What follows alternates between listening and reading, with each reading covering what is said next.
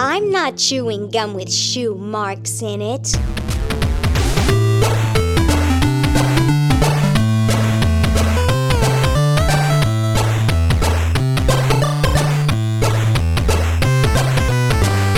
Welkom bij Buttonbashers aflevering nummer 87. En uh, ja, dit is denk ik jongens een uitzending die is volgepakt tot de nok toe, helemaal volgepropt.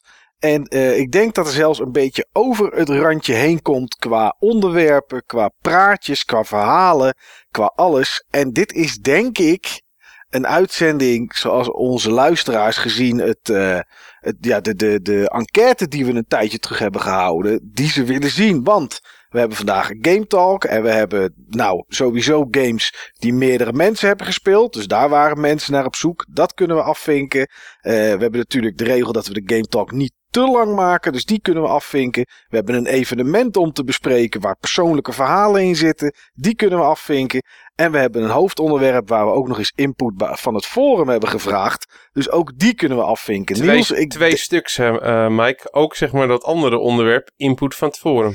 Ja, ja, maar daar ben ik toch minder enthousiast over dit jaar. Maar daar komen we straks op. Maar je hebt gelijk, ook daar bij het evenement bespreken zit input van het forum bij. Ja. Dus ja, Niels, we zijn er man. Dit is de ultieme aflevering, denk ik. Dit moet de 700 plays toch gewoon meteen halen binnen een week. Ja. dezelfde aflevering is meer dan 700 keer beluisterd. Ja, maar dat komt wel door een push van Steve, toch, Steve? Absoluut. Ik heb hem in zes etappes geluisterd of zo, met zes pauzes. ja, ja, dan uh, nou, ligt eraan. Waar heb je hem op geluisterd? Heb je hem op iTunes geluisterd of zo? Ik heb hem geluisterd op de Soundcloud app. Oké, ja, dan zijn het... Uh, oh ja, tuurlijk, je hebt natuurlijk geen Apple-apparaat meer. Wat stom.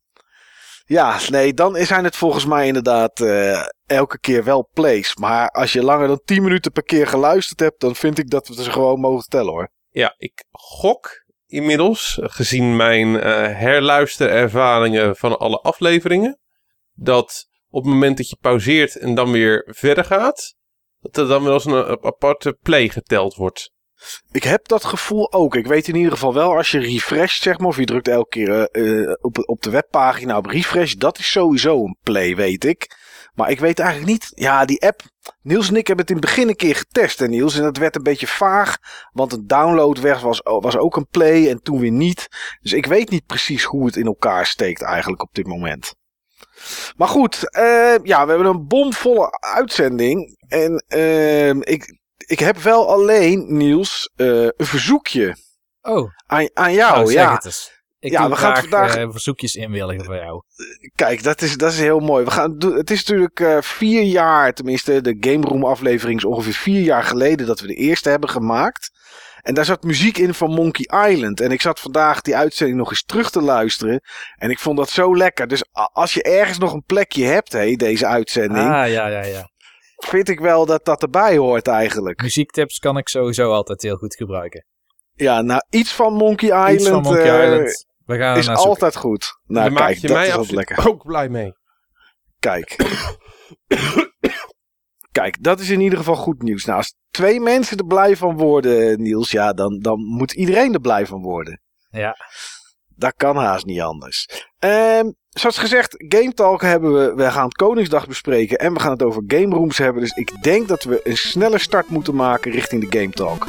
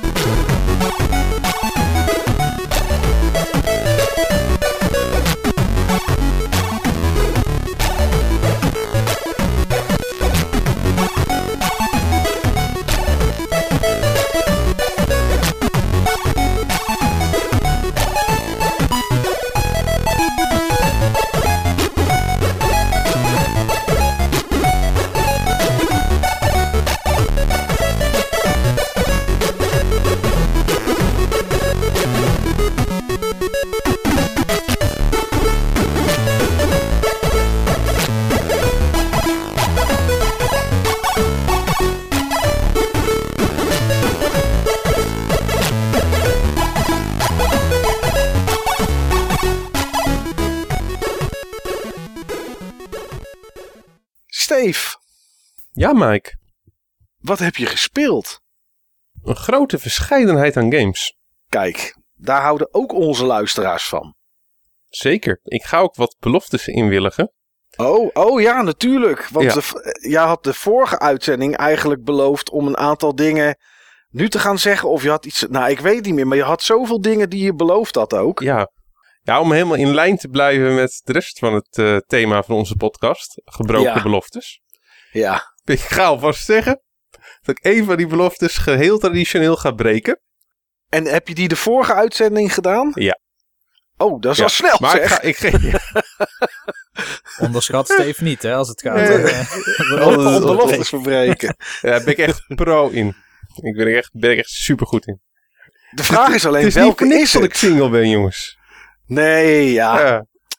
Ja, nee, ja, goed. Weet je, eh, als ik kijk hoeveel beloftes er hier in huis verbroken worden, onderling, dan dus ik pas dat er best wel bij hoor, Steve. Ja, ik heb jou ook gewoon weer dingen horen zeggen, jongen. Echt, ik zit nu bij, ik zit nu bij aflevering 24. Ja, Het, is, het is dat ik zeg maar altijd steeds op de sportschool luister. ja dat ik heb- het lastig is ik om heb te er noteren. bedoel Eventjes je? over nagedacht om het gewoon bij te gaan houden. Ja, Ehm, ik heb wel één ding eh, genoteerd. Dat, dat was zo mooi. Dat, dat moet ik gewoon straks ook eventjes met jullie delen. Maar dat komt straks. oké. Ehm, ik wil eerst eventjes eh, beginnen. Toch ja, met een belofte die jij mij, eh, die je aan mij had gedaan. En die had gebroken. Oh, Ja. Wij gingen samen een game spelen. En Ja. het is er niet van gekomen. En ik zei toen de vorige aflevering. Maar, Mike, ik heb jouw paus gecharterd. ja, Jouw plaatsvervanger op aarde. Ja, En je had Ik, al zo'n eh, vermoeden dat je wel dacht wie dat was. ja. Zou zijn. Aan wie zat jij te denken? Nou, ehm, ik zal zeggen, en dat, normaal doe ik dat niet, maar ik kon mijn nieuwsgierigheid eigenlijk niet bedwingen. Ja. Dus ik ben degene van wie ik dacht dat het wellicht zou zijn, ben ik eh, gaan porren. Ja. Ehm, eh, bijna letterlijk, want het ging via Facebook. Ja. Eh, maar die bleek het niet te zijn. Die bleken niet te zijn. Aan wie dacht je dan? nou, ik dacht aan Sven van Praatje Podcast. Nee, die is het niet. Nee, die, nee, dat weet ik inmiddels, want ik weet inmiddels wel wie het wel is, zeg maar. Maar dat is dus niet gelukt. Oh. Het was Billy. Ja, inderdaad, ja, daar kwam ik later achter.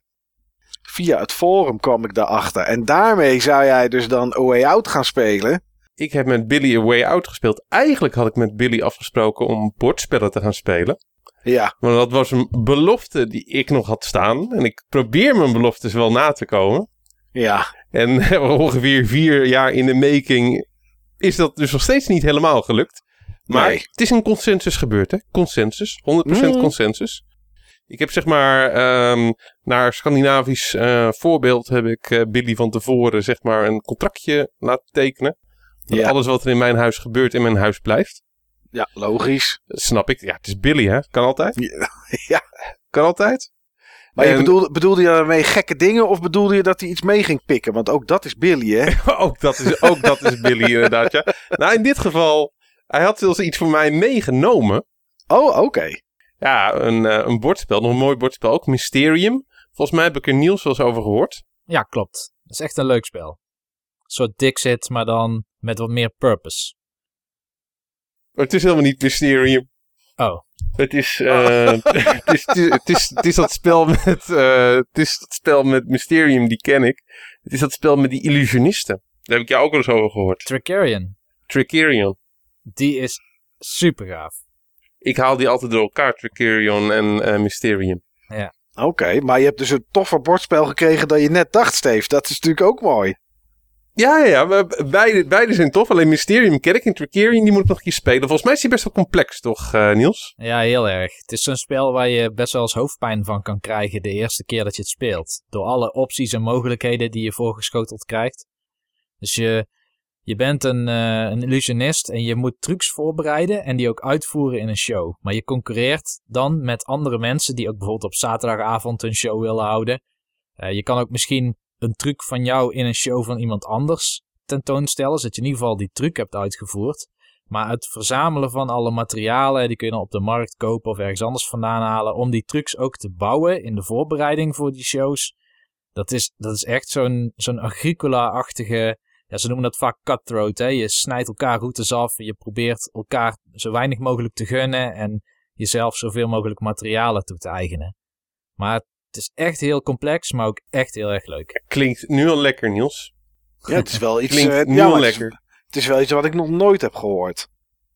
Deze gaat gespeeld worden. Maar dat is er niet van gekomen. Volgens mij kan je hem ook niet met z'n tweeën spelen. Wat er wel van gekomen is, is A Way Out. Want ehm, eh, daar kwam Billy voor. En eh, Billy was echt super hyped ehm, eh, vooraf. Had tegen zichzelf ook gezegd, ik wil geen spoilers. Ik ga niks van dit spel zien. Ik ga niks van dit spel horen. Eh, ik ga mezelf afsluiten van de wereld. Ik ga zelfs niet luisteren naar die vervelende gast met die, eh, met die podcast. Waarbij hij een paar minuten over, eh, over games eh, praat.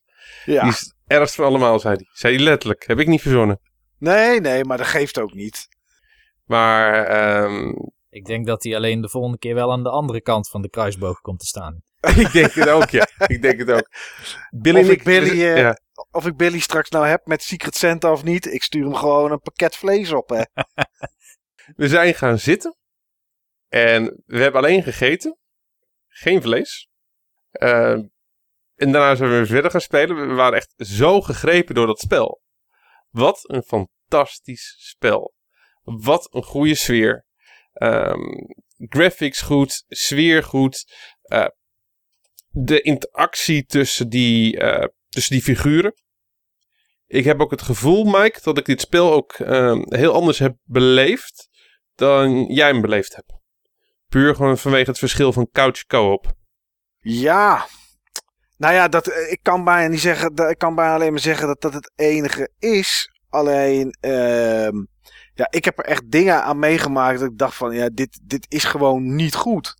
Technisch niet. ehm, eh, belevingstechnisch niet. En dat soort zaken. Eh, ik had echt heel vaak, ik bedoel, eh, ik ben nog nooit, nou dat is niet waar. Ik ben één keer in mijn leven in een gevangenis geweest. Eh, dat was niet omdat ik moest zitten, omdat ik opgepakt was, omdat Nol bijvoorbeeld opgerold werd en mijn telefoonnummer daar lag. Had Had, gekund. gekund. Ik denk dat het wel verjaard is, ehm eh, Mike. Inmiddels, inmiddels wel, denk ik. En dus dat was niet. Ik ben één keer in de gevangenis geweest voor mijn werk. Moest daar eh, iets repareren. En, maar ik, ben, ik heb nog nooit een gevangenis gezien waar zoveel ramen openstaan als in deze game.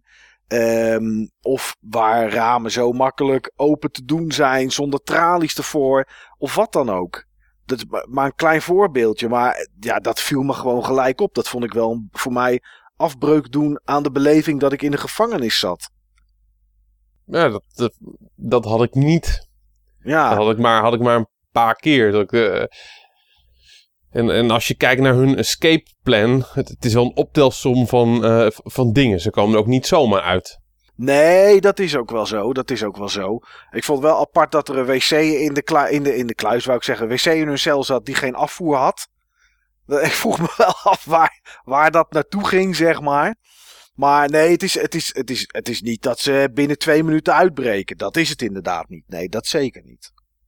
Maar vertel over jouw beleving, Steve. Want die is positiever dan die Ja, van mij in ieder Ik vind geval. het een enorm sfeervolle game. Ik vind een game die uitblinkt qua verhaal.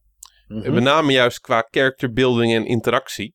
Ehm, die characters worden heel goed gebouwd, vind ik. Met name Leo. Ja, Ehm, Vincent ook, maar dat komt gewoon wat later op gang. En op het moment van dat je echt investeert om de omgeving eh, te verkennen, minigames te doen, op onderzoek uit te gaan, dingetjes op te rapen, in, interactie hebben met de plekken waar je, eh, waar je bent en de mensen daar. eh, al, al doe je zeg maar. Al probeer je interactie te hebben met hetzelfde ding of dezelfde persoon met allebei die karakters. Ze reageren zo anders. Eh, wat er tot stand komt is, is zo anders. Ja, die, dat vond ik echt heel erg tof. We hebben ook een paar keer echt helemaal dubbel gelegen. Vooral in die trailerpark. Die trailerpark, dat vond ik echt een prachtige locatie. ja, dat is wel een leuke, leuke locatie. Echt een, loca eh, echt een mooie locatie. Ehm, op een gegeven moment, eh, ik ga een klein dingetje spoilen. Klein sidequestje. Eh, op een gegeven moment kwamen we een vrouw tegen wiens man eh, zo- zoek was. En waarvan, van, eh, wie zij dacht dat hij vreemd ging. En vervolgens probeerden we ergens anders een camper eh, in te gaan. Maar en deed een kerel open, half, half naakt. En die poeide ons weg. Waarbij er vervolgens een ehm, vrouw op de achtergrond riep... Gerald, my lady parts are getting cold. En dat vooral dat... My lady parts are getting cold. Ja. Dat was echt gewoon zo hilarisch. En vervolgens kwam een van die figuren tot de conclusie... hé, dat is die kerel die vreemd gaat. En toen, eh toen ben ik het ook gewoon zeg maar gezegd tegen die vrouw. En toen ging ze er echt gewoon eh, met, eh, met de koekenpan achteraan. Ja. Ja, dat, Ja. dat was gewoon echt hilarisch. En zo zitten er meer van dat soort momenten in het spel. En al die minigames, die zijn ook gewoon echt heel erg leuk. Vier op een rij spelen. Eh eh, Ja, oefenijzer gooien, een beetje darten. Ja. Honkballen. Eh, die, die karakters bouwen echt gewoon een enorme band op. En eh, je ervaart het gewoon echt als een band. En eh, op, er was één stuk wat ik zeg maar niet zo sterk vond. Mhm. Dat, ehm, dat was het, eh, het einde, voor wat mijn gevoel het einde was. Dat Ja. was eigenlijk gewoon Scarface. Scarface. Bam. Had ik echt zoiets van, nee, dat is een beetje, dat is een beetje slap. Ehm, dat was ook een shooter level. En eh, de shooter mechanics, het, het werkt, maar er is ook alles mee gezegd. Ja. Maar dat was niet het einde. Daarna kwam nog een heel stuk. En dat stuk vond ik een van de meest indrukwekkende stukken uit een, uit een game, uit een co-op game die ik ooit heb gespeeld. Ik, eh, het is eigenlijk een moderne versie, een co- complete eh, versie van een andere co-op game waar ik heel veel liefde voor heb. Eh, wat er in feite eh, in, in zekere zin gebeurt, maar dat ga ik niet noemen, want dan spoil ik. Nee, dat kunnen we inderdaad niet vertellen. Dat vond ik echt zo enorm sterk. En eh, dat zal me ook altijd bijblijven. Dit, ehm, deze game is door het enorm filmische wat deze game eh, heeft, de sfeer, de karakters, kwam die echt op mijn favoriete gamelijstje vrij snel binnen. Maar door Mhm. het einde zal die daar lang blijven. Want het einde vond ik echt bijzonder, bijzonder sterk. Geweldig. Wat ik ook geweldig vind, zo zijn we de game begonnen. Om in de sfeer te komen, heb ik eventjes een filmpje erbij eh, gepakt. Ja. Het bekende filmpje van, eh, van de maker, die, eh, die, die, Joseph Ferris. Ehm, is een welbekende, en dat mag, ehm, dat mag Niels niet weg, Josje, Josje. Zijn fuck the Oscars ehm, speech. Ja. Geweldig. Ik kan Ja. er zo van genieten. Ja, gast- ik moest daar ook om lachen hoor, Ja. om die gast. Die gast is zo'n heerlijke karikatuur. En ook zeg maar, dus een oorspronkelijke E3-aankondiging van, eh, van, van deze game. Die gast heeft zoveel passie. Ik vind het zo'n mooie gast. Ehm, ja, hij is ook echt direct in, mijn- in mijn lijstje met favoriete gamemakers eh, gegaan. Puur vanuit zijn, eh, vanuit zijn game, wat hij heeft neergezet met zijn game. En ja, wat voor soort persoon het is. Dit is wel iemand waarmee ik een biertje zou willen drinken. We zouden, denk wel kunnen, we zouden het wel kunnen vinden samen, Joseph en ik. Ja, ik denk dat ik wel op een gegeven moment gek van hem word na een kwartier. Maar eh, dan heb ik mijn colaatje wel op en dan kan ik snel weg. ja. Maar ik snap het wel. eh. Nee, ja, ik, ik, ik vind het tof dat je een mooie ervaring aan hebt gehad, Steve. Ja, misschien is het het couch gedeelte. Nou ja, er zat meer in. Er zaten controls in die gewoon niet alleen het schieten, maar ook het, het, het rijden op motor en auto. Ah, het, het was allemaal zo clunky. En eh, ik weet niet of jij bugs hebt gehad, maar ik heb natuurlijk iets van drie bugs gehad of zo. Ja. Eh, waarbij ik de game gewoon. Dat is veel. Op de speelduur van die game is dat veel. Ja, dat, het is zes, zes, nog geen zes uurtjes hebben wij erover gedaan. Ehm, want op een gegeven moment die minigames, ja weet je, dan kom je in, inderdaad in het ziekenhuis, er staat er vier op een rij en dan zie je dat ik kan spelen. Dan denk je, ja oké, laat maar. Dat, eh, dat ga ik dan niet meer zitten doen. Eh, misschien als je naast elkaar zit dat het wel grappig is, weet je, dat dat leuker is dan, eh, dan dat je het via internet speelt. Ja, Maar- zeker. Zeker. En zeker ook met iemand als Billy. Ja, nou ja, daar kan ik me alleen Galgje voorstellen dat leuk is om samen te spelen. Maar voor de rest helemaal niks. Ja, we, we hebben zo gelachen. Ja, nee, dus ja, goed, mijn ervaring was anders. En die bugs, die vond ik echt, vond ik, nou, de besturing, de bugs. eh, ja, en, en, en, en, en, en gewoon dingen, een guard die op het dak loopt, die heen en weer loopt. Jij loopt daar of sluipt daar voorbij en begint dan met omhoog te klimmen omdat je ergens een raam in moet. En dan blijkt die guard in één keer niet meer op het dak te lopen en word je niet gezien. Ja, dat zijn dan toch dingen die mij ehm, uit de beleving haalden van ik probeer echt te ontsnappen. En dat vond ik, eh, dat vond ik gewoon heel, heel jammer. Om, eh, ja, het had beter gekund, zeg maar. Het had beter gekund. Ik wil nog één, ding, mij. ik wil nog één ding aanhalen. Mhm. Vond ik echt een briljante eh scène. Was denk ik een van mijn favoriete momenten uit het spel. De chase sequence in het ziekenhuis. Ja, die was. eh, ja, die was tof. Alleen. eh, De, qua camerawerk en zo was dat echt geweldig. Dat eh, echt door, door luchtkokers heen. Net zoals dat je echt uit een onwijze actiefilm en zo gewend bent. Alleen. De gameplay technisch was dat stukje bij ons in ieder geval niet zo heel erg, eh, niet zo heel erg lekker. Omdat de hitboxen gewoon totaal niet klopten bij de actiegedeeltes. Had Dat ik geen last echt- van. Alles slag direct. Oké, nou ja, hier eh, sloeg je er doorheen en eh, werd, werd jij wel geraakt en dat soort dingen kwamen wij allemaal tegen. Misschien hebben ze dat gefixt met een update. Ik heb natuurlijk. Ja, ik, ik, ik heb volgens mij had ik geen update. Maar ik had het gewoon niet. Ik had het gewoon niet.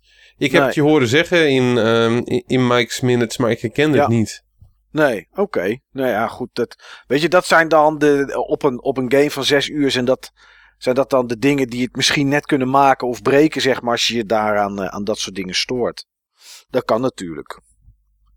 Is de game die je nog een keer zou spelen, Steve, met iemand? Ik zou hem zeker met iemand anders nog een keer spelen. Ja. Voor wie het de eerste keer is. Ik zou, ehm, ik zou dit wel nog een keer willen meemaken. Ook gewoon qua verrassingsmomenten. voor iemand die, die nog niet kent. Mhm. En ik vind het zo'n toffe game tot ik het lijstje met achievements, die allemaal, zeg maar, door, eh, die allemaal geconcentreerd zijn rond de minigames en de optionele events, Ja. wel zou willen halen. Oké. Ik eh, wil hier wel een Platinum Trophy van. Oké, oké. Ik heb dat eigenlijk, eh, heb, ben ik daar een beetje klaar mee met die Platinum Trophies.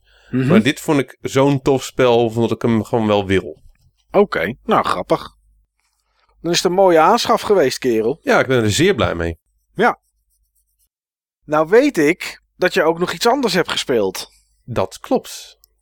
En dat heb jij ook gespeeld. En ook, Ja, daar, heb ben- je, daar, ook daar heb je een Mike's Minutes van gemaakt. Die Toevallig. heb ik, ja, die heb ik expres nog niet geluisterd. Nee, dat begrijp heb ik ik. bewust niet gedaan, omdat ik er in deze uitzending achter wil komen of dit voor jou een Heavy Rain of een Beyond Two Souls is.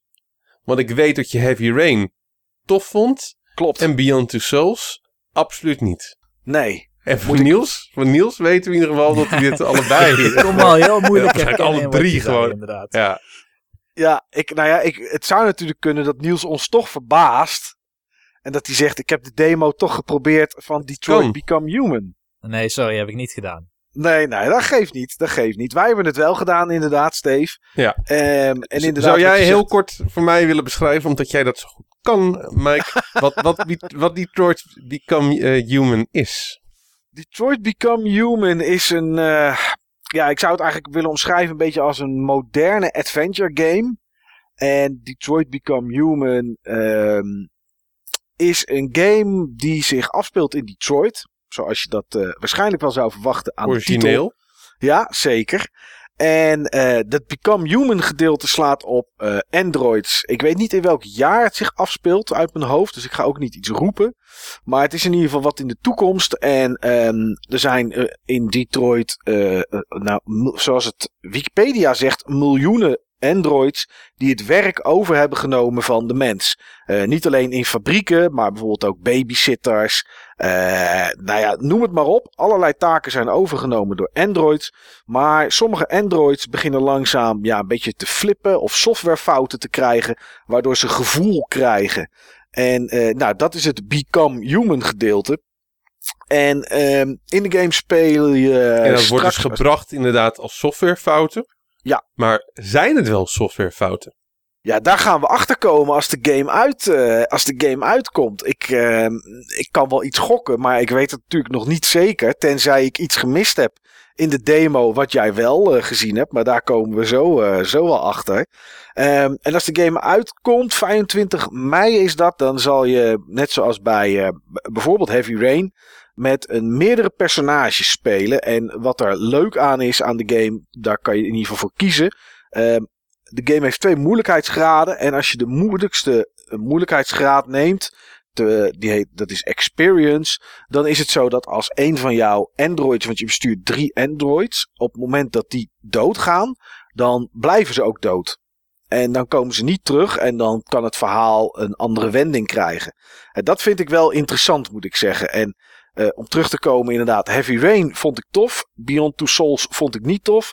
Maar Beyond Two Souls in de geremixte versie, die later uit is gekomen op de PS4, deed me al iets meer. Dus dat is in ieder geval wel, eh, dat is in ieder geval wel iets. Maar mag goed, ik even, Steve. mag ik even Ja. in, eh, in- Ja, natuurlijk. Niels, Ja, dit is toch gewoon Fire Emblem, jongen? Dit is gewoon Fire Emblem. dit is gewoon jouw game. Het is gewoon jouw game. Dit heeft alles, dit heeft alles wat jij tof vindt in een game. nou ja, Het het, he- heeft ook alles wat ik niet tof vind in een game. Met name- En dat met moet dan name dat. samenkomen. Ja, Met name dat, eh, Niels, dat durf ik wel te zeggen. Ja, nee, dit is inderdaad eh, Ja. niet Niels zijn ding. nee. Maar goed, dit wij dit is hebben wel mijn ding. Ja, toch wel? Oké, Dit dat is, wel mijn ding. Want heb jij Heavy Rain of Beyond gespeeld? Beyond nooit. Mhm.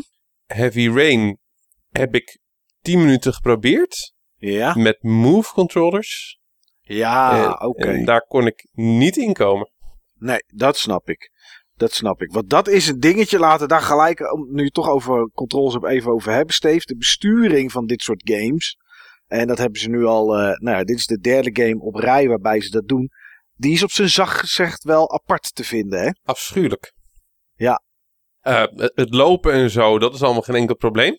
Nee. Maar hoe je interactie hebt met voorwerpen, Ja. afschuwelijk. Ja, het is eh, een beetje Street Fighter, die adventure Ja. game is het. Het is gewoon eh, kwart cirkeltje hier, kwart cirkeltje daar. En eh, nu ze op de PS4 deze game uitbrengen, kunnen ze ook nog heel mooi het touchpad gebruiken. Dus ook daar kan je echt op sliden. Ja, die touchpad heb ik geen moeite mee. Want alles Nee. wat ik op die touchpad gedaan heb, dat waren ook zeg maar het soort interacties wat, wat passend is voor een touchpad. Ja. Ik had, ehm, het is heel grappig, want ik had juist zeg maar, ehm, deze week had ik ook een aflevering gehoord waarbij ik heel erg positief was en jij ook heel erg positief was over de PS4 controller omtrent de mogelijkheden van de touchpad. Ja, En ik dacht ooit, als we ooit nog eens een keer een eh, retrospect aflevering gaan doen voor, eh, de, voor de PS4 in die generatie, kunnen we in ieder geval zeggen, nou die touchpad die hadden ze er beter niet in kunnen stoppen. nee. En wat speel ik een paar dagen later? Een game die gewoon echt gebruik maakt van die touchpad. Ja, ja er, zijn er, er zijn er nog wel een aantal die hem niet alleen gebruiken als stomme knop. GTA 5 kan je bijvoorbeeld je radiozenders kan je verwisselen met de touchpad. Maar goed, weet je, ja, niet echt iets waar het touchpad voor bedoeld Nee, is. Maar in- niemand kan net als David Cage iets als eh, slide to Jason of zo implementeren in een game. Waardoor je denkt, Ja. yes, eindelijk wordt dit touchpad benut. Nou ja, het wordt benut zoals je een touchpad, inderdaad, wat Steve zegt. Op een gegeven moment pak je in de demo een tablet op en die wil je unlocken. Ja, hoe doe je dat? Slide Ja. to unlock. Ja, sliden over, over het touchpad heen. Dat was zo'n beetje de enige controls die ik logisch vond. Eh, ja, want toen eh, er is aan- ook een tv, die staat op mute. En als je die wil unmuten, dan moet je omhoog sliden. Vond ik een beetje raar. Ja, je kan zeggen het volume omhoog gooien. Maar ja, ja, goed. Laat ik het zo zeggen, als er een day one of een latere patch uitkomt waarbij je zeg maar de acties kan vervangen door gewoon single button presses. Ja, Rondje, driehoekje, ik zet het direct aan. ja, ik denk het niet, want ehm, Ik denk het ook niet. al die andere games hadden dezelfde controls. Plus ook nog R1, R2, L1, Ja. L2 en al die andere knoppen. Dus eh, Maar daar, had ik, daar had ik moeite mee. ja, Ehm, waar ik absoluut geen moeite mee had, dat waren de sfeer en het verhaal. mhm. Het is een beetje alsof ik mezelf aan het herhalen ben eh, nu ten opzichte van eh, A Way Out. ja, Ik vond het echt heel erg tof. Ja. Ik moet wel zeggen, ik ben ook groot fan van, eh, van Blade Runner. Mhm. Zowel de oorspronkelijke Blade Runner als de Blade Runner Adventure Game als eh, Blade Runner 2049. Ja, goede film. Vind ik alle drie briljant. En het heeft voor mij ook echt een Blade Runner sfeertje. Waarbij, Ja. je ook, waarbij je dan niet af moet vragen of de, detector, of de detective ook een android is. Nee. Want dat weet je. Ja. Maar eigenlijk staat de, dezelfde, eh, dezelfde vraag als, ehm, als het boek waar Blade Runner op gebaseerd is. Van eh, Philip K. Dick. Do Androids Dream of Electric Sheep. Dat staat eigenlijk ehm, ja, ook centraal volgens mij. Hebben androids gevoel? En eh, wat, maakt, wat maakt mensen menselijk? Ja. En is, is menselijkheid exclusief voor mensen? Eh, ik heb er gebeuren ook gewoon dingen. eh, zeg maar die. ehm, de Android die eigenlijk. Nou, we kunnen het best, denk ik, gewoon dit stukje spoilen. Zullen we dit stukje gewoon spoilen, Mike? Nou, het is, een, het, is, het is een demo die iedereen kan downloaden. En tegen de tijd dat deze podcast er is, dan eh, is de game waarschijnlijk al uit. Dus iedereen kan de demo downloaden. En het is de demo die we in heel veel gameplay trailers al hebben gezien. Dus we kunnen best vertellen wat, waar, waar dit over gaat, dit, deze scène. Dat is denk ik geen... maakt het niet uit, jongens. Nee. Nee. De Android, die, de Android die je speelt, die, eh, komt ter, die wordt ter plekke eh, naar een crime scene eh, gehaald. Waar ehm, meerdere moorden zijn gepleegd en maar een klein meisje ehm, wordt gekidnapt, gegijzeld. Ja. Door, ehm, door de huis-Android, noem ik het maar even. ja. Ja. En dan moet je dus achterhalen van wat er in hemelsnaam gebeurd is. Om vervolgens te gaan negotiëren. Je bent een negotiator. Ja.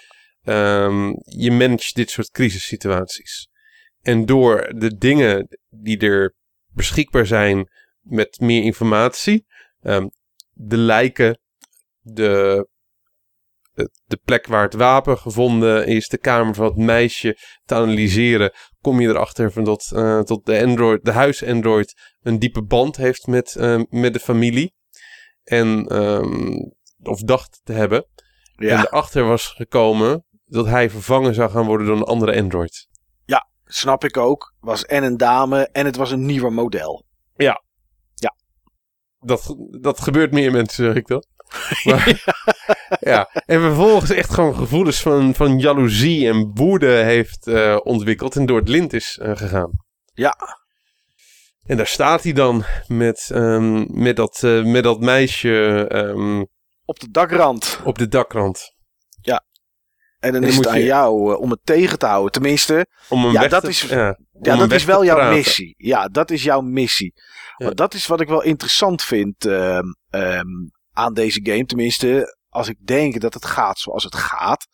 Dat ehm, je hebt een missie. En eh, nou, we komen er zo wel op. De- deze missie in deze demo kon op zeven verschillende manieren eindigen. Afhankelijk van eh, hoeveel clues jij verzamelt, hoeveel aanwijzingen. Want daar krijg je dan opties voor om in het gesprek met de android die eh, op de rand van het dak staat, ehm, om, om, om daarop in te praten, zeg maar. Ehm, en dan kan het, kan het verschillend, verschillend eindigen, ook afhankelijk van wat jij zegt en wat jij doet of wat je eventueel meeneemt. Maar er is een einde, tenminste er zijn meerdere eindes, waarbij bijvoorbeeld jij als android, als Connor, die jij in deze scène speelt, zelf niet overleeft. Maar dan toch is je missie succesvol. En dat vind Ja. ik interessant, Steve. Je kan op. ehm, je kan volgens mij op vier manieren doodgaan. Zelf. Oké. Ja, ik weet er twee. Want ik heb ze niet. Ik heb, en hoeveel eindes heb jij gezien, eh Steve? Ik heb. In de game heb ik twee eindes. Ik heb hem drie keer doorgespeeld. Ja? En ik heb twee eindes gezien. Mhm. Ik probeerde zeg maar een ander einde te, te forceren. Maar ik kwam op, op eenzelfde einde uit. Ja. En ik heb eh, dus twee van die eindes eh, zeg maar zelf gezien op basis van mijn acties. En de rest heb ik eventjes op een YouTube filmpje gekeken. Oké. Omdat ik gewoon benieuwd was naar hoe dit kon branchen en wat de, de opties waren. En omdat het een demo was, heb ik, had ik er niet zo'n zin in om hem dan zeg maar echt volledig aan door te spelen. snap ik. Maar ja, ik, ik, vond, ik vond het wel tof. Ja. Even, eh, voordat we bij het einde van de, ding komen, even wat voor soort gameplay, tenminste, wat we nu gezien hebben, het is. Eh, zoals jij zegt, je komt inderdaad op die crime scene. Nou, daar eh, word je niet zo vriendelijk ontvangen, want je bent een Android en de mensen vinden dat toch iets minder. In ieder geval de gasten van het tactische team, zeg maar, van het tactical team dat daar is.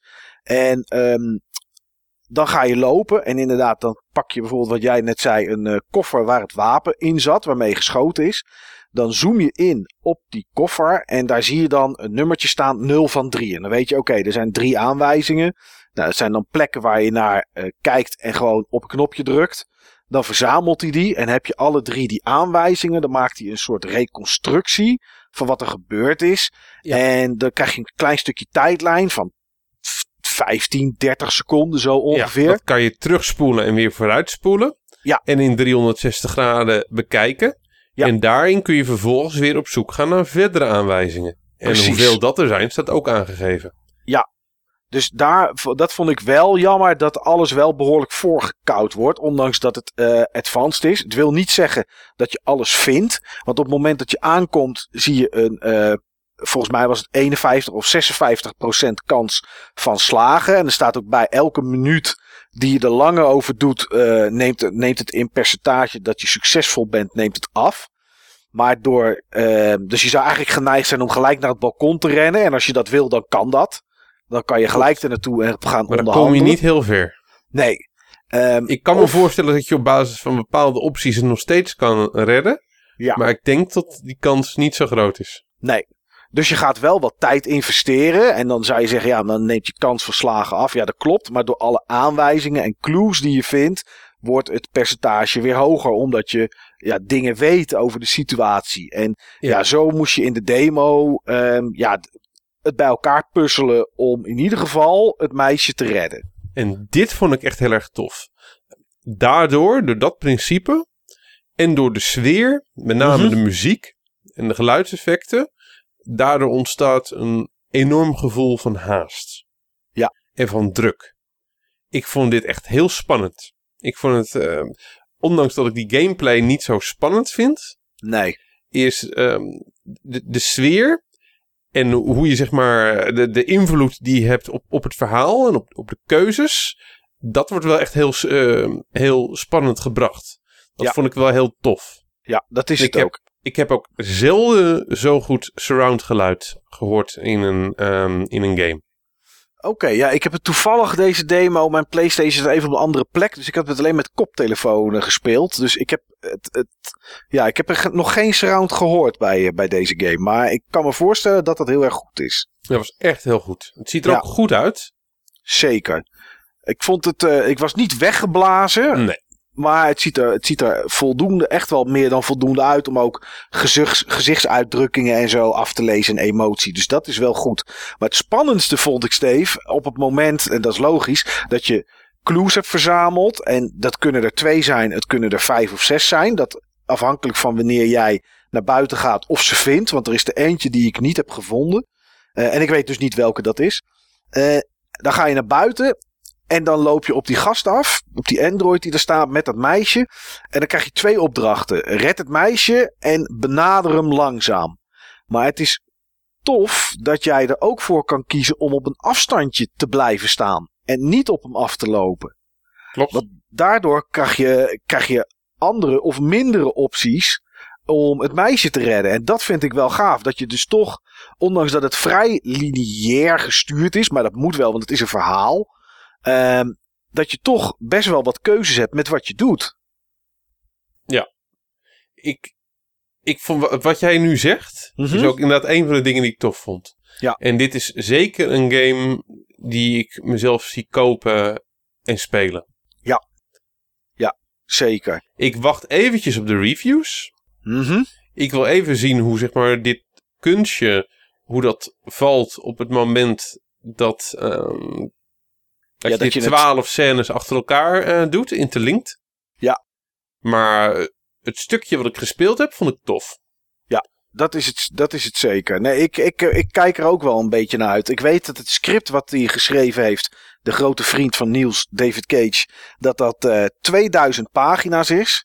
Met alle kanten die het op kan gaan en weet ik veel wat allemaal.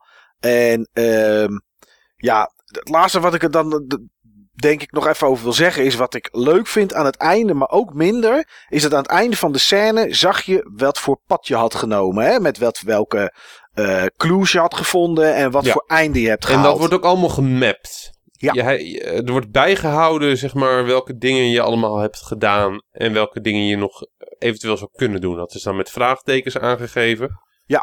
En je kan dan zien hoeveel procent van eh, het einde wat ik had, dat had van heel de wereld maar 8 procent. Het allereerste einde wat ik haalde. Ehm, en daarna kan je dan ook kijken van je vrienden hoeveel procent het is. En daar, daarna kon je ervoor kiezen om de scène opnieuw te spelen. Ehm, en, en dan te kijken of je een ander einde kan hebben. Ik hoop alleen eigenlijk niet dat dat ook in de game zit. Want ik vind dat wel. Ik vind dat pad vind ik dan nog wel interessant. Maar het haalt me denk ik wel een beetje uit de beleving van het verhaal. Als er na elke scène gevraagd wordt: Hey, Mike, het misschien niet opnieuw spelen? Want ehm, toen ik Heavy Rain speelde, toen heb ik eh, een aantal eh, keuzes gemaakt. Of een aantal actiescènes zaten erin waar ik snel op een knop moest drukken. En dat mislukte. Dan was ik gewoon te langzaam, omdat ik ze niet verwachtte. Of wat dan ook, op wat quicktime events. En toen heb ik eigenlijk de game uitgezet en heb ik hem opnieuw geladen. En dat was eigenlijk stom, vond ik later. Omdat dit toch wel is eh, weet je, je komt altijd bij het einde bij deze game. Dat, je haalt het altijd. Het is niet dat je afgaat.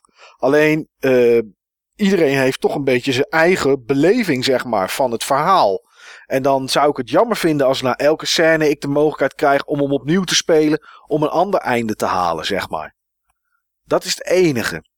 Ik sluit niet uit van dat je dat allemaal pas krijgt op het moment dat je er één keer helemaal uitgegaan bent. Maar eh, doorheen gegaan bent. Ja, Maar ik sluit ook niet uit van dat het gewoon direct al zo is per scène. Ik, ik Nee. weet het niet, gaan we zien. Ja, we gaan het zien. Maar ik vind het een interessante game. En ik heb drie eindes gezien. En eh, nou ja, goed, voor de mensen die het willen spelen, eh, moet, je dat, moet je dat doen. En gewoon vooral lekker kijken hoe je die eindes kan behalen. Maar eh, ja, ik vind het zeker interessant. Ik vind het zeker interessant. En ik, ik, ik denk bijna wel zeker te weten dat ik dit ga spelen.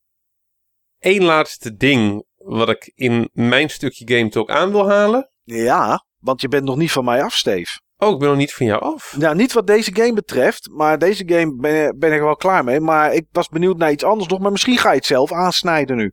Ja. Ik had een belofte gemaakt aan jou. Ja. Ik had een belofte gemaakt aan jou dat ik zeg maar een bepaalde game ging spelen die ik jou had toegezegd Ja, in een van de eerste afleveringen. precies. En daarvoor heb ik alles in huis gehaald om dat te kunnen doen. Maar dat heb ik nog niet gedaan. Ah, oké. Was dat de game waarbij ik in de Game Mania in Gouda niet moest vragen wat jij nog meer gekocht had? Die game, ja. Oké, nou dan, eh, dat was precies wat ik wilde weten ook inderdaad. Nou, dan gaan we het daar nu nog niet over hebben dan, Steve. Nee, ik ga dat wel zeggen. Oké, je ik vind niet dat ik- vertellen wat het is. Ik ga in ieder geval vertellen wat het is. Want ik vind dat ik dat eh, de luisteraars wel verplicht ben. Oh, mij, mij, niet voor de rest of Nee, zo. Hij belooft nee, het al vijf, vier en een half jaar. Maar mij is dit niet verplicht. Dit kan, ja, dat kan er toch wel, kan dit er ook wel weer bij. Ja, heb je ook wel weer Ja. gelijk in, Steve. Nee, ik, ehm, jij was zo enorm enthousiast over Bioshock Infinite. Oh, ja. Zo, dat ik de ja. Bioshock Collection gekocht heb. Oh, netjes zeg. Eigenlijk specifiek voor Bioshock Infinite. Ja. Oh ik, ben, oh, ik ben wel benieuwd wat je daarvan vindt, hé. Ja, ik denk dat ik hem heel erg tof ga vinden. Ik proefde dat enthousiasme en ik was ook gewoon zo enthousiast over die game. Ja. En ik had hem juist, ik, ik heb hem ook liggen op de 360. Mhm. Alleen die moet je niet spelen op de 360. Die moet je Nee. gewoon spelen op PC. Of zeg maar die versie die later uitgekomen is op de huidige generatie consoles. Die in principe gebaseerd is op de PC-versie. Dat is tof. Dat is zoals die bedoeld is. Ja. Oh, ik ben heel benieuwd. Jeetje. Ja, Ja. dit- we hebben zoveel games besproken. Toen ik vandaag ook die, die Game Room eh, aflevering ging luisteren, hadden we het volgens mij toen nog over de huidige generatie. En dat was PS3, Xbox 360. Weet je, als er straks een keer een, ehm, als er straks een keer een moment komt dat wij het gaan hebben over een PS5 en een eh, Xbox weet ik veel wat en de volgende Nintendo, dan draait onze podcast gewoon al een generatie consoles lang. Dat is toch wel apart. Ja. Dat is wel apart. Ja, dat Infinite is wel apart. gaaf. Ja, zelfs ik vond die leuk. En ik wilde geen first-person shooters meer spelen in die tijd. Dus dat was een hele rare keuze toen om die te gaan spelen. En je ziet nu dat hij heel veel, ja, laat ik het backlash noemen, krijgt van mensen. Dat het achteraf toch eigenlijk niet zo'n goede game is. Maar ik vind het serieus nog steeds een hele goede game. Oké. Nou ja, we gaan kijken wat Steve ervan vindt nu zoveel jaar later. eh. Maar ik heb, ik heb twee momenten gehad dat ik hem. Dat ik eigenlijk had ingepland om hem te gaan spelen. Ja. En de tweede keer was het er niet van gekomen, omdat jij toen met, ehm, ja, met eh, Detroit aan kwam zetten. Ja. En dat vond ik eigenlijk wel erg tof. Ook om die, ehm, om die stille wens van sommige forumleden, eh, zeg maar, waar te waken. Van dat wat meer van ons dan zeg maar dezelfde game gespeeld hebben. Ja. En de eerste keer toen eh, had ik verwacht dat ik een avondje alleen zou zijn. Ik had toen zeg maar, een, eh, s ochtends had ik afgesproken met mijn, eh, met mijn beste vriendin. Eh, S smiddags had ik afgesproken met, eh, met, met Jelle, mijn beste vriend. Gingen we, hadden we een reunie van de Haagse Hogeschool. En die avond zou ik dan alleen zijn. Alleen een, ehm een bordspellenmaat van me, die, eh, die had mij gebeld van of ik iets te doen had. En eh, eigenlijk niet. Ja, Nee. je beloftes aan mij klaarmaken. Ja. maar- Screw dat. ja, dat. Dus, eh, Ja, en, ehm, ja, eh, dus hij langs gekomen. Vrij laat op, op, de avond. Nog even wat bordspellen spelen. Nee, hij had eigenlijk wel zin om wat, wat games te spelen. Oh, oké. En, dat was ik, geen Bioshock, want dat Nee. is singleplayer. Klopt, ik wou, ehm ik wou Pocky Rocky met nog gaan spelen op de SNES. Maar die, ik kreeg mijn SNES eventjes niet zo snel aangesloten. En het is uiteindelijk eh, de Dreamcast geworden. Altijd waar we op goed. gespeeld hebben. Altijd goed. Ik denk van dat vindt Mike ook wel oké. Is dat een Ja. Amerikaanse Dreamcast toevallig? Ja, toevallig is het een Amerika. Wat, ja, dat, dat is een Amerikaanse Dreamcast, ja. Ja. Oké, ja. maar Ja, ik, ik, ik hoor je niet verbaas me, ik Dat verbaas niet me vaak, nu hè? wel, Steve. Ja, Ik verbaas me over iets. ja misschien zal ik, ik zal jullie nog eens een keer dat verhaal vertellen hoe ik eraan kom. Ja. Maar Ja. wat ik in ieder geval met hem gespeeld heb is Soul Calibur. Heb ik, Altijd hem, goed. heb ik hem een klein beetje afgemaakt. Power Stone. Heb ik hem nog meer afgemaakt. Ehm, Speed Devils. Oh ja, zeg maar de Dreamcast versie van Speed Demons. Dat ging dan wel redelijk gelijk op. Ehm, die is overigens in splitscreen mode niet zo goed oud geworden. oh. Is dat Eh. eh, met frame drops en, eh, en dat soort dingen? Ja, dat. En ja, het ziet er gewoon niet meer... Vroeger vond ik het echt wel een mooie game. Ik echt een toffe racer. Vooral ook wel een single player mode hoor. Maar ehm, in, in twee player mode eh, vond ik hem toen al wat, eh, wat eh, minder. Los van dat ik het een gave game vond. Gewoon puur qua tegen elkaar racen. Ehm, en er is ook een, één game waarin ik het toch wel af moest leggen. Een game op de Dreamcast die ik al een tijdje heb. Maar die ik nog nooit had gespeeld. Een game die ik erin heb gestopt speciaal voor Billy. Want voor Billy doe ik wel dingen. Ja, tuurlijk. Ja, Maar het is niet zoveel eisend als dat ik ben. Dat nee, dat. Eh, een game waarvan ik weet dat Billy er enorme liefde voor heeft. Die vindt het volgens mij een briljante game. Pen Pen Try Iceland. Oh, ik wou net zeggen, is dat dat geneuzel eh, met die pinguïn weer? Maar dat, Dat is het. geneuzel met die pinguïns. Ja. Ik, ehm, ik had het Billy zien, eh, zien spelen op de Buttonbashers-dag. In, Ja. ehm, in eh, Awesome? Space. Awesome Space. Ja. En toen dacht ik nog bij mezelf, wat een triest spel. Ja. Wat een triest spel. Hoe kunnen mensen dit nou leuk vinden? Nou, Steve, hoe kunnen mensen dit leuk vinden? Ik vond het toch wel leuk. Ja, dat dacht ik al. Ik vond het toch wel leuk. Het is gewoon, eh, het is gewoon echt, het heeft wel iets hilarisch. Oké. Ehm, je kan het het beste omschrijven als een, ehm, als een triathlon voor pinguïns. Oké. Maar dan eh, met, ehm met bobsleeën, eigenlijk gewoon buikschuiven over het ijs. En een beetje dan zeg maar je voortbewegen met je pootjes. Zwemmen. Daar, komt eh, ook de eias erbij eh, bij kijken. Dan kun je ook omhoog en omlaag. En, ehm, en over het ijs lopen en springen. Ja. Dat zijn eigenlijk zeg maar de drie onderdelen van, eh, van de triathlon. En we hebben best nog wel eventjes zitten spelen. En ik, ik, ik vond het echt wel hilarisch. Oké. Het is een, het is een grappig spel. Het klinkt wel echt heel iets voor, eh, voor mij ook.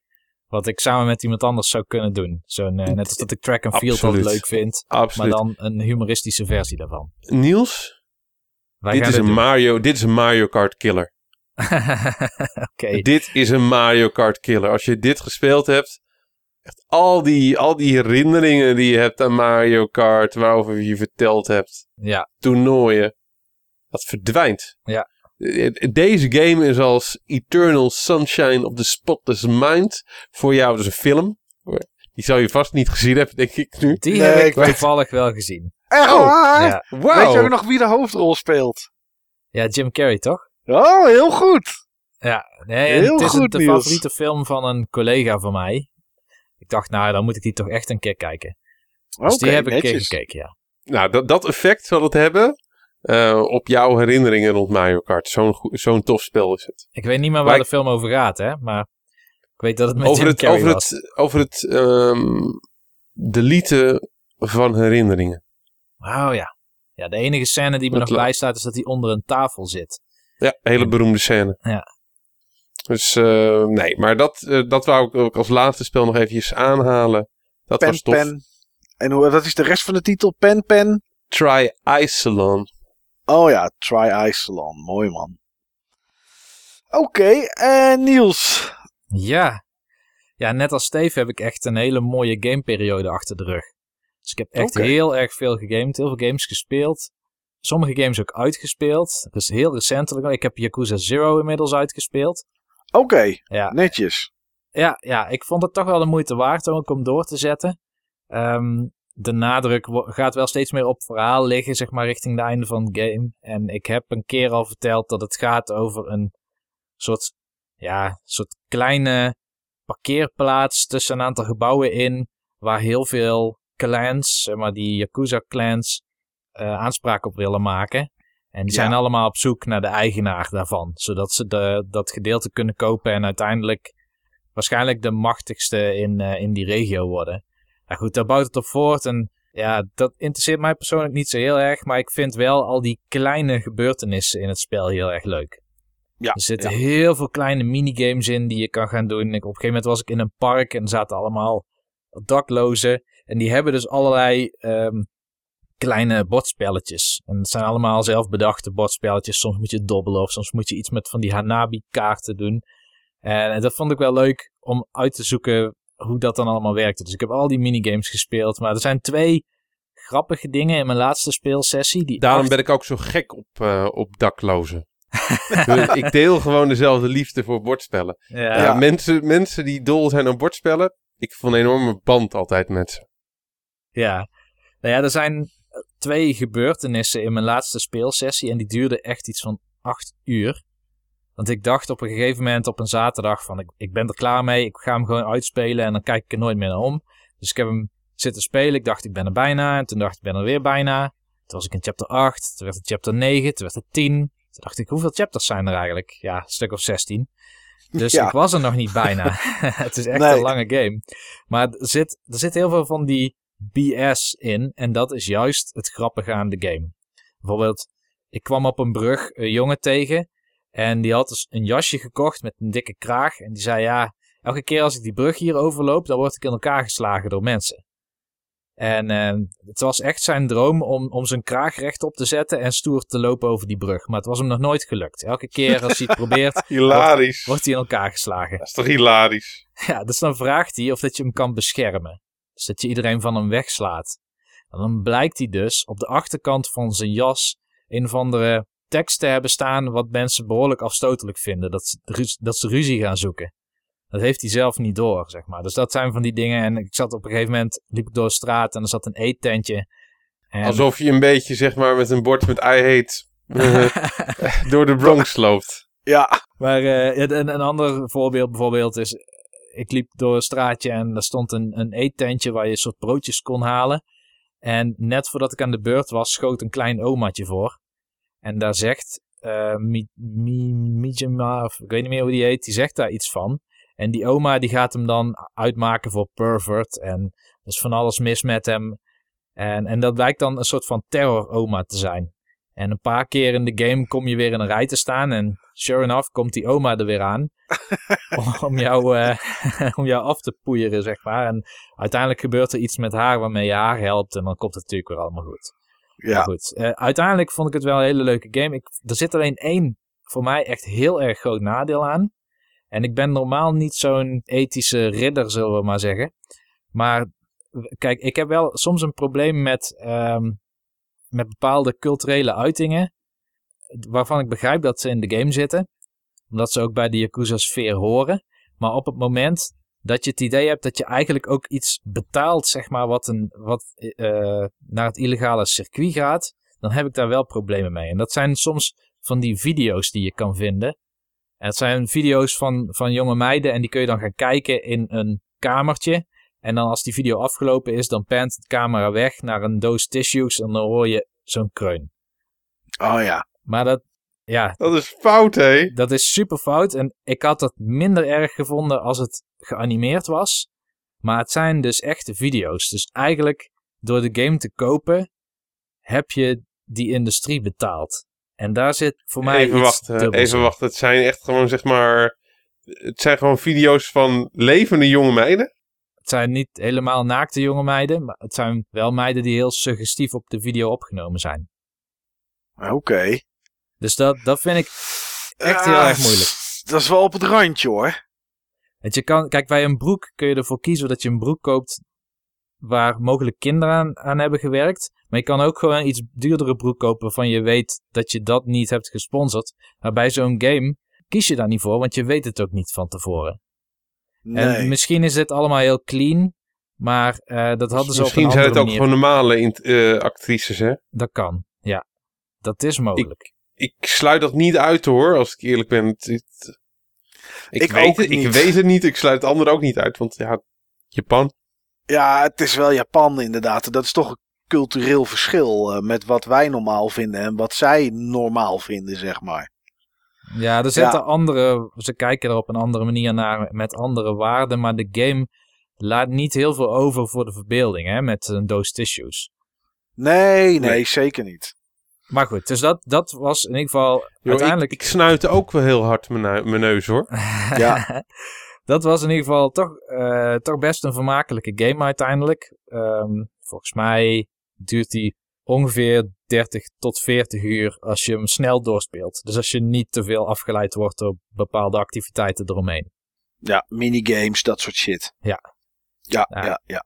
Dan had ik afgelopen week nog twee games gespeeld die ik alleen maar wil noemen. ehm, die de moeite waard kunnen zijn om te spelen. Eén was de Stanley Parable. Dat is eigenlijk een soort moeder van de Walking Sims. Ja. Ehm, Maar het is wel grappig omdat het... Ik weet niet of dat het door Valve gekocht is of uitgegeven is. Maar Valve bespeelt een hele belangrijke rol in de game. En eh, het is een game die gaat over het maken van keuzes. En eigenlijk een soort metaperspectief op gaming en het maken van keuzes inneemt. Dus het, is een ervaring waar je niet te veel over moet vertellen, want anders verklap je het hele punt. En nog zo'n game, eh, dat werd me aangeraden door een collega waarmee ik veel werk.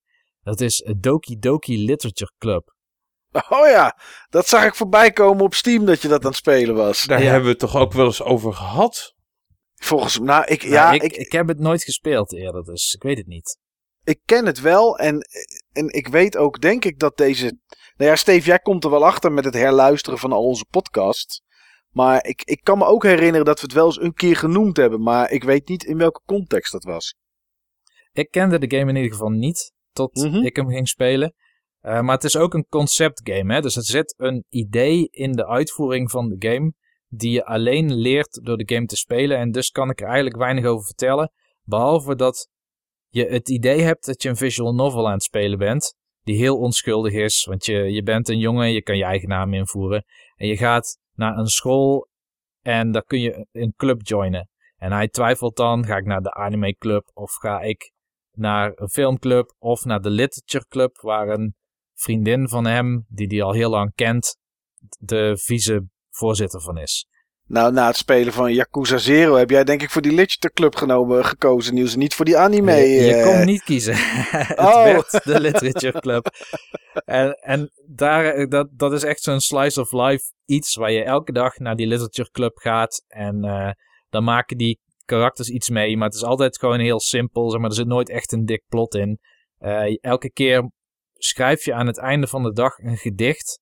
En dat doe je door, door uh, uit een soort word cloud een aantal woorden te selecteren.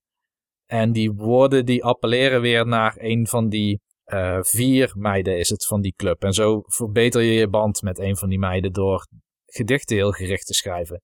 Ah, oké. Dat is echt gruwelijk saai. Dat is niet normaal zo verschrikkelijk. Maar het, het uiteindelijke idee achter het spel, want het, er zit iets achter en dat is echt briljant, zeg maar. En dat is wel echt heel cool. Een twist, hè? Er zit een twist in, een plot twist. Zoals het in de meeste David Cage games uh, ook zit. Maar goed, uh, dat is ook een game waarvan ik in ieder geval iets wilde vertellen, maar daar wilde ik geen focus op leggen. Uh, ik denk dat de belangrijkste game die ik de afgelopen tijd heb gespeeld, waar ik echt heel veel tijd in heb gestoken, wat ik niet had verwacht, dat zo goed zou bevallen, waar ook de Noorse mythologie een intrede in maakt, dat kan natuurlijk niet anders zijn dan Etrian Odyssey 4. Ja, en hoe bevalt hij? ik ga het serieus even hebben over Etrian Odyssey 4. Oké, nou ja, ik weet niet eens wat het is. Uh, ik heb dat ooit is een RPG op de 3DS, toch? De 3DS inderdaad, ja, ja. Ik heb het ooit over deel 3 gehad in de podcast. En daar heb ik ongeveer tot de helft gespeeld. Maar ik kan je vertellen, de reden dat ik deze game ging spelen was... Um, ik had de opname van de vorige keer ge geëdit, zoals ik altijd doe. Maar goed, ik had hem ook beluisterd. En Steve vertelde toen over Radiant Historia van Atlas. En ik kreeg daardoor heel veel zin in een 3DS-game van Atlas, om die te gaan spelen. En ik heb hier heel veel games van die studio. Dus ik had het, ik had het voor het oprapen, zeg maar, de games om te spelen. Tegelijkertijd um, zat ik in Toe Jam's Top 100 topic. Een van de forumleden, die heeft een, uh, een, een topic geopend waarin die elke week een stuk of twee games post in een soort van top 100 van hem. En daar schrijft hij zijn ervaringen over en hoe dat vroeger op hem af is gekomen. Hij heeft ook een soort nostalgie-score die eraan hangt. Daar, daar kwam ik Eye of the Beholder tegen. En dat is een first-person dungeon RPG voor de PC of de Amiga. Misschien wel op allebei. beide. Ja. allebei, ja. Die ben ik eigenlijk eerst gaan spelen op archive.org. Oké. Dat, dat, dat is een, eh, een website en daar worden allerlei oude games gearchiveerd. En daar kun je ze met een emulator, een DOSBox emulator, spelen vanuit de browser. En dat beviel me eigenlijk wel, maar wat me wat minder beviel is dat je het dus de hele tijd in de browser moet spelen. En dat ik niet weet hoe het met mijn save games omgaat. Misschien uh, gooit dadelijk mijn virusscanner wel mijn save game weg omdat het in een cookie zit of zo. Ja, ik, dat ik zou wist kunnen. niet hoe het werkte. Dus ik dacht, nee, ik, ik moet het even op een ander platform gaan spelen. En Action Odyssey was, ja, ik heb sowieso vijf van die games of zo liggen. Terwijl ik speel ze bijna nooit, want ik heb er niet de allerbeste verhouding mee met die serie. Ik heb nooit geweten of dat ik het echt leuk vond of niet. Maar het- mijn eerste aanraking met die game, die is wel echt heel apart. Ehm, ik was namelijk klaar met mijn masteropleiding. En ik was toen aan het solliciteren bij drie verschillende bedrijven. Eén was Guerrilla Games. Ik had naar Michiel van der Leeuw ehm, mijn driver opgestuurd voor de PlayStation 3 controller om die onder Windows te draaien. Het was een soort hack die ik in mijn vrije tijd had gedaan. En ik had een resource packer gestuurd, want ik wilde misschien terug bij Guerrilla Games, maar dan in een ander team. In een, eh, in een team wat wat meer op de experimentele, vooruitkijkende kant zat. Alleen er was Mhm. op dat moment eigenlijk niet zo'n vraag naar. Dus hij, hij zei ja, je kan bijvoorbeeld in een toolteam, want hij, had, hij wist dan dat ik dat dan wel zou kunnen, aangezien ik twee dingen heb opgestuurd die eigenlijk heel erg in die tool richting zitten. Of je kan in het R&D team, maar tegelijkertijd eh, wilde ik misschien terug bij W Games. Eh, daar heb ik aan die My Horse Me game gewerkt, die paardengame Ja. voor Wii. En die engine die, waar Greed Corp op draait. En eh, hoe heet die andere game ook weer? Ik weet niet meer. Ehm, en daar kon ik ook weer mijn functie terugkrijgen. Maar daar zat ik wel weer met wat strubbelingen met het contract. We hadden net weer nieuwe carrièrepaden bedacht. En ik herkende mezelf niet zo in, in hun plannen. Dus ik wilde eerst dat het contract op orde was voordat ik echt ging starten. Cutscene designer wilden ze hier maken, toch? Zoiets, ja. En, eh, en tegelijkertijd eh, had ik een aanbod gekregen van, van HQ om daar binnen een eh, innovatielab te gaan werken. Maar ik had dus eigenlijk keuzestress. Ik wist echt niet wat ik moest doen, maar ik kreeg toen een bericht op IRC, volgens mij was dat nog, van een maat van mij van de middelbare school. En die is in Leiden op een gegeven moment Japanologie gaan studeren en die moest toen een jaar naar Japan. En ik heb altijd tegen hem gezegd dat ik ehm, graag ooit een keer naar Japan zou willen komen. En ik kreeg dus een bericht via IRC, want ik heb nu twee weken vrij. Ik zeg, wanneer kan ik, eh, kan ik aankomen? Ja, Eh, dus ik heb die dag, op het moment dat hij dat zei, ik heb heel even gevraagd of dat mensen nog iets van me verwachten op korte termijn. Nou, dat was niet echt het geval. Dus ik heb meteen geboekt. Ik heb onmiddellijk een vliegticket geboekt. Ik ging de volgende dag al weg. Ik was er dus niet tijdens mijn diploma-uitreiking en zo vond ik niet erg. Ik had nee, je gewoon had zin het om... toch al. ja, de diploma werd wel opgestuurd, hè. Ja. ze toch wel per post, zeg maar. Dus daar maakte ik me niet zo'n zorgen over. Maar toen ben ik naar, naar Tokio gegaan. Oh, geweldig. Ik vind het gewoon zo jij. Ik vind het gewoon zo jij. Eh, Mooi, ga verder. Ik, ik ben nog nooit bij mijn eigen diploma-uitreikingen geweest. En ik heb, even kijken, zowel niet bij basisschool als bij middelbare school. Toen ben ik ook niet gekomen. De bachelor ben ik niet gekomen. Master ben ik niet gekomen. Mijn MPhil heb ik niet zelf opgehaald. Eh, alles is gewoon krijg je trouwens een diploma op de basisschool? Dat heb ik nooit gekregen hoor. Eh, weet ik niet meer. Nee, volgens mij niet. Het enige wat wij hadden was een musical. Ja, dat is, maar dat is weer iets heel anders. En het wijkt ook heel erg af van games. Ja, Ja, goed, eh, wat daar in Tokio, zeg maar, hij zat in een dorm, dus ik heb daar ook in een studentendorm gezeten voor anderhalve week. En eh, ik kan me alleen nog herinneren dat ik toen een DS bij me had en de hele tijd Etrian Odyssey speelde. Dat was de enige game die ik had meegenomen, dat was de eerste op de DS. En ehm, die game, dat was zo'n ontzettend moeilijke game. Ik ging zo vaak af. Eh, ik heb zoveel uren gegrind ook. Ik kan me nog herinneren op de terugweg. Ik had een indirecte vlucht geboekt, want het was goedkoper. Niet goed opgelet over hoe lang ik dan in Düsseldorf moest blijven. Bleek acht uur te zijn, de hele nacht door. Ik was natuurlijk super gaar van de vlucht. Eh, een hotelkamer op de vluchthaven was toen iets van 150 euro per nacht of zo. Dus dat zag ik ook niet zo zitten. Dus ik dacht, ik hou mezelf wel wakker met Etrian Odyssey. En weet je wat? Er is weinig ruimte. Ik ga wel even op de wc zitten. Nou, heb je acht, acht uur zitten DS op de wc? Niet zo lang. En dat he- heeft ook een goede reden. Want die wc's op die vluchthaven. Dat zijn niet van die fijne platte brillen. Maar. Die hebben zo'n zo'n hoek. Waardoor je heel lastig kan zitten. Ik weet niet Hoe of je ze lang heb je daar gezeten, Niels? Nou, ik moest af en toe staan voor de bloedsdoorloop. Ik weet niet meer hoe lang het was. Maar ik heb daar lang gezeten. Maar Etrian Odyssey, die hielp me door die tijd heen.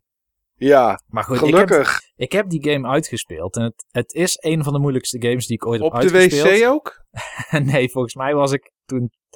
Ik, heb, ik, ik, ik was toen ver in het spel. Toen ik daar in Düsseldorf was.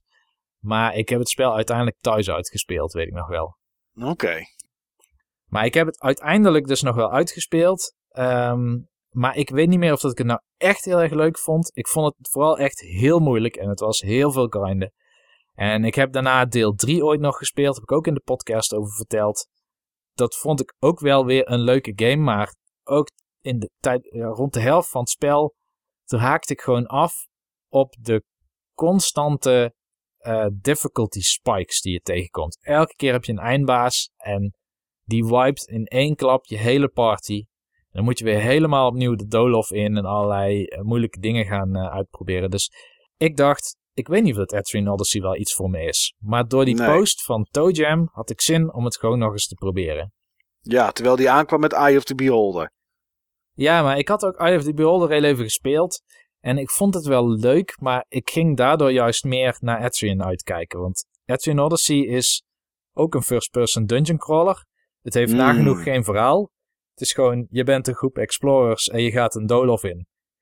En eh, er zijn iets van vijf of zes van die grote mazes. En als je het, eh, de laatste maze hebt uitgespeeld, de allerlaatste baas hebt verslagen, dan ben jij de groep adventurers die voor het eerst Yggdrasil hebben beklommen, die boom.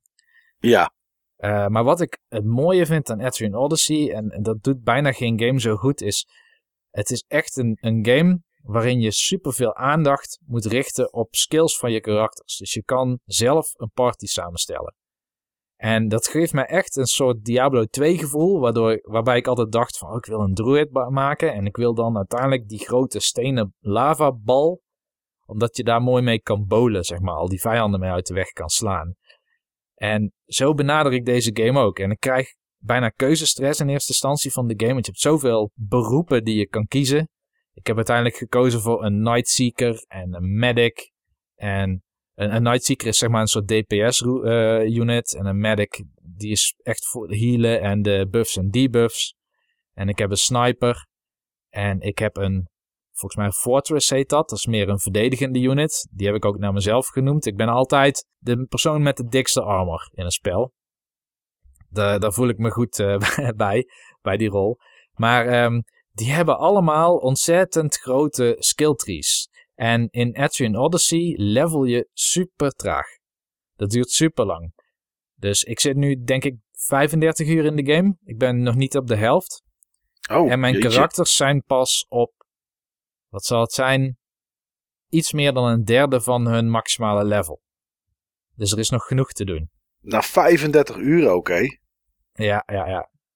Uh, maar wat, wat het spel is uiteindelijk, je bent dus die, die karakters en je gaat een Dolof in. En dat Dolof, dat is heel interessant, want het heeft echt een soort, hoe heet het ook weer in bordspellen, push your luck gevoel. We hebben laatst bij Steve een spel gespeeld, dat heette Celestia. En uh, daarin moet je steeds de keuze maken of dat je nog wel een stapje verder durft te zetten. Of dat je andere spelers nog wel vertrouwt. Of dat het nog wel een veilig game is. of chicken. Game of chicken, ja. En eigenlijk is Etrian Odyssey ook zo'n game. Dus elke stap maak je de afweging, is het me nog wel waard? Wat nou als ik dadelijk in één keer door een random encounter gewoon compleet word gewiped? Want dan ga je weer helemaal terug naar het dorp. Dat is de enige plek waar je kan saven. Dus je kan niet onderweg saven en gewoon je save game reloaden. Je bent gewoon al je progressie weer kwijt. Um, sinds de laatste save dan. Op het Ja. moment dat je wordt gewiped. En dan Niels, kijk. Ja? er was een keer een indie game op de iPad. Ja? Die vond je ook helemaal fantastisch vanwege de risk-reward keuzes. Welke Dat was heet, dat? Volgens mij heette die Hack. Oh ja, klopt. Hack. eh, en dan drie getallen. 3, Dat zou 8, 5 kunnen. hack of zoiets. Zo'n game was dat. Zo, eh, zoiets. Ja, ik, ik mag dat wel. Ik hou daar wel van. En in Etrian Odyssey, elke stap die jij zet, mogen vijanden ook een stap zetten. Dus daarom moet je die afweging in je hoofd maken. Als ik nu een stap zet, dan kom ik iets dichter bij een spot waar ik misschien kan minen. Maar mogelijk komt er een onzichtbare vijand ook een stap dichter naar mij toe. Of een vijand die je wel ziet. Sommige vijanden zie je wel, sommige zie je niet. En uh, dat, dat ma- geeft het een hele drukkende sfeer. En wat ik dan vooral leuk vind, en dat moet je echt wel liggen, maar dat is heel uniek voor de Etrian Odyssey games, is dat je op het touchscreen, op het onderste scherm, daar kun je de map intekenen. Dus het Dolof wat je hebt. Uh, Oh ja, dat moet je zelf ziet, doen, hè? Ja, dat moet je zelf doen. Dat, dat herinner ik me van de vorige keer dat je erover vertelde, inderdaad. Dat je zelf je map moet tekenen.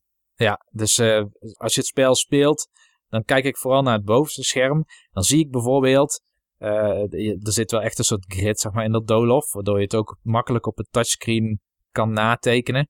Uh, maar dan zie je van, oké, okay, ik kan hier nog twee stappen zetten en daarna loop ik tegen een rivier aan. En die, dat pad waar ik nu op loop, dat buigt dan naar rechts af. Dus dan ga je naar het onderste scherm en dan maak je twee vakjes groen, want dan kun je dan lopen. En dan twee vakjes blauw voor je, want dan kun je dan niet door. En je staat misschien ook met je rechterschouder zo wat tegen de muur aan. Want het is altijd een heel claustrofobisch doolhof. Het is niet dat je heel veel grote open ruimtes hebt. En zo ben je constant aan het switchen tussen het bovenste scherm en het onderste scherm. Om een goede representatie te maken van het doolhof. En net als bij games zoals, uh, ik noem maar wat, uh, Bloodborne. Ja. Heb je vrij lange stukken die heel moeilijk zijn. Die je heel vaak opnieuw zal doen. Uh, maar op een gegeven moment kom je zo ver dat je misschien een soort shortcut unlockt. Terug naar het begin of naar een bepaald punt van het level. Oh, dat zit er wel in. Ja, dat zit er ook in. En uh, dat geeft heel veel voldoening. Dus het, het compleet mappen van zo'n doolhof, en er zijn veel doolhoven, dat, dat vind ik zo'n leuke ervaring. Die is zo lekker old school. Dat is wel iets wat me heel erg drijft. Dat en het het plannen van mijn skills en dat push your luck door het doolhof heen wandelen. Ja. welke was het nu? de- Deel 4 was je nu aan het spelen, hè? Ja, het is nu deel 4 en ik ben voornemens deze uit te spelen, maar ik zit nu echt op een lastig stuk. Ik zit in de derde maze. Je hebt in deze game ook een soort overworld waar je met een luchtballon overheen vliegt en fysiek naar de mazes moet gaan voordat je erin kan. Het was voorheen niet zo. De eerste eh, had je gewoon één point of entry en dan ging je Dolof in. Dan had je gewoon een stuk of 30 verdiepingen eronder of zo. Op een gegeven moment kon je wel warpen, dat je steeds vijf verdiepingen over kon slaan. Maar eh, toen had je nog geen overworld met allerlei verschillende thema's en zo. En dat is nu wel. Maar eh Etrian Odyssey 4, ik zit nu in een soort grot en het zit helemaal vol, eh, vol hete lavagesteentes. En op het moment dat je die, ehm, dat je die afbreekt, dan smelt water. Oké. Eh, het klinkt heel raar, omdat je verwacht dat het andersom is. Maar op het Mhm. moment dat de lava weg is, dan kun je door het water. En anders niet. Misschien is het dus wel andersom. Ja, het is een DS-game, dus de graphics zijn niet super helder. Ik, ik sluit niet uit dat het andersom is. Nee. Ik eigenlijk ook niet, nu ik mezelf dit hoor zeggen. maar je bent nu heel veel bezig met die stenen weg te halen, waardoor een kamer afkoelt en dat je bepaalde stukken water over kan. En maar omdat je drie verdiepingen hebt ehm, en je hebt ice stakes nodig, je moet dus met ijs steeds die stenen koelen voordat je ze kapot kan maken. Dan moet je weer overal gaan minen in die levels. Eh, je, je haalt niet zo makkelijk in één run al die stenen weg in, in al die verschillende levels. Ja. Dus daar doe je meerdere runs over. Eh, maar als je gaat slapen in, in het hostel in de stad, dus stel je warpt terug naar, naar het dorp en je gaat daar slapen, dan heb je ook een soort dag-nacht-cyclus. Dus je slaat dan een nacht over en dan is het de volgende dag. En na een paar dagen dan komen al die stenen weer terug. Oké. Dus ik zit nu heel erg te hannissen met de timing om al die stenen weg te halen, zonder dat ik dat er elke keer wanneer ik bijvoorbeeld op de derde verdieping dan eindelijk die stenen weg heb, dat op de eerste verdieping het weer terugkomt. Want Jeetje. er zit een eindbaas in en die verliest de helft van zijn hitpoints op het moment dat ik al die stenen heb weggehaald. Ja, Maar dat ja. moet je dan in zo'n moordend tempo doen dat je, dat, dat je bij hem bent voordat alles weer teruggegroeid is. Klopt. En, en dit is echt zo'n spel. En dat heeft ook bijvoorbeeld, eh, dat is, Steve zal het wel kennen uit Fire Emblem. Het is echt zo'n spel waar je heel erg twijfelt. Van, moet ik dit wel echt doen? Kan ik dit wel echt halen?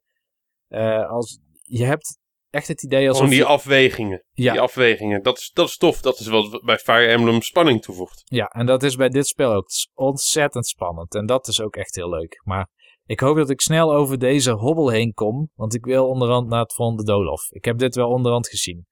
Die Ja. mazes, vooral die eerste... Je hebt meestal drie of vier niveaus. Dat eerste niveau, ja, daar ga je wel 30 keer in. En dat wil je ook doen, want als je beestjes verslaat, dan krijg je daar bijvoorbeeld, verslaat een kikker, dan kun je een frog leg krijgen, of je hebt een klein procent kans op frog fluid of zo. En als je dat dan weer naar het dorp brengt, naar de smid, dan kan die daar nieuwe wapens of nieuw armor van maken. Weet je, dat is Monster Hunter, waar je ook parts Ja, moet ja, farmen ja. om armor te laten maken. Dus het is een heel tight, niet gedesigned spel. Maar het is wel voor een hele specifieke doelgroep gedesigned. Oké. Ik wil eigenlijk het stokje nu overgeven aan jou voor een andere game die ook inspiratie krijgt van de Noorse mythologie. Ja, laten we het daar maar even over hebben. Ja. Laten we het maar oh, hebben. heb, jij, ehm, heb jij Too Human gespeeld? To Human? Was het Nee, maar. heb, heb ik niet gespeeld. Oh, jammer. Nee. Nee. Maar ehm Steve, je had het er net over eh, A Way Out. Dat eh, kneuzige indie gamepje. En dat dat op je lijstje staat met... nou, dit is wel iets... eh, hè, dat, eh poeh, dat, eh, die horen we misschien eind van het jaar nog wat terug bij eh, het jaaroverzicht. Ja, Maar- nou, tot, tot nu toe is dit wel de game die, ehm, die gewoon op heel veel lijstjes op één gaat staan. Ja, nou dat kan niet. Totdat je dit gespeeld hebt. Ja, ik, ik heb het over de game die jij... ehm, oh, die ik, ja. waar ik het over heb. Ja, dat is 5? natuurlijk... Ja, die is uit, eh, Niels. Etrian Odyssey 5 is uit. Ja, ik heb hem ook, Mike. Ja. Nee, God of War natuurlijk. Juist. God of War. En ehm ja, je bent een, een dief van je eigen beleving in mijn optiek. Als je deze game niet gespeeld hebt. Ehm ik heb hem inmiddels uitgespeeld. Ik heb het verhaal uit. Daar heb ik denk ik toch wel eh, een uurtje of 20, 25 over gedaan, denk ik. Eventjes zo uh, grofweg. En uh, ja, er is nog veel meer te doen en te beleven eigenlijk in deze game. Waardoor ik ook heel lastig, en dat is voor mij uh, vrij uniek, uh, afstand kan doen van de game. Niet omdat ik hem wil gaan verkopen of, uh, of weet ik veel wat. Maar er is een kameraad van mij die hem graag van me wil lenen. En normaal gesproken, als ik het verhaal uitgespeeld heb, dan ben ik klaar met een game. Zelfs als later DLC komt, dan, en zelfs van een Bloodborne heb ik de DLC niet uitgespeeld. Uh, Dark Souls 3 heb ik één stuk DLC uitgespeeld, maar het tweede deel heb ik niet uitgespeeld. En dat boeit me dan ook niet zoveel meer. En dat laat ik dan ook liggen en dan ben ik er klaar mee. Maar ik heb toch bij God of War eigenlijk wel de drang om gewoon alles te halen. Om alles te zien. Om alle side missies te doen. Uh, ik hoef hem niet per se op platinum te zetten, maar heel veel dingen die ik nog zou willen doen, zitten wel toevallig aan trofies gekoppeld. Uh, en ik weet dat jij hem ook speelt, Niels. Ja, klopt. Ja, ik ben dus, nog uh, lang niet op het eind. Um, ik weet niet hoeveel. Je, je kan denken in chapters, gezien de structuur van de game. En ik ja. weet niet hoeveel er zijn. Maar ik zou zeggen, ik zit in het derde chapter. Ben je al, want dat is, dat is uh, een, een, even een hamvraag. Ben je al op de Lake of Nine? Nee, nee. Oké. Okay. Dat zegt uh, me niks. Ik, uh, nee. De laatste speelsessie die ik heb gedaan, kan ik me nog herinneren dat ik met een of ander gloeiend object door een zwarte mist heen liep. Ah, ja, ja, ja. Oké, okay, dan weet ik waar je zit. Nee, ja, wat is er tof aan God of War? Uh, ik zal zo meteen, ik zal het vluchtig vertellen. Dan zal ik vragen of Niels hetzelfde ervaart. Um, het is een andere God of War dan de eerdere delen. Toevallig heb ik vandaag of gisteren heb ik nog een stukje van God of War 2 gezien. Um, ja, tuurlijk, dat is ook met bruut geweld en met hakken en met slaan. Maar um, één ding wat bijvoorbeeld niet in uh, God of War nu zit, zeg maar, de 2018 versie, uh, zijn quicktime events. Nou, dat is natuurlijk al een, uh, een hele prettige verbetering. Nou, maar het is... we zitten er wel in. Niet zoveel. Het, is, het steunt niet meer op quicktime events zoals de vorige game deed bij een buis. Ja, oké. Okay. Het is misschien afhankelijk van wat je van een quicktime event wat je uh, vindt. Vind je op een knop drukken om een hek open te doen een paar keer een quicktime event? Ja, dan zitten ze erin. Um, nou, ik ben wel een paar keer afgegaan doordat ik niet op tijd op een knop drukte die op het scherm begon te knippen. Mm, ja, oké. Okay, oké. Okay. Ja, ja, eens, eens, eens. Je hebt gelijk. Er zit wel wat in. Maar ja, heel weinig, het, is, ja. het, is, het is niet meer zoals in de oude games. Um, sowieso is, het, is de hele manier van spelen is anders. Ik bedoel, uh, het is uh, altijd third person geweest. Maar in de eerdere games, ja, weet je, kon je een gang inlopen en zag je Kratos in de verte weglopen. Uh, dat is niet. De camera zit continu achter je. Uh, van tevoren was er een hoop te doen over een camera die eigenlijk niet te draaien was. En dat het één standpunt is. Nou, ik weet niet precies waar ze dat mee bedoelen. Want de camera kan je tijdens het lopen en alles gewoon ronddraaien. Misschien niet tijdens de battle. Maar dan ben ik veel te druk bezig met allerlei andere zaken. Dus daar denk ik dan toch niet over na. Uh, en voor de rest is het nog steeds heel erg bruut. Uh, gevechten, en ik weet niet hoe jij dat ervaart Niels, maar gevechten heb ik echt het gevoel dat wat ik doe, dat het echt impact heeft. Ja, nee, dat kan ik onderschrijven. Ik vind Ja. de combat ook wel goed gedesigned. is het eh, ook? Ja, ja, ik, heb, ik weet dat er een wapen meer is dan de bijl. Ja. Ehm, maar ik heb tot nu toe alleen met die bijl gewerkt en met melee combat. Mhm. Maar wat heel cool is bij die bijl, vind ik, is dat je naast dat je een soort heavy attack hebt en een, en een light attack, dat, zijn, dat is eigenlijk zijn dat je twee eh, base attacks, kun je die bijl ook gooien. En rondom die gooimechanic hebben ze dus ook wel weer eh, vijanden bedacht. Eigenlijk op al die moves hebben ze wel vijanden bedacht. Dus je Ja. hebt nightmares, zijn een soort vliegende creaturen. Ja, die kun je eigenlijk niet echt melee verslaan. Die komen veel te snel op je af. Het zijn een soort tikkers of zo. weet- Die dingen die meteen ontploffen bij je. Dus die probeer je dan weg te slaan met je bijl. Of wat ook leuk is, je kan ook Artrius, je zoontje erop laten schieten. Als je extra Ja. kijkt en je drukt op vierkantje, dan schiet die. Het is overigens heel leuk om daarmee eh, een soort parry of stun uit te voeren. Heel kort. Of een animation cancel voor een vijand. Ehm, maar eh, je hebt ook vijanden bijvoorbeeld, en dat heeft heel weinig zin om daar met je bijl op te slaan. En die lenen zich weer veel beter voor melee. Ja, klopt. Dat vuist. zijn, eh, ja, jouw, jouw bijl Die die is... Frost eh, Giants en Precies. Frost Die, ja. Trolls, toch? Ja. Ja. Ja, je bijl, dat is een soort, eh, dat doet iets met, met ijs en met bevriezen. Nou ja, goed, als je tegenstanders hebt die zeg maar van ijs zijn, dan heeft, ja, heeft dat geen nut en dan kan je beter inderdaad slaan. Eh, wat ook tof is, is dat ze hebben niet alleen een metertje voor hitpoints, maar ze hebben ook daaronder een, een stunmeter. En afhankelijk van de moves die jij doet, en er zitten best wel een hoop verschillende moves in, eh, kan je ze heel snel stunnen. Kan je op ze afrennen, druk je R3 in, dus je rechterstik druk je in. En dan doet hij een soort van finishing move, afhankelijk van eh, of ze nog heel weinig hitpoints over hebben of nog heel veel. Zijn ze wel in één keer kapot of niet, ook afhankelijk van hoe sterk de tegenstander is. En op die manier kan je behoorlijk met die combat spelen. Ook je schild ik, is iets waar je echt hele toffe dingen mee kan doen, maar waar ik wel aan moest wennen. Want eh, in, in de combat op sommige momenten zou ik bijna kunnen vergelijken met een soort Dark Souls-achtig iets. Je moet echt wegrollen voor bepaalde attacks, die zijn gewoon ook niet te blokken.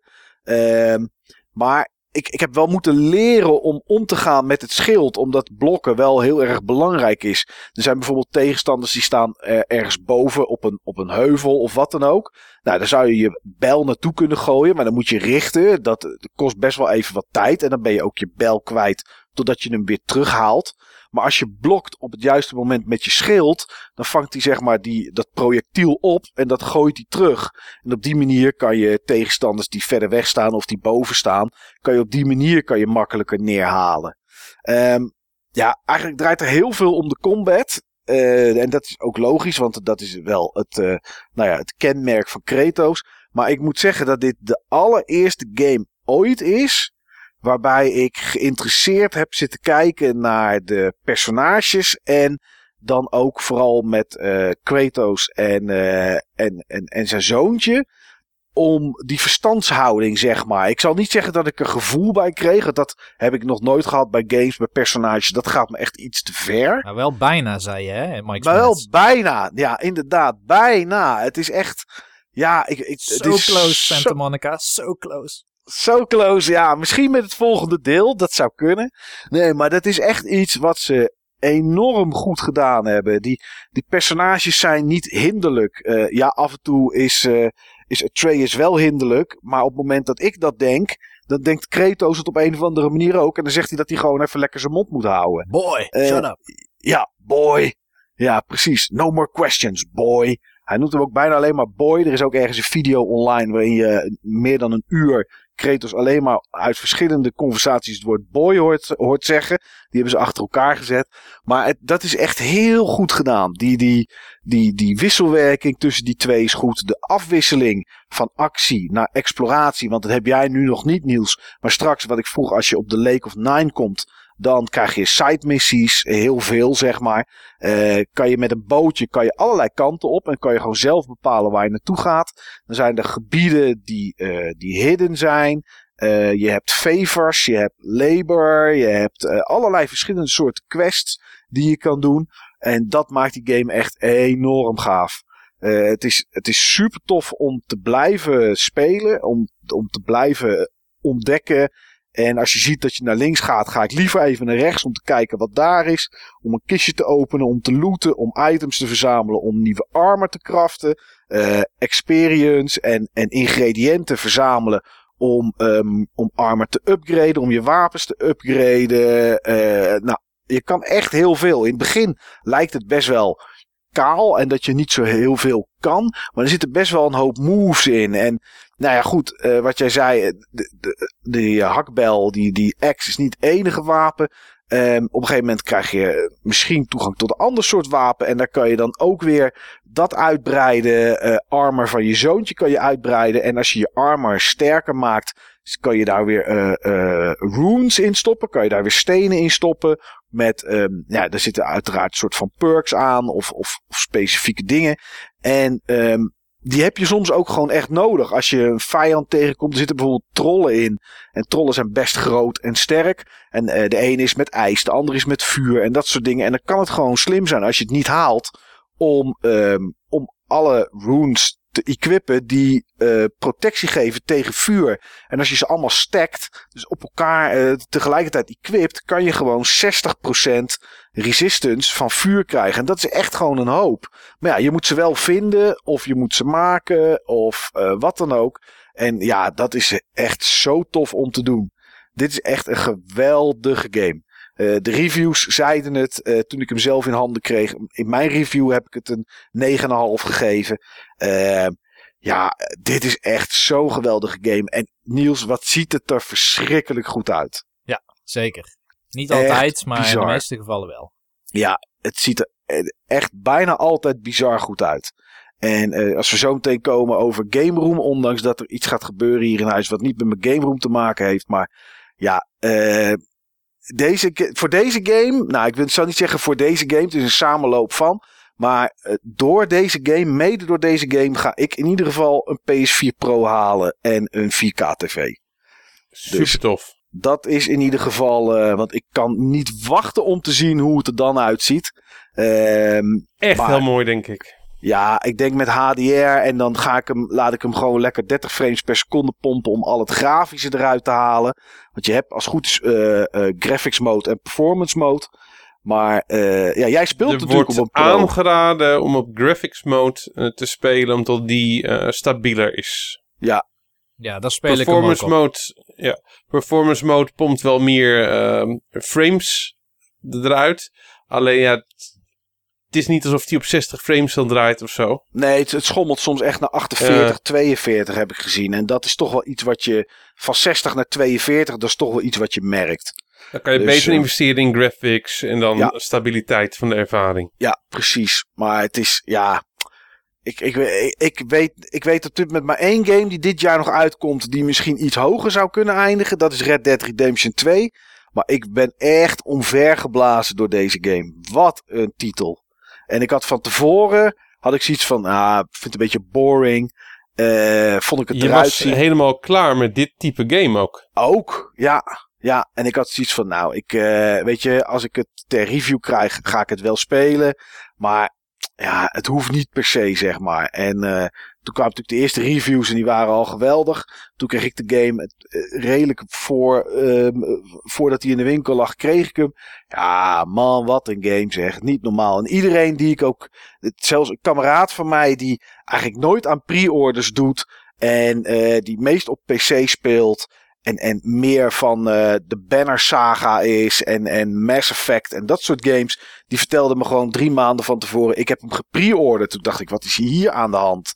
Nou ja, en die heeft inmiddels uh, volgens mij hem op Platinum. En is aan zijn tweede playthrough door, uh, bezig. Wow. Dus dat is... Uh, Je vindt het wel heel tof. Ja, het is... Maar volgens mij is het ook echt een geweldig spel. Ja, is het ook. Het, speel, het, het spreekt me zoveel meer aan dan die oude God of Wars. Ja, nou ja, kijk, God of, War, God of War 1 was natuurlijk op dat moment wel een soort van vernieuwend. Wat zoiets hadden we natuurlijk nog niet ja, gezien. Klopt. Uh, en dat is dit ook. En ik, weet je, ik ben ook, uh, nou ja, bang is een groot woord. Maar ik, ik, ik ben ook wel een beetje huiverig voor het volgende deel. Omdat ik, uh, nou ja, door wat er gebeurt in deze game, weet een groot ge gevoel heb van wat er gaat gebeuren. En waar het zich af gaat spelen. En dan is de impact denk ik een stuk minder dan dat deze is geweest. Dus, uh, maar goed, uh, wil niet zeggen Je dat... weet het niet, hè? die gasten zijn wel heel erg pro. Dat zijn ze zeker, maar... Uh, en ook hier, wat ik leuk vind aan, aan, deze game... dat in ieder geval de passie, de passie die de gamemakers ook hebben... in het kader van filmpjes van gamemakers... Ja. Heb je dat filmpje gezien dat die regisseur van de game... Ja, de reviews gaat lezen? Ja, dat was met tranen. Ja, dat was mooi. Ja, maar ja, ze hebben er vijf mooi. jaar aan gewerkt. Hè? En ik heb ja. ook echt zoiets van: oké, okay, nu zie je het verschil tussen vijf jaar werken aan een game. Of drie jaar of tweeënhalf, zoals Ubisoft gedaan heeft met heel veel Assassin's Creed games. Ik denk dat dit, uh, die, die twee jaar, of die tweeënhalf jaar, die ze er langer over doen dan, dan, dan heel veel gamemakers, denk ik dat is gewoon echt iets wat zich uitbetaalt. En er was ook een vraag van, komt het DLC? En toen zeiden, ja, dat weet ik niet. Want we hebben alles wat we in de game wilden stoppen, hebben we erin gestopt. hebben niks achtergehouden of gedacht van oké, dat kunnen we als DLC doen. Dus ik zou het ook heel chic vinden als er gewoon Oh, geen DLC kwam. Oh, ik zat er nou... De reden waarom ik hem nog niet gekocht heb... Ja, was omdat ik nog een Game of the Year editie eh, verwacht. ja, er is gewoon geen DLC gepland. Helemaal niks. Nee, dat was. ik vermoed dat dat niet gaat komen dan. ik vermoed het. eh, Ja, ah, damn, ik kan het niet zeggen. Het, het, ehm, eh, laat ik het zo zeggen. Er zijn onderdelen in de game die op slot zitten. Waar je niet bij kan. Maar je ziet ze wel. Alleen houden die verband met een bepaald personage. Wat misschien wel eens in een vervolg zou kunnen komen. Dus Oké. het zou ook gewoon kunnen dat, het, ehm, dat dat gewoon dicht blijft. En dat dat in een volgende game open gaat. Dat zou ook kunnen. Dus ik, ik weet het niet wat ze gaan doen. Ik weet het echt niet. Maar eh, één ding weet ik wel. eh, geweldige game. Tof Echt dat het zo tof is. game. Ja. Dus ik hoop ook Niels dat als jij het uitgespeeld hebt. Of als je verder bent. eh, want ik, ik denk dat het, het tofste moet nog komen. Ja, ik kijk er ook heel erg naar uit. Ehm, want ik ben niet zo positief over God of War. Waarom Ik niet? twijfel heel erg. Ik weet niet of ik het heel goed vind of juist niet, zeg maar. Maar ik, er zijn een aantal elementen die ik gaaf vind. Ik vind het, ik vind het battlesysteem heel goed bedacht. En hoe je Ja. interactie hebt met je vijanden. Ik vind ook sommige dingen helemaal niet zo goed. Bijvoorbeeld dat je vaak in je rug wordt geraakt door een vuurbal of zo. Die je echt niet had aan kunnen zien komen. Nou ja, je hebt, je hebt een metertje die het aangeeft. Ja, maar die hebben soms wel acht pijltjes op, om je middel heen. Ja, maar Dus goed, je hebt, niet je hebt heel een- goed overzicht. Dat is wel, maar wat ik het vervelende vind, en dat vind ik gewoon echt niet leuk. Ik, Ja. daardoor eh, heb ik het ook niet verder gespeeld de afgelopen twee dagen. mhm. Is dat klimmen. Dat, dat super saaie eh, Uncharted klimmen. Van hier is het richeltje en soms dan denk je, waar moet ik toch heen? En dan, dan blijkt je eigenlijk nog twee pixels naar links te moeten. Want dan zit je in de hitbox, waardoor een button prompt ontstaat. Waar je dan weer naartoe moet springen bijvoorbeeld. Ja, maar die button Oh. prompt die, ont, die ontstaat soms ook doordat je met de camera kijkt waar je naartoe moet. Dat het niet altijd met je klimmen te maken heeft. Ja, dat is ook zo. Ja, met de camera ook wel. Dus je moet met de camera regelmatig draaien. Dat vind ik niet leuk. En ik vind het niet leuk dat je elke keer die muurtjes hebt. Zeg maar, de chest high walls van Gears of War heb je hier ook, maar die zijn al iets hoger. En dan moet je R2 eens op, opzetten en, en die moet dan iets doen. En daardoor valt er een ketting naar beneden. Dan kun je op. Zeg maar, dat trucje wordt zo vaak herhaald. Ik ben Ja, ik vind het wel. iets nieuws. mm, Oké, ik ja, vind ik vond heel het wel meevallen. allemaal tot nu toe.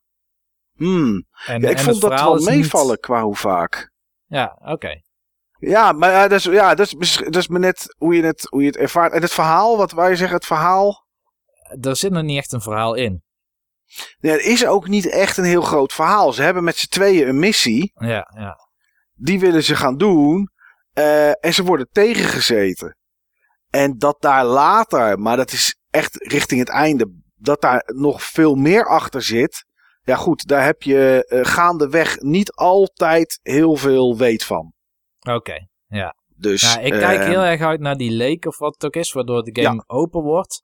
Ja. Want tot nu toe zou het niet in mijn top 5 terechtkomen voor dit jaar. Bij mij persoonlijk. En dan voel ik me heel detached, zeg maar. Want ik, zie- ik lees en zie overal heel veel enthousiasme. En eh, s- ja, het, het wordt ook soms met een nieuwe Resident Evil 4 genoemd. Ehm, ja, snap ik. maar Snap ik zeker. Voor mij had Resident Evil Van hoe 4... die zichzelf heeft uitgevonden. ja, precies. Ja, ja, ja, dat ja. Het, ja, Ik vind het een betere God of War dan de andere. Die vond ik gewoon echt helemaal niet leuk. De eerste Nee. eh, drie en Ascension. Ehm, dus ik vind dit sowieso, vind ik het fijn dat ik dit alvast leuk vind in, in de core mechanics van de game. mhm. Maar ik vind de wereld niet zo boeiend, zeg maar. Die is heel statisch en dan moet- je op zo'n Uncharted manier op klimmen. En de herhaling met, eh, met de uitdagingen en elke keer een kristal ergens naartoe sjouwen, zeg maar. Ja, dat, dat prikkelt mij persoonlijk niet. Hmm, Dus waar ik de losse systemen leuk ontworpen vind, eh, mis ik de variatie in hoe die worden toegepast. Hmm. Ja, oké. Ja, ik snap wel wat je zegt. Ik snap wat je zegt. Eh, en over dat statische kan ik dan weer niet zoveel zeggen, want dan ga ik spoilen. Ah, Eh, mooi, als je daar net als Breath of the Wild gewoon een berg op kan klimmen. Dan ben ik Ja. helemaal tevreden. nou, eh, kan ik uit droom helpen? Dat gaat niet gebeuren. Oké. Nee, op die, manier, op die manier niet. Maar, nou ja, goed. Ik, ik hoop dat je het nog gaat spelen en dat we het er nog eens een keertje over Ja, kunnen maar dat hebben. ga ik zeker doen. Oké. Oké, we gaan even een kleine break nemen, jongens. Een eh, kleine muzikale break. Eh, misschien hebben we al Monkey Island gehad. Zo niet Niels Tippy. Misschien is dit een mooi moment. Ehm, en dan gaan we eens kijken. eh, jij, jij had het over inzichten, hè, Mike? Ja, inzichten van, nou ja, van, van dezelfde game die toch andere inzichten bij iedereen op kan wekken. Ik heb nog wel wat inzichten. Oké. Die ik eventjes nog wil, eh, wil delen. Ik heb, Nou, ik heb een maar. heel lijstje aan, eh, aan, aan inzichten. Oké. Ehm, die inhaken op recente eh, afleveringen. Ja.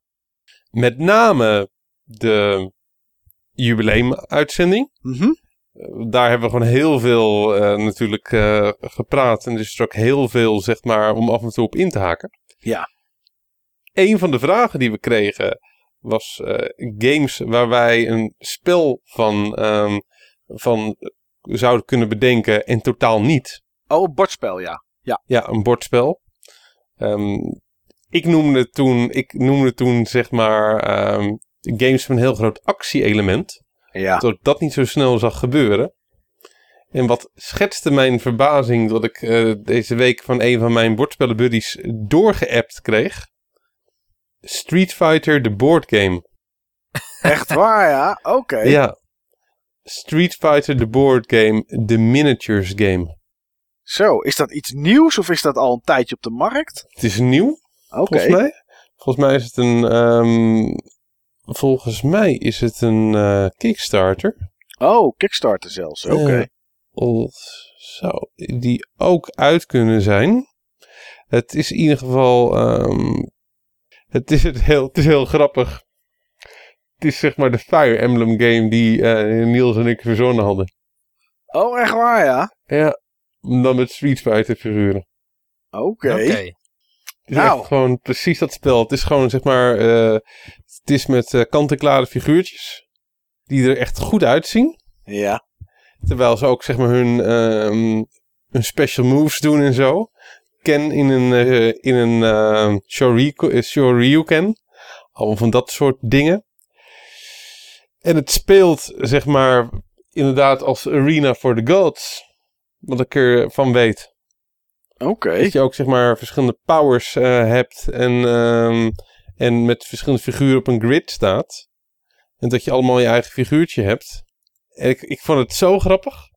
Want het is echt gewoon, zeg maar, waar, waar Niels en ik samen op kwamen. Qua een Fire Emblem game. Nou, Hopelijk eh reskinnen ze hem echt naar een Fire Emblem game. ja. Zou zomaar kunnen. Ja. Klaarblijkelijk is dit een concept dat werkt. Maar ik vond het zo grappig. Dat ik hem eventjes in wou brengen. ja. Heb je hem ook gesteund, deze Kickstarter? Nee. Oké. Maar ik zou hem wel, ik zou hem wel kant-en-klaar kopen. Oké, oké. Nou, dat is in ieder geval iets. als die eh, goede recensies krijgt en als het tof is. Het ziet er ieder geval heel mooi uit. Street Fighter, de miniatures game. Oké, nou, ik ben benieuwd. Wat ik ook eventjes aan wou, eh, wou tippen. ehm, is een game waar we het de vorige keer over hebben gehad. ehm, in het kader van games die hun tijd ver vooruit zijn. Ja. Dat is Crisis. Ja, Ehm, Digital Foundry heeft gisteren ik zag het. een, een filmpje gereleased waarom die game zoveel eisend is en waarom die zijn tijd zo ver vooruit was. Ik heb hem nog niet gekeken. Dat is een heel tof filmpje. Oké. En die game was wel goed geoptimaliseerd. Ehm, dat herleiden ze ook uit bepaalde keuzes die die game maakte. Alleen die game heeft zeg maar qua doorontwikkeling van PC's op, het- op het verkeerde paard ehm, gegokt. Mm, Ze hadden qua schaalbaarheid ze is heel erg uitgegaan van ehm, processoren ehm, die gewoon steeds sneller en sneller zouden worden op één core. ja. Processoren van, ik zeg maar wat, eh 8 gigahertz. Dat is niet helemaal zo gegaan. Nee, het werd En- meer cores juist. Ja. Ja. En als je kijkt, eh, eh, Crysis heeft ook een poort op de 360 en PlayStation 3 uit mijn hoofd. Ja, ik Ja. denk het wel, ja. En die is ook gemaakt op basis van multithreading. En de, de visies van de CryEngine die gaan ook veel meer uit van multithreading. Oké. Maar ik weet zeker dat Niels het ook echt heel erg tof ehm, zou vinden. Want hoe ze die engine ook ontleden. En ook gewoon Niels als echte engine man, als engine bouwer. Super tof. Ik ben wel benieuwd. Ik ga die kijken, ja. Ja. Ja. Dat is Ja. een super tof filmpje van Digital, Digital Foundry. Een, ehm, een kanaal waar ik toch echt wel heel veel liefde voor heb. Want ik wil nog een filmpje van Digital Foundry ehm, aanhalen. Mhm. Ehm, die grote gast van, eh, van Digital Foundry. Moet je me heel eventjes helpen, Niels. Is dat Rick Hoe die of is dat eh, Tom? Rick Ledletter of iets Ja, dergelijks. ja. Zoiets. Ja, wat ik niet wist, en dat weet ik echt pas sinds ook een paar dagen, dat is Rick van Mean Machines. Oh, van de magazine. Ja, hij eh, schreef voor Mean Machines en voor computer en videogames. En dus ook zeg maar een filmpje uit, dat hij, ge, eh, wat dat hij geïnterviewd wordt door die andere jongen van Digital Foundry. Die meestal Digital, Found, Digital Foundry Retro doet. Oh ja, En met dan- die, die gast ken ik wel, ja. Ja, dus dan wordt die oude kerel geïnterviewd door die jonge kerel. En dan heeft hij het dus ook zeg maar over, ehm, over hoe het was om bij Game Max eh, te werken. En hoe het allemaal ging. En hoe die Max tot stand kwamen. En hoe die sfeer was. En, en, en dat wereldje. En dat is zo'n geweldig filmpje. Ook omdat we het natuurlijk eerder gehad hebben over Game Max. Ja. En eh, niet te verwarren met Game Max. Nee. Nee, nee. Game, het is ook Ja. game rooms vandaag, niet game Ja, ja, rooms. ja. Waren toch die Dus- Macs die je oma altijd voor je kocht, eh Steven? Ja, dat klopt, ja. Dat waren die Macs die allemaal altijd voor me kocht. Dus, maar, ehm, nee, dat vond ik echt zo'n tof filmpje. Die wou ik ook nog eventjes eh, de revue laten passeren. Oké. Net als, meer, als, daar is die weer, Billy Mitchell. Billy Mitchell. Billy Mitchell, Ja, wiens records nu officieel geschrapt zijn. allemaal. Ook uit Ja, Guinness. Ik, eh, ik zie echt wel een documentaire verschijnen over een jaar of twee, hoor. Maar hij komt, eh, hij komt in actie, hè, daartegen. Hij gaat laten zien dat het allemaal wel klopt. Tenminste, dat Ja. heeft hij verteld. Dit is echt, dit is echt fantastisch, joh. Dit is Ja. echt fantastisch. Dit wordt gewoon echt een eh, docu. Ja, ik denk... Ik weet zeker dat er meerdere mensen hier een docu van willen maken. Ja, natuurlijk. Maar ik denk dat er helemaal... Ja, het zou, hij zou slim zijn als hij ooit nog wat wil verdienen aan de wereld met games. Om het bewijs wat hij dan heeft, of zogenaamd heeft. Want, nou goed, het lijkt er toch wel heel erg op dat het echt heel nep is. Wat hij gedaan heeft. Om dat in een docu te stoppen, want dan verdient hij er nog wat aan. Want op het moment dat hij zijn onschuld gaat proberen te bewijzen, zomaar op het internet. Ja, dan denk ik, dan denk ik dat hij het niet haalt. Dan geef ik hem weinig kans, ja. Ja. Oh, oh, oh. Wat een prutser is dat, jongen. Wat maar een ik prutser vind, is het toch? ik vind het wel mooi. Ja, ik vind het ook mooi. Ik vind het heel mooi. Ja. Wat ik minder mooi vond, en waar ik het ook eventjes met jullie over wou hebben, is de Switch hack die deze week eh, is uitgekomen. Ik vind die wel mooi, hoor. Ja, ik hou Ja, ja. ervan als hardware gekraakt wordt. Dus dat vind ik, dat vind ik mooi. Maar eh, ja, of het voor de Switch mooi is, dat weet ik niet. Dat weet ik ook niet, nee. Ik weet wel dat Nintendo kennelijk heel snel reageert. Door eh, een nieuwe uitgave op de markt te brengen. Ja, dat zat al in die laatste firmware, hè.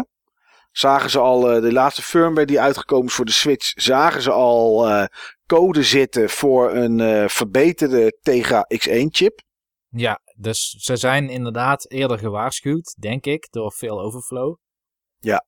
Wat wel is, is dat de kans dat je nog custom firmware kan installeren met nieuwe firmware van Nintendo, die neemt wel ver af.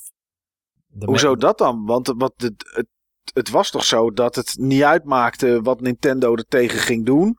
De, de, de hack voor iedereen die hem nu heeft, die blijft voor eeuwig toepasbaar. Want het zit in die Tegra-chip. Laat het zo zeggen, ze kunnen het een stuk ongemakkelijker en onprettig maken. Met firmware Ja. nog. Maar, Maar ze kunnen het niet helemaal tegenhouden, nee. Nee, dat gaat niet. Nee. Maar wat, wat vind jij ervan, Steve, van die hack? Vind je, het- vind je het niet mooi? Ik vind het altijd toch mooi.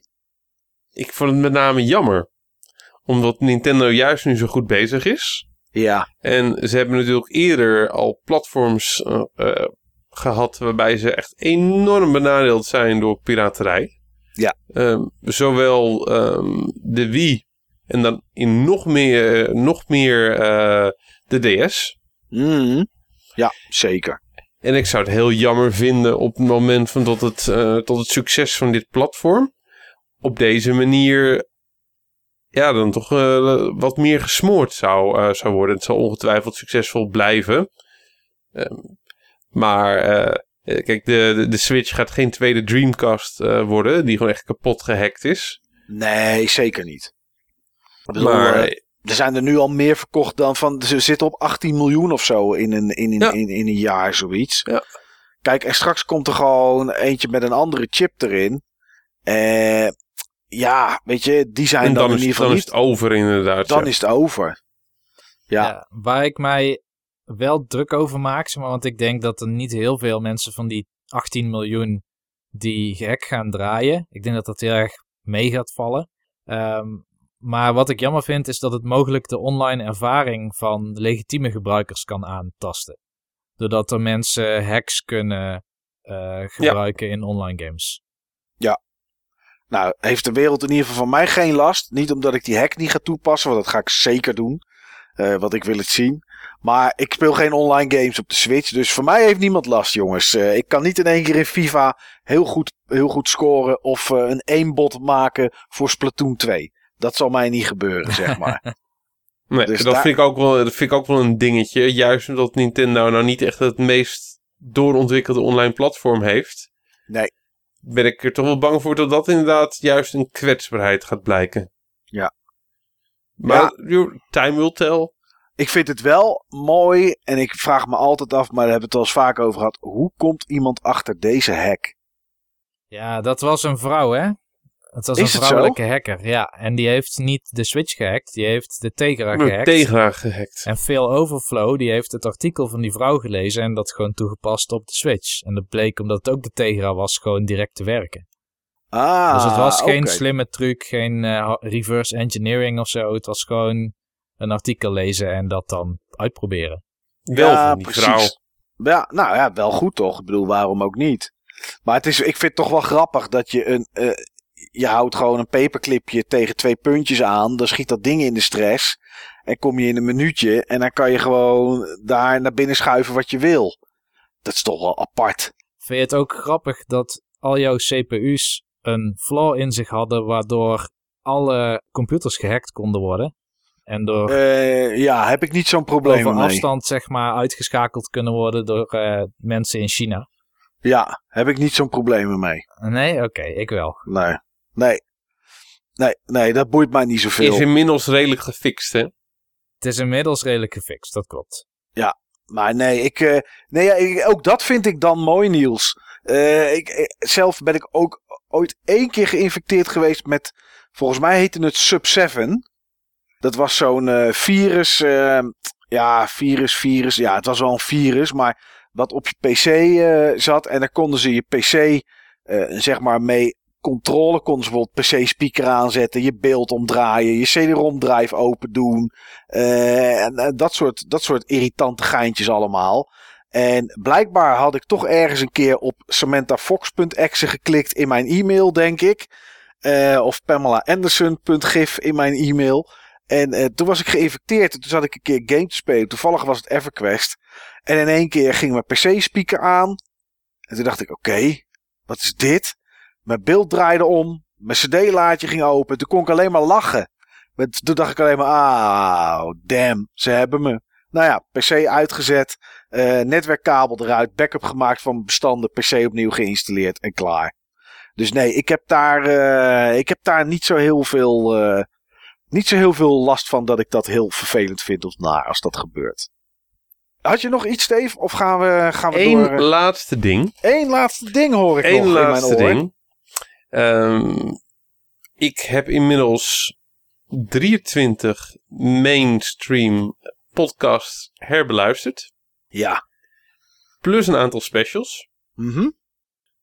plus de Game Room aflevering. Daar heb ik eventjes aan sequence breaking eh, gedaan. Nummertje 29 was dat. Ja. Wat, eh, wat, wat Niels overigens perfect heeft uitgelegd wat sequence breaking is in dezelfde aflevering. ja, en ehm, ik ben op zoveel leuke verrassingen ehm, gestuurd. Oké. Ehm, wat me in ieder geval wel opvalt, we, we hebben allemaal gewoon eventjes wat, wat tijd nodig om onze toon te vinden. Zeker als je kijkt naar de toon die we nu hebben. Dat, eh, dat... Ja. Ik merkte ook, hè. Ik zat naar die aflevering te luisteren. En toen dacht ik, oké, dit is aflevering 29. Mike, waarom praat je toch een beetje wat rustiger en wat zachter? En toen dacht ik, oh ja, toen zat ik in Den Haag bij mijn ouders.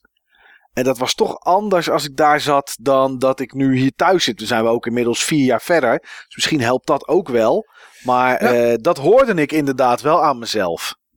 Ja, en ik, en ik, had bij, ik heb bij mezelf regelmatig iets van, joh, Steve, eventjes één tandje minder, hè. Eén tandje minder. ja, praat, doe het wat meer als Jake the Snake Roberts. Oh, een van de ja. dingen die Jake the Snake Roberts altijd zegt. Je moet niet je toon verheffen als je indruk wil maken. Je moet rustig blijven. ja.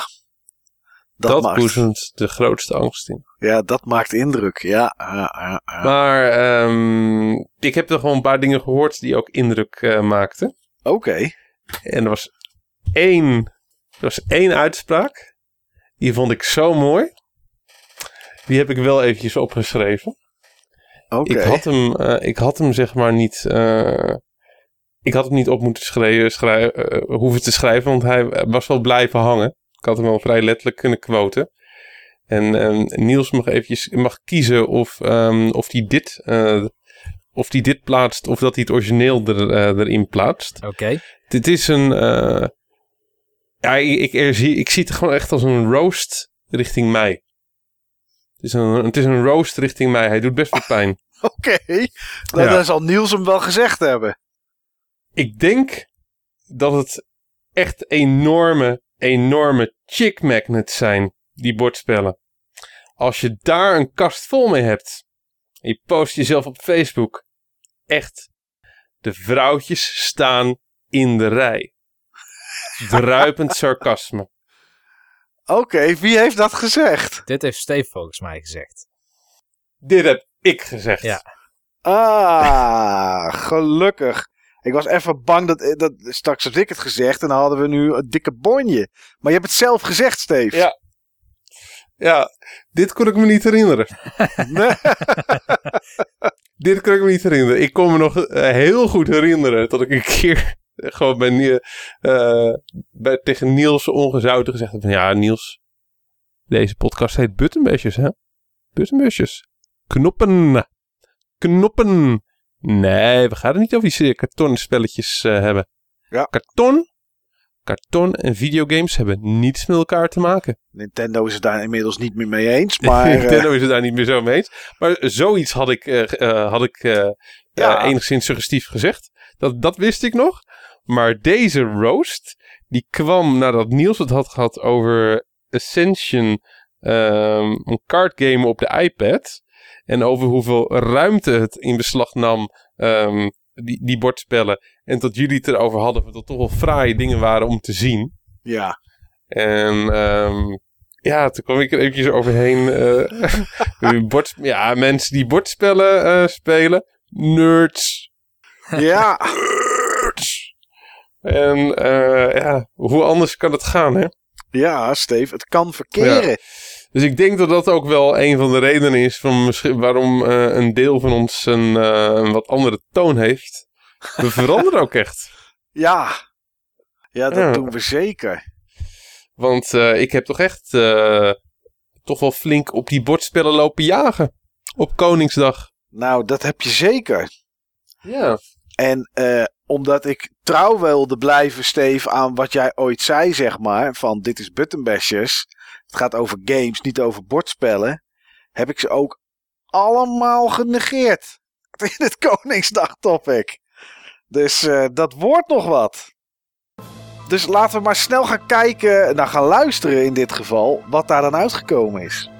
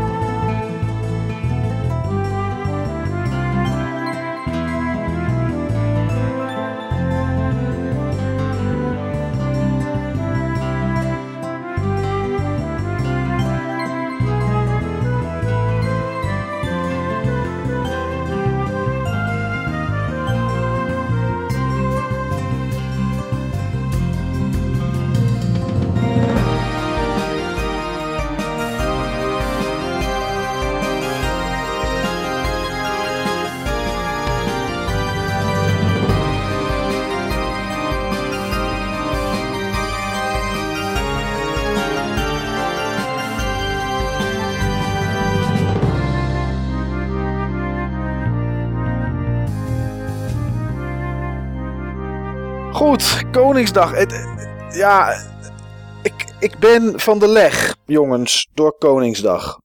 Nee, toch? Eh. Jawel. En dat komt door jou, Niels. Oh, dat snap ik wel. Ja, Ik was ook een beetje van de leg. dit kan echt niet. Wat er Maar dit hij, jaar... heeft, ge- hij heeft een klein beetje lopen cheaten, hè?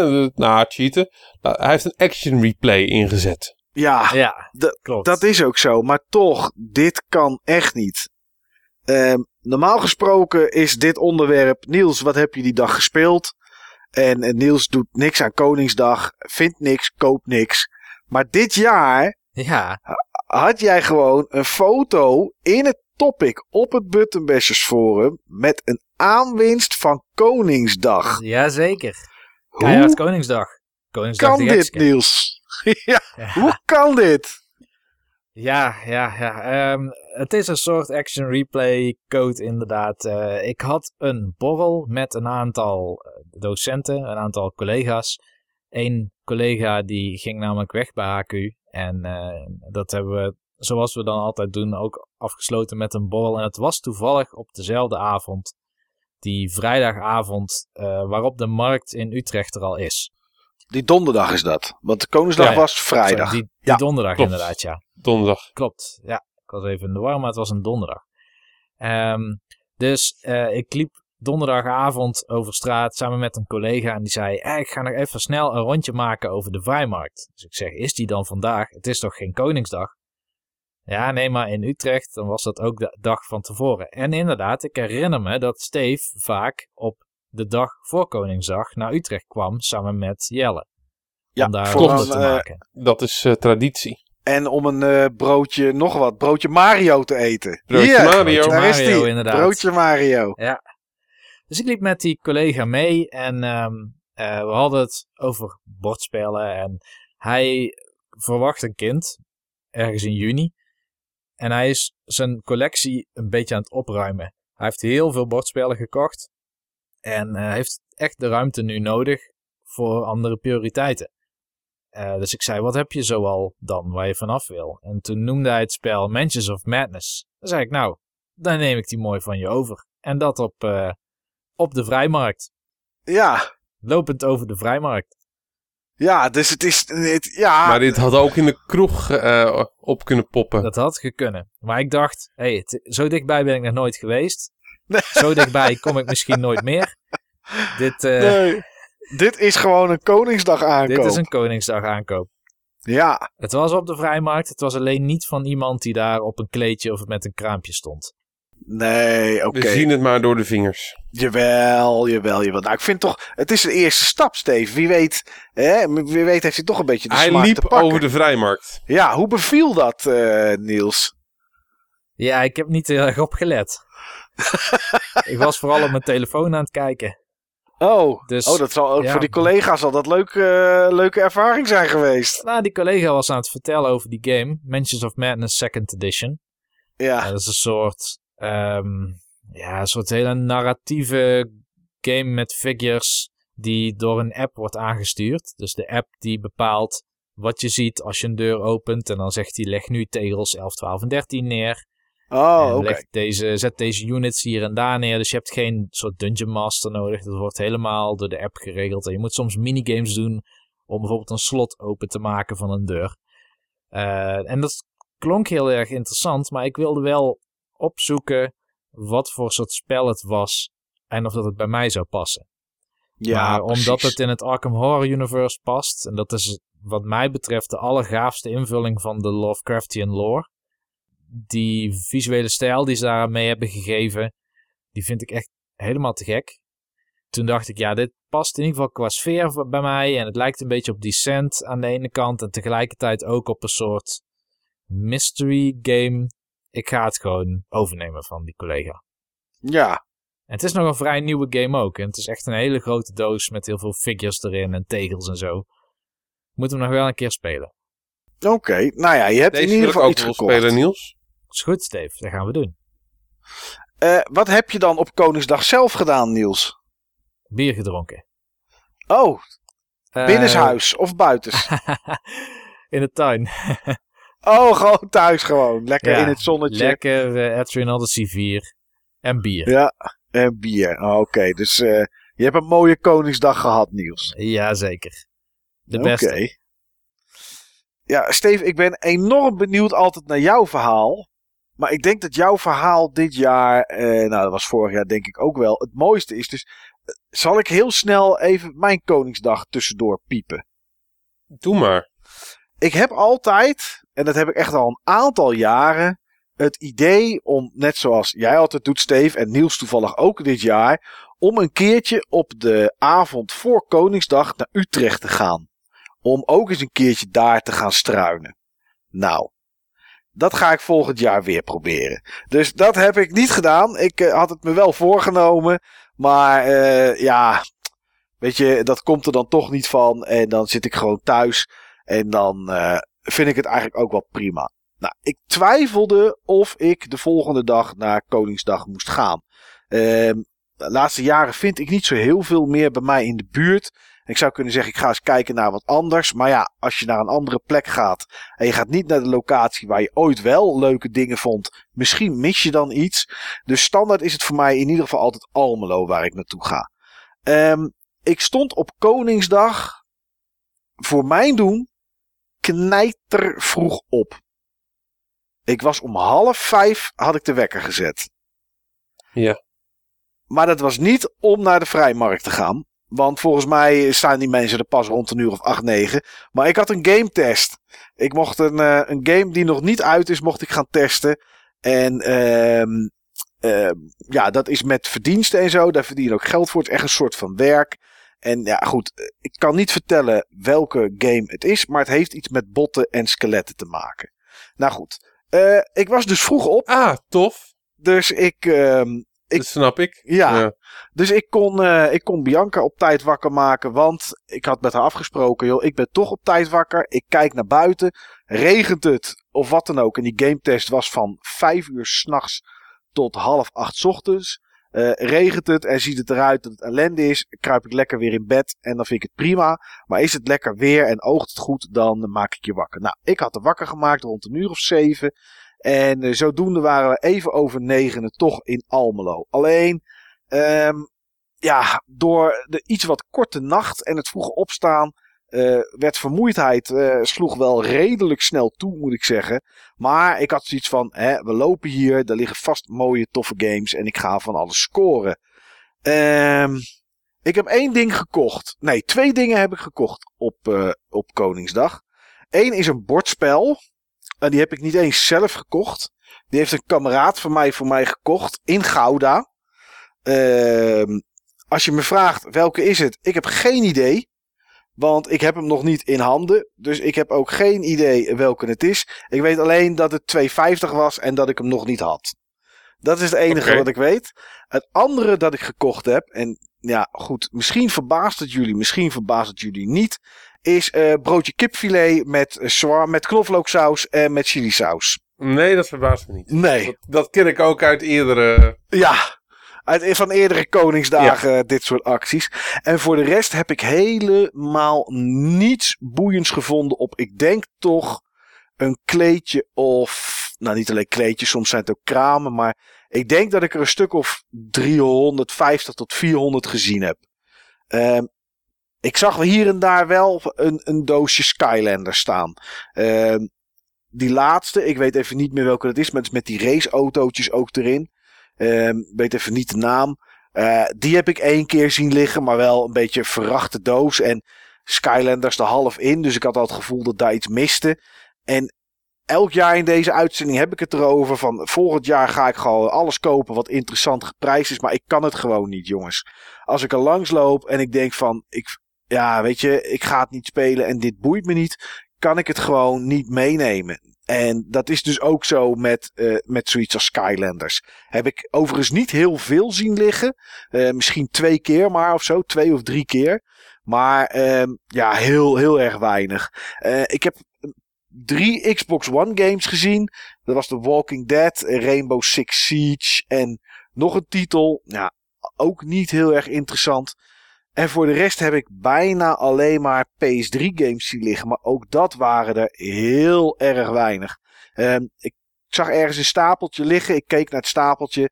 Ik zag Red Dead Redemption ertussen, een Bioshock, een Assassin's Creed. Allemaal wel op zich wel aardige games, maar het gros had ik al. Ehm, en toen er iemand naast mij vroeg wat die PlayStation 3 moest kosten die ernaast stond. Toen zei die beste man 75 euro voor de PlayStation, inclusief al die games. En toen dacht ik, nou, weet je, ik hoef niet eens tussen die games te kijken, want hij wilde het als één totaalpakket verkopen. Uh, en dan moest ik waarschijnlijk wel heel extreem gaan bieden als er al een game tussen zat die interessant was om hem los mee te krijgen. Nou, ik heb wel wat PlayStation 1 games gezien, maar dat was allemaal NHL 2000, uh, NBA Live 97, een, een FIFA, een V-Rally, uh, allemaal van dat soort titels. Iets wat je echt al ja, bij elk lotje dat je koopt op internet of wat je ziet in een kringloopwinkel ligt dit. En dat is bijna alles wat ik gezien heb. Ja, wat PlayStation 2 titels die of echt helemaal afgeracht waren. Ik denk van nou oké, weet je, dit gaat het gewoon ook nooit meer doen. En ook daar lagen de bekende titels. Uh, ja, uh, een Splinter Cell, een, die je dan al hebt. Een FIFA. allemaal, van dat soort, allemaal van dat soort titels. Dus het was echt helemaal niets voor mij dit jaar. Nou ja, goed. Ik was met Bianca. Bianca vindt altijd iets. Uh, dus eh, ik was alsnog wel geld kwijt, zeg maar. Maar ja, die, uh, er is daar één. En ik moet volgend jaar proberen eigenlijk Almelo te vermijden. Er is altijd een tassenwinkel.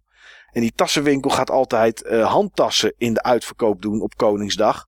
En dat zijn dan tassen die normaal 90 of 100 euro kosten. En die kosten dan een tientje. Nou, dat ding staat vrij aan het begin waar wij de auto parkeren. Dus sowieso liepen we om en om. Want af en toe zei ik, nou kom maar, ik draag het wel even. Heb ik ongeveer, uh, ik denk, slordige 275 kleedjes gezien. Terwijl ik twee groene handtassen in mijn handen had. Uh, want ja, een tas voor een handtas, dat is een beetje onhandig. Dus uh, dat, heb ik, dat heb ik, hebben we wel gekocht. En nog een kaarsendover en een hamburgermaker. En weet ik veel wat voor ongein allemaal. Maar helemaal niets helemaal niets met games, jongens. En normaal gesproken ga ik van Almelo naar Hengelo. Maar ik zag op het forum uh, of zo heet die jongen. Um, die was blijkbaar naar Hengelo gegaan. En die had de helft van de kleedjes gedaan. Had helemaal niets gevonden met games. En die had daar alleen een, een, een drakenboot, geloof ik, van Lego gekocht. Dus ik weet het voor volgend jaar niet. Ik, ik, het laatste wat, mijn, wat er gebeurde met mijn Koningsdag was dat een kameraad van mij stond in Gouda in het centrum. Die stond daar al vanaf. Ja, dat is diezelfde kameraad als die vorige keer Bomberman op zijn kleedje had. Precies. Nou, dit jaar had hij uh, PS4 games. Hij had bijvoorbeeld Far Cry 5 had hij liggen. Uh, want daar was hij al klaar mee. Hij had de Call of Duty uh, World War 2 had hij liggen, weet ik. Uh, nou, had nog, nog wat games had hij liggen. Um, hij was daar in de stad al om half vijf. Want daar beginnen ze eerder, beginnen ze vroeg. Normaal staat hij ergens anders in Gouda. Officieel beginnen ze om acht uur. Oké. Okay. Nou ja, goed. Normaal staat hij ergens anders in Gouda. Ik weet niet waar. Daar, is, daar komen ze altijd wat later aan, want daar begint het wat later. Maar hij was hier om half vijf in het centrum. En toen liepen er gewoon mensen met zaklantaarns gewoon bijna alle games op te kopen. Maar dat is niet nieuw hoor. Nee, dat is niet nieuw. Dat weet ik. Maar ik wist niet dat die gekken al zo vroeg gingen.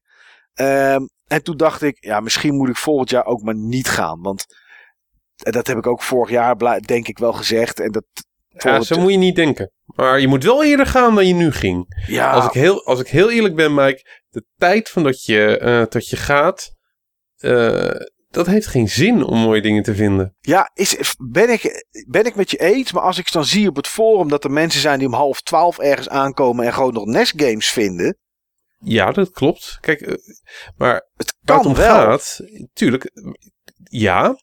Maar waar het om gaat is dat je er bent op het moment dat mensen zeg maar aan het opbouwen zijn. Ja, en dat, dat is iets dat uh, wat Niels heeft met uh, Yakuza Zero en dat soort filmpjes. Uh, dat heb ik met, met dat, zeg maar. Ik wil niet op het moment dat die mensen twee dozen uit hun auto halen, dat ik er al doorheen aan het snuffelen ben. Ja, dat, maar dat, hoeft ook niet. Want dat zou ik maar zelf ook moment, hinderlijk Op het moment dat ze het zeg maar gewoon op een kleedje uh, uh, leggen. Mm -hmm. En neem van mij aan, kijk, het zijn, hoe je, het zijn toch gewoon grotendeels kinderen. Die geven daar niet zo om hoor. Ja, in, in Almelo zie je bijna geen kinderen. Het zijn bijna allemaal volwassenen die er staan. In Gouda zijn het toch wel voor een heel groot deel kinderen. Oké, nou ja. Ja, dus weet je, ik, ah, dat, ik, En die eh, geven daar niet om. Als je een beetje vriendelijk bent tegen zo'n eh, Nee, eh, zo- zo'n eh, zo'n kind. Die vinden dat alleen maar mooi, joh. Die Ja. hebben de dag van hun leven van dat ze dingen staan eh, te verkopen. nou ja, dat, dat, is vinden, ook zo. dat vinden ze spannend en dan kunnen ze weer andere dingen mee kopen. Dan krijg Ja. je misschien nog wel een snoepje. Kan ik me Ja. herinneren uit de vorige. Ik heb de vorige keer ook een snoepje. Ik heb hem nog opgegeten ook. Ja, tuurlijk. Oh, dat, was zo'n schattig, dat was zo'n schattig kind. ja, dat was, die kwam toch achter jou aan nog steeds? Ja, dat was zo schattig. Ja. Nee, dus ik, ik, ik weet niet wat ik volgend jaar ga doen met, eh, met Koningsdag. Ik, eh, maar ja, dat zeg ik elk jaar. Elk jaar denk ik van, ik neem gewoon, ik houd gewoon, nou, volgend jaar is het sowieso een zaterdag. Dus dan, ehm, dan is het sowieso wel een vrije dag. Maar ja, misschien moet ik eerder, misschien moet ik gewoon om zeven uur daar al staan. Maar ja, ik heb, ik heb er ook eens gestaan om half negen in hetzelfde Almelo. Ja, en toen kwamen er heel, op heel veel plekken mensen pas aan. En toen was het één hele lange straat, maar echt Ja, heel ja. lang. En die die moet moest ook ik, gewoon... moest ik gewoon drie keer op en af lopen om iedereen te zien. Ja, dan, dan, dan, dan- ik weet het niet. Je Misschien moet er ook wel iets voor over hebben natuurlijk.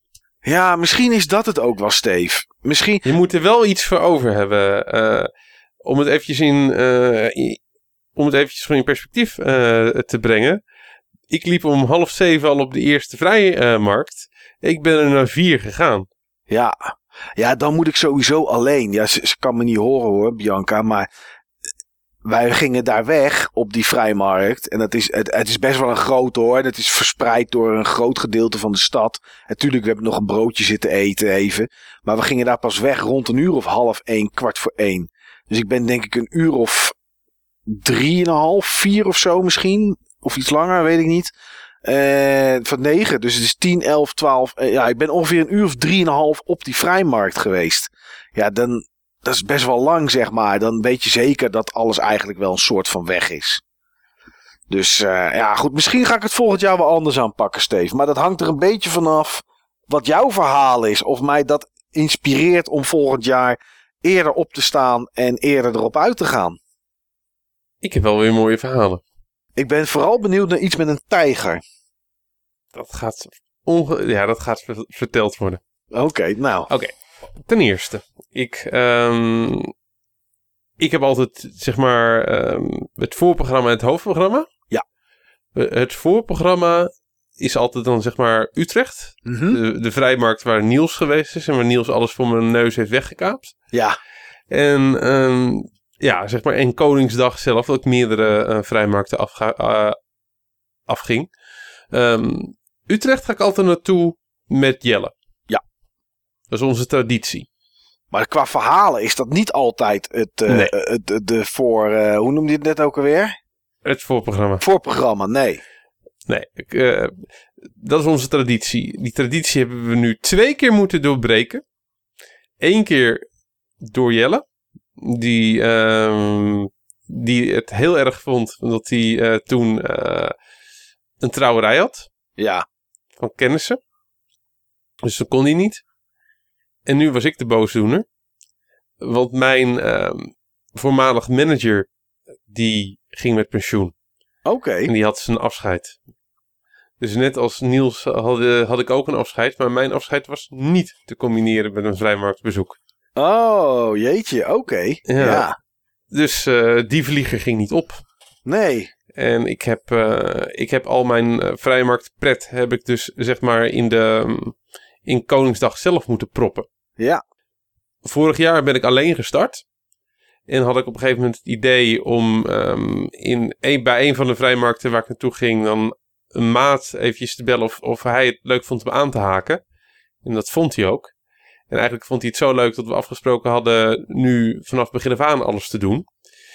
En hij is al eh, de avond van tevoren naar mij gekomen, heeft hij hier gecrashed. Mhm. En zijn we samen ook echt direct op pad gegaan. oké. Oh, dat is wel gezellig. Dat was wel heel gezellig. En dat zorgt er ook voor omdat je wat meer kan lachen. En dat deden we ook echt al bij het tweede kleedje. Oh, dat is Bij snel. het tweede kleedje lag ik al helemaal dubbel. Daar lag een Elsa. Van eh, Frozen. Ja. Ja. in het meest sletterige jurkje Ja. dat je ervoor kan stellen. Met enorme hoeker heels. Oké, iets wat Disney niet zou approven. Iets wat Disney niet zou approven.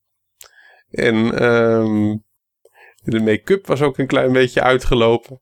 En ik zei tegen die maat: Kijk, Elsa heeft een leuke nacht gehad. Ja. Elsa. Ja, dat was gewoon zeg maar een meisje. Die, eh, er lagen ook allemaal Barbies en zo. Dat was een meisje die vond het leuk om Elsa eventjes gewoon een andere outfit te geven. En die welbekende prinsessenjurk. Hm. En die had Elsa nog steeds aan. Ja. En ik vond het zo hilarisch. Ik vond het zo hilarisch. Eh, Ik, ik kom regelmatig dingen tegen waar ik zoiets had van hier had ik eigenlijk een foto van moeten nemen. Maar dat heb ik niet gedaan. Maar ik heb hem nog steeds in, in mijn hoofd heb ik hem nog steeds. Oké. En ik liep vandaag bij het kruidvat. En er lag diezelfde Elsa. En nu had ze wel gewoon de normale kleren aan. Ik moest weer gewoon lachen. ja, dat, was ik mooi. wel, ja. ja, dat was mooi. Ehm, net als vorig jaar had ik een missie. En vorig jaar was mijn missie was een, eh, een telescoop. Ja, ja, voor eh, een single collegaatje, haar zoontje. Dat heb je echt goed onthouden. Ja, ja, ja. Joh, als ik iets beloof, pff, morgen ben ik het weer kwijt als ik iets in deze podcast beloof. Hè, dat, Ja.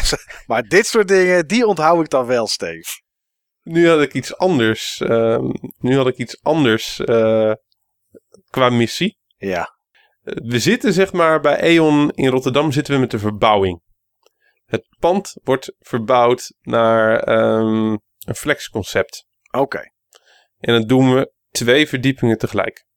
En, dat er, en we, hebben, we hebben best wel wat grote groene planten in, ehm, ja, in, in het pand. Mhm. Maar op de verdiepingen die verbouwd worden, eh, kunnen die nu niet staan. Nee. En eh, heel, veel, in heel veel verdiepingen is, alles nu bij elkaar gepropt. Om zeg maar dan mensen dan tijdelijk eh, te kunnen stallen. Dus de planten die daar stonden, die waren ook boventallig. Of er was eventjes geen plekje voor de herberg. En dat hebben we opgelost. Dat hebben we opgelost de planten netjes in de kantine te zetten. Dus tussen alle tafels staan nu planten. Heel gezellig. Ja. Maar we hebben zo enorm veel planten. Daar redden we het niet mee. In een hoek. Een hoek bij de kassa's van de eh, kantine. Is een oerwoud. Daar, Oké. staan, daar staan echt gewoon ehm 30, 40 van die tropische planten. Op een kluitje bij elkaar. Ja, oké. Ik sta, eh, ik sta regelmatig bij de kantine. En dan, eh, dan tik ik iemand aan. En dan zeg ik: hey, pst. Je kan beter, je kan beter gewoon hier direct de hoek omgaan. Volgens mij zag ik net een tijger.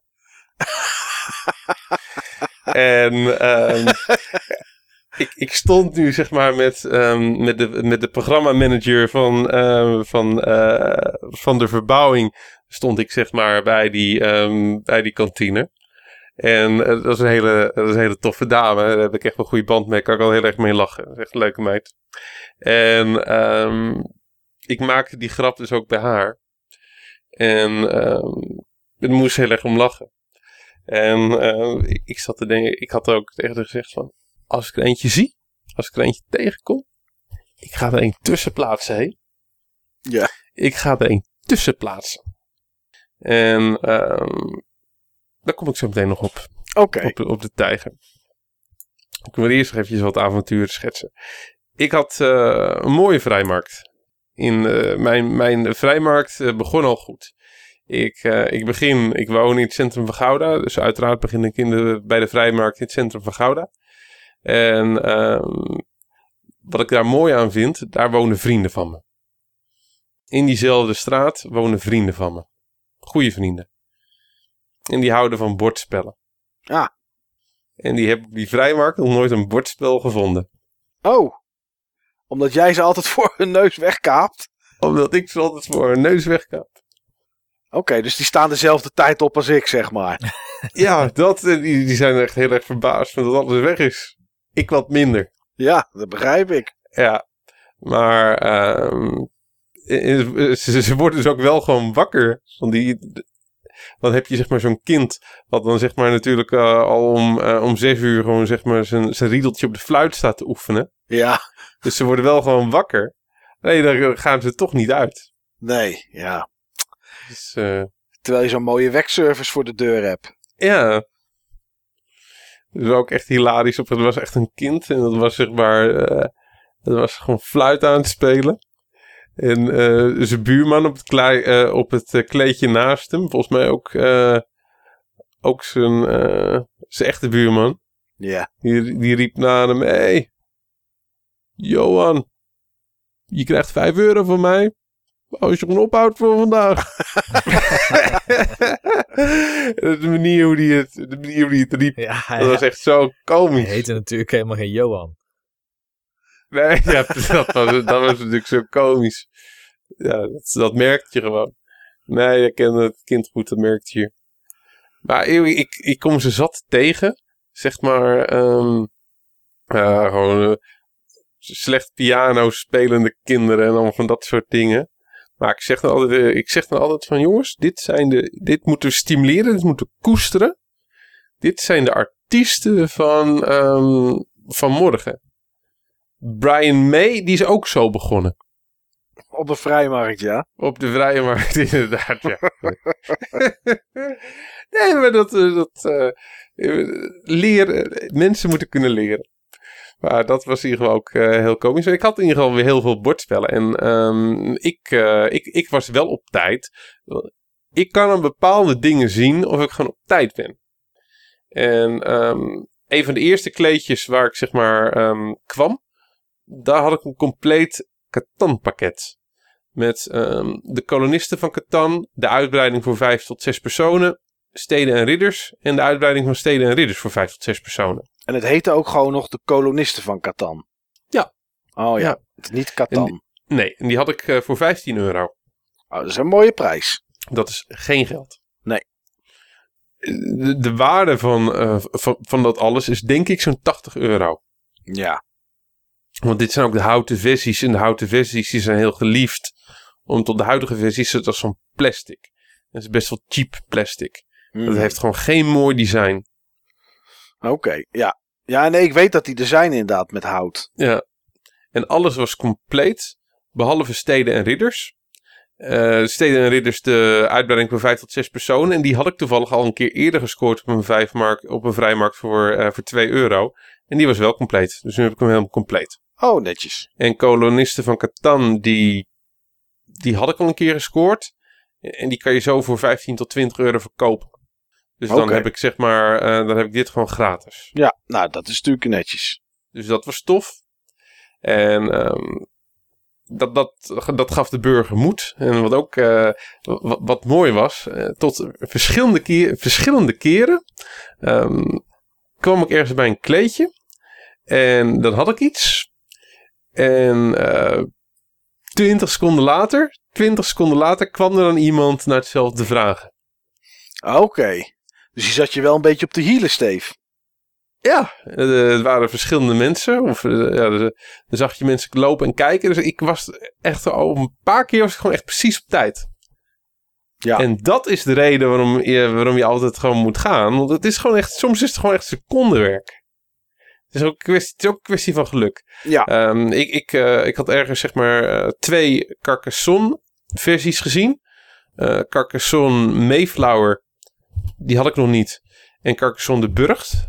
Dat is denk ik misschien wel de allerbeste Carcassonne. Dat is een Carcassonne specifiek voor twee spelers. Mhm. En die had ik dan wel. En ehm, ja, die, die kon ik allebei kopen voor, voor 5 euro per stuk. Nou, niet, niet te veel over nadenken, gewoon doen. En toen ik aan het afrekenen was, eh, toen kwam een vroegere meid. ehm eh, van joh, eh, ga- je ze kopen? Ik zeg, ja. Shit, daar baal ik van.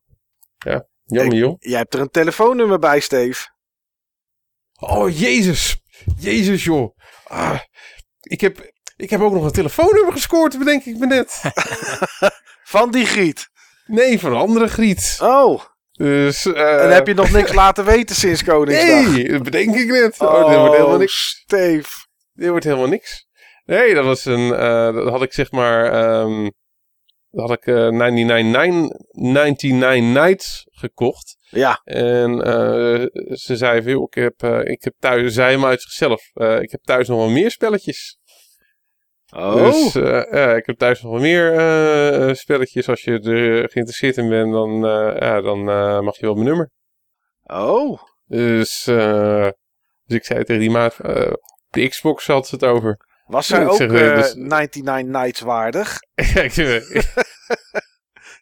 Ik, ik, nee, ik, ik, ik weet het niet. Ik weet het niet. Maar ik zei ook direct, zeg maar twee kletjes verder, zei ik tegen die, tegen die eh, maat van me wie ik was. Van joh, eh, als, ik, eh, als ik dan langskom voor, voor, die, voor die spelletjes, dan liggen die Xbox games op het nachtkastje en ligt ze, en is die klaar. Ja, die kans is groot.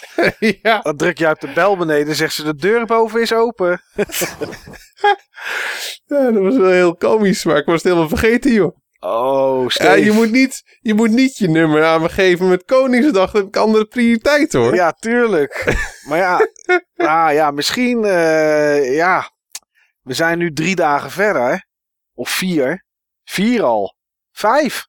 Oh, Steve, nee, dit wordt hem niet meer. Je wordt er niet meer, hè? Nee, dit is een koude deal geworden, jongen. Dat is de koude deal. Dus eh, grappig joh. Ik was het echt helemaal vergeten. Ja. Oké, maar niet in ieder geval van, van bordspellen, meid. Daar heb je dus geen eh, nummer van gescoord. Nee, die was ook lelijk. Ah, oké. Ik kan me wel Ja. voorstellen, bij die meid waar dan Steve het telefoonnummer van kreeg, dat Steve in zijn hoofd dacht van, ja, zou ze dan misschien Eternal Sonata hebben? En dan zo binnensmond fluiten, zo appraisal eh, fluiten, zeg maar. Dat, eh, dat iemand die iets ziet wat heel veel waard is, maar wat die andere persoon misschien niet door heeft. Met zo'n blik in zijn ogen. Ja. Maar ja, we zullen het zo misschien nooit weten, want hij heeft nog steeds geen contact gezocht met dat meisje. Dus Zou ik nou, even bellen of dat ze eh, misschien Panzer Dragoon of zo nog heeft liggen? ik moet er nog maar eens over nadenken. Nou, een WhatsApp ik, sturen ik, stuur, ik stuur nog even een appje, joh. Ja. Dan zeg ik van, hé, hey, ik ben Steve van de spelletjes. Dus, maar dat was, ehm, dat was in ieder geval ehm, mooi. Wat, eh, wat nog mooier was, was dat... eh, maar ik had dus zeg maar zo'n paar gelukjes dat ik een paar mensen steeds, eh, steeds voor was. Ja. En eh, wat nog mooier was, is dat ik zeg maar, toen we zeg maar, voor de tweede keer zeg maar, eh, de markt over waren, zie ik opeens een gigantische tijger. Oh, echt ja? Gigantisch. Zo'n kermistijger Dus- zeker. Die dan... Nee, geen, geen kermistijger, echt gewoon een hele dure, hoogwaardige knuffel. Echt super realistisch. Oké. Groot. Ja. En ehm, ik, ik kijk eventjes vijf seconden naar die tijger. En ik heb gewoon maar één vraag. Van, shit, hoe moet ik die tijger meenemen? Ja. En ik denk, op mijn schouders. gewoon, gewoon zoals ze het gewoon in, in- op de savanne ook gewoon doen. Ja. Als je wel ziet, hè, zeg maar gewoon die, die, die, die stoere krijgers die dan gewoon met speren dan gewoon zo'n, eh, eh, zeg maar zo, zo'n, eh, zo'n tijger hebben, hebben ge- gedood. Tijgers leven trouwens niet op de savanne, ben ik net. Tijgers wonen in de jungle. Daarom zijn het ook tijgers en geen. Nee. Maar, dus, ja, maar dat, eh, ik, ik zie het echt gewoon voor me, ja, op mijn schouders. Ja, en dan wel En, zonder eh, shirt. Hè. Ik heb nog nooit iemand een Ja, tijger ja. Zien, zien dragen met een shirt aan. Dat. Joh, van Dave, draag je even mijn shirt? Dan moet die tijger even op mijn schouders nemen. Het is potverdomme Koningsdag. Alles dit kan, is hè? wat- Koningsdag, alles kan. En ik, ja, ik denk van, ja, zo. En vervol- ik loop gewoon naar die kerel toe. Dus ik zoek naar, eh, naar degene of wie ik denk dat eh, die tijger is. Ik denk van, dat is hem. En vervolgens vraagt er een klein schattig stemmetje. Oh jee. Meneer, echt heel vrolijk. Meneer, hoe duur is die tijger? Oh. En meneer zegt 2 euro. En het stemmetje zegt: Papa, papa, hij is maar 2 euro. En ik wil hem zo graag. En eh, vervolgens reikt papa met 2 euro naar voren. En zie ik echt een vrolijk, bevlecht, blond gezichtje helemaal stralen. Ah. En toen dacht je gelijk aan vorig jaar. In zekere zin. Ja, toen, toen was- ja, in zekere zin, maar toen was voor het neus van een meisje. Wat, ze- ja, Toen had jij een bordspel voor een meisje weggestolen. Ik weet niet. oh ja, met Mastermind. Mastermind, ja. Oh, Mastermind. Oh, dat was mooi. Ja, dat is zo dat, mooi. dat weet ik Jammer nog. Pop, die meneer koopt hem. ja, jij kocht het net voordat een klein meisje. En toen zei die moeder tegen het meisje: Nou, misschien vinden we er ergens nog één. En Steve dacht zo: Dit is winst, hopla, doorlopen. Ook zo mooi. Jammer Pop, die meneer heeft hem. ja, Oh, dat en nu, eh, en nu Ja, die gebeurt het andersom. Ja. Dus, eh ja. ik, eh, ik, ik ga het verhaal natuurlijk wel gewoon, eh, zeg maar, eh, iets draaien. Van ja, eh, ja. Ja, ik, ik liep op de vrijmarkt. Ik zag daar gewoon een tijger. En ik stond gewoon af te rekenen. En toen kwam er een klein meisje en die vroeg veel, wat, wat kost die tijger? Ja, sorry, maar die meneer koopt hem net. Ja, Nee, nee, joh, neem, neem jij maar. Ja. Neem jij maar. Nou, nobel hoor, Steve. Ja, zo, zo ga ik het wel gewoon vertellen. In, in de rebound een mooi verhaal, maar helaas, Ja. joh. Ja. Wat wel een mooi verhaal was, was dat ik bij de tweede vrijmarkt ehm, waar ik was, twee PSV, zo, zo, twee PS4 games eh, had. Ja. Ehm, Call of Duty Advanced Warfighter en Homefront, The Revolution. Oh ja, die zag ik liggen inderdaad. ja. Voor een euro per stuk. Ja, dat is toch, eh, dat is toch wel heel erg mooi. Ja. Maar ik had daar nog een soort van vraag had ik genoteerd. Maar ja, die kan ik jou niet stellen nu, Steve. Waarom?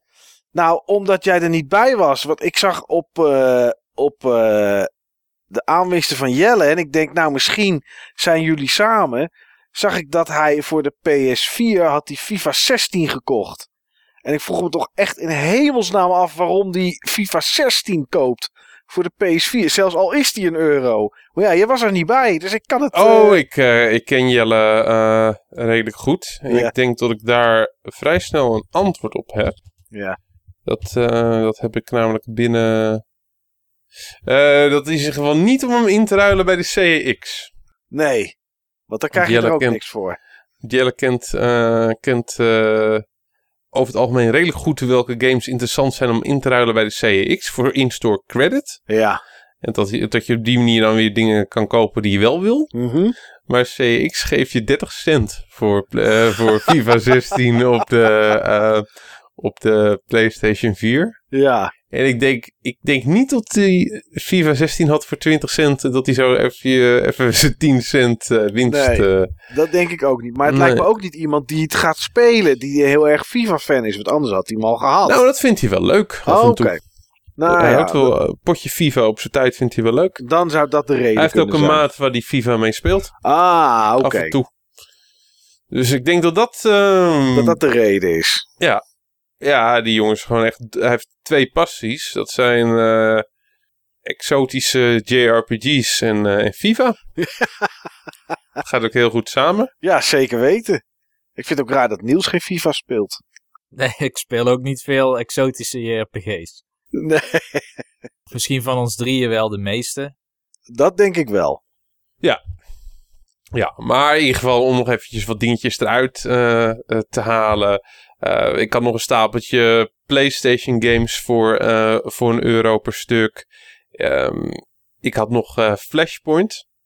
Het Oh, eerste ja. bordspel waar ik, waar ik Niels zeg maar echt helemaal vol passie over hoorde praten. En dat ik dacht van, joh, Niels hou eens op. Ja, Wat ik inmiddels dus ook zelf heb. En wat ik echt een geweldig spel vind. Dus dat was, dan werd ik nog eventjes mijn neus op de feiten gedrukt. Die had ik voor 5 euro. Ik had, was ik heel blij mee. Ik had ehm, een standalone uitbreiding voor Escape Room The Game. Oh ja, die zag ik Eh, staan. Ja, ja. ja. De 3D-uitbreiding. Ik noem het gewoon even een Google Cardboard eh, uitbreiding. Waar, je- waar je smartphone insteekt. Oh, echt zo, en, ja. ja. ja. En eh, er zitten twee escape rooms bij. Eentje met een onderzeeër waar je moet ont, eh, uit moet ontsnappen. En volgens mij waren die escape rooms nog helemaal niet gespeeld. En later op een andere vrijmarkt had ik ook zeg maar de normale escape room game. Ehm, alles in goede staat. Eh, alleen moet ik sommige, sommige dingen was dan wel opgeschreven. Was dan wel zeg maar mee gepuzzeld. Dan moet ik even uitprinten. Of nog mooier, moet ik eventjes uit laten printen en op maat laten knippen. Want je hebt zeg maar... eh, eh, van de fabrikant kan je gewoon dingen uitprinten. En dan kan je dan vervolgens weer in die envelopjes stoppen. En is die weer compleet. Kan je hem spelen. Oh, oké. Ja, ja, ja. Dat is wel netjes. Ja, dat is wel goed gedaan. Ja, ik moet zeggen, ik had wel een, ehm, een, een hele toffe Koningsdag. Ja. Ik had, en maandag ben ik langs gegaan bij die vrienden die in diezelfde straat wonen. Mhm. En heb ik een heel stapeltje games meegenomen waarvan ik eh, dacht dat ze die leuk vonden en nog niet eh, hadden. En die heb ik dan vervolgens voor, eh voor, voor 16,50 daar aan ze verkocht. Per stuk. Ja, per stuk. Nee, het waren vijf, waren vijf games. Dus dat waren volgens mij... volgens mij was het ook alles wat ik ervoor betaald had. Ja, Dus precies. ik neem eh, die bordspellen neem ik ook allemaal mee voor... In principe alle bordspellen die ik meeneem, die neem ik mee voor vrienden. Die gaan dan zeg maar naar vrienden toe. Ja, oké. Nou, dat is wel netjes. Hebben Ja, ze toch... alleen, die, alleen die Catan die ik dubbel had, die gaan dan wel zeg maar marktplaats eh, op. Maar ja, dan hadden ze het- toch zonder zelf op te staan Ja. toch bordspellen gescoord. Ja, maar het zijn ook goede vrienden. Het zijn, eh, ik mag ze heel erg graag. Ja. En, ik vind, en ik vind het gewoon leuk om, eh, om op die manier mensen blij... Ik vind het echt leuk om op die manier mensen blij te maken. En ehm, het is ook een beetje gewoon de, de, uit, de uitdaging van dingen vinden, dingen scoren. Het is echt niet dat ik het allemaal zelf hoef te hebben. Nee, precies. gaafste find die ik heb gedaan. eh, vond ik echt heel erg tof. Een ZX Spectrum. Ja, zaten daar nog kabels bij voor de rest, Steve? Of was het Geen echt kabels. dit? Ah, dat is zonde. Ehm, is zonde. Geen ramp. Nee. Want ehm, het zijn vrij standaard kabels. Oké. Oké, dus dat is nog wel eh, standaard Ja. adaptertje, standaard coax kabeltje. Dus dat is nog Ja. wel eh, te vinden. een liefhebber kan hem op die manier zo, ehm, zo ehm, aan de praat krijgen. Ja. Hij, eh, die kerel was duidelijk een handelaar. Dat was gewoon een handelaar in allemaal troep. En we wisten ook echt niet wat het was. Hij vroeg er een tientje voor. Zo. Ik bood, ik bood 2 euro. ja, Ehm want kabels zaten er niet bij, was mijn redenatie. En Ja, dus zo je weet kon je ook niet of die testen of die, of die het doet. En hij zat ook, zeg maar, eh, er zat er allemaal tape op de, op de, ran, op de randen. ja. Ehm dat heb ik er vanaf gehaald. En het blijkt dat de schroeven eruit gehaald zijn. Hmm, Oké. Kreeg, je Dus, hem- kreeg je hem eh, voor 2 euro mee? 5 euro. 5 euro. Nou ja, kan je een gokje voor wagen. Maar puur gewoon de kick om te zeggen van... Hé, ik heb een ZX Spectrum gekocht voor, eh, voor 5 euro. Ja. Kom op, hé, een ZX Spectrum. Ik had nog nooit zo'n zo'n ding in het echt gezien. Nee, ja, ik heb er ooit wel eens eentje een keer gezien, vroeger. Maar dit is nou niet iets wat je wekelijks tegenkomt of zo, eh Steve. Dus eh, ik snap Nee. dat je hem meeneemt hoor. Eén ding wat jammer is... eh, dat wist ik eh, niet. Hm? Maar eh, ik, ik, later, ik heb ook wat filmpjes zitten kijken van ZX eh, Spectrum eh, spellen. Dit is het 16K model. En eigenlijk heb je het 48K model nodig om al die games te kunnen spelen. Ah, oké. Ja, nou ja, goed. Dan nog had je hem denk ik meegenomen, Steve. Ja, dan nog had ik hem meegenomen. ja, ja. ja zeker. Deze gaat ook wel.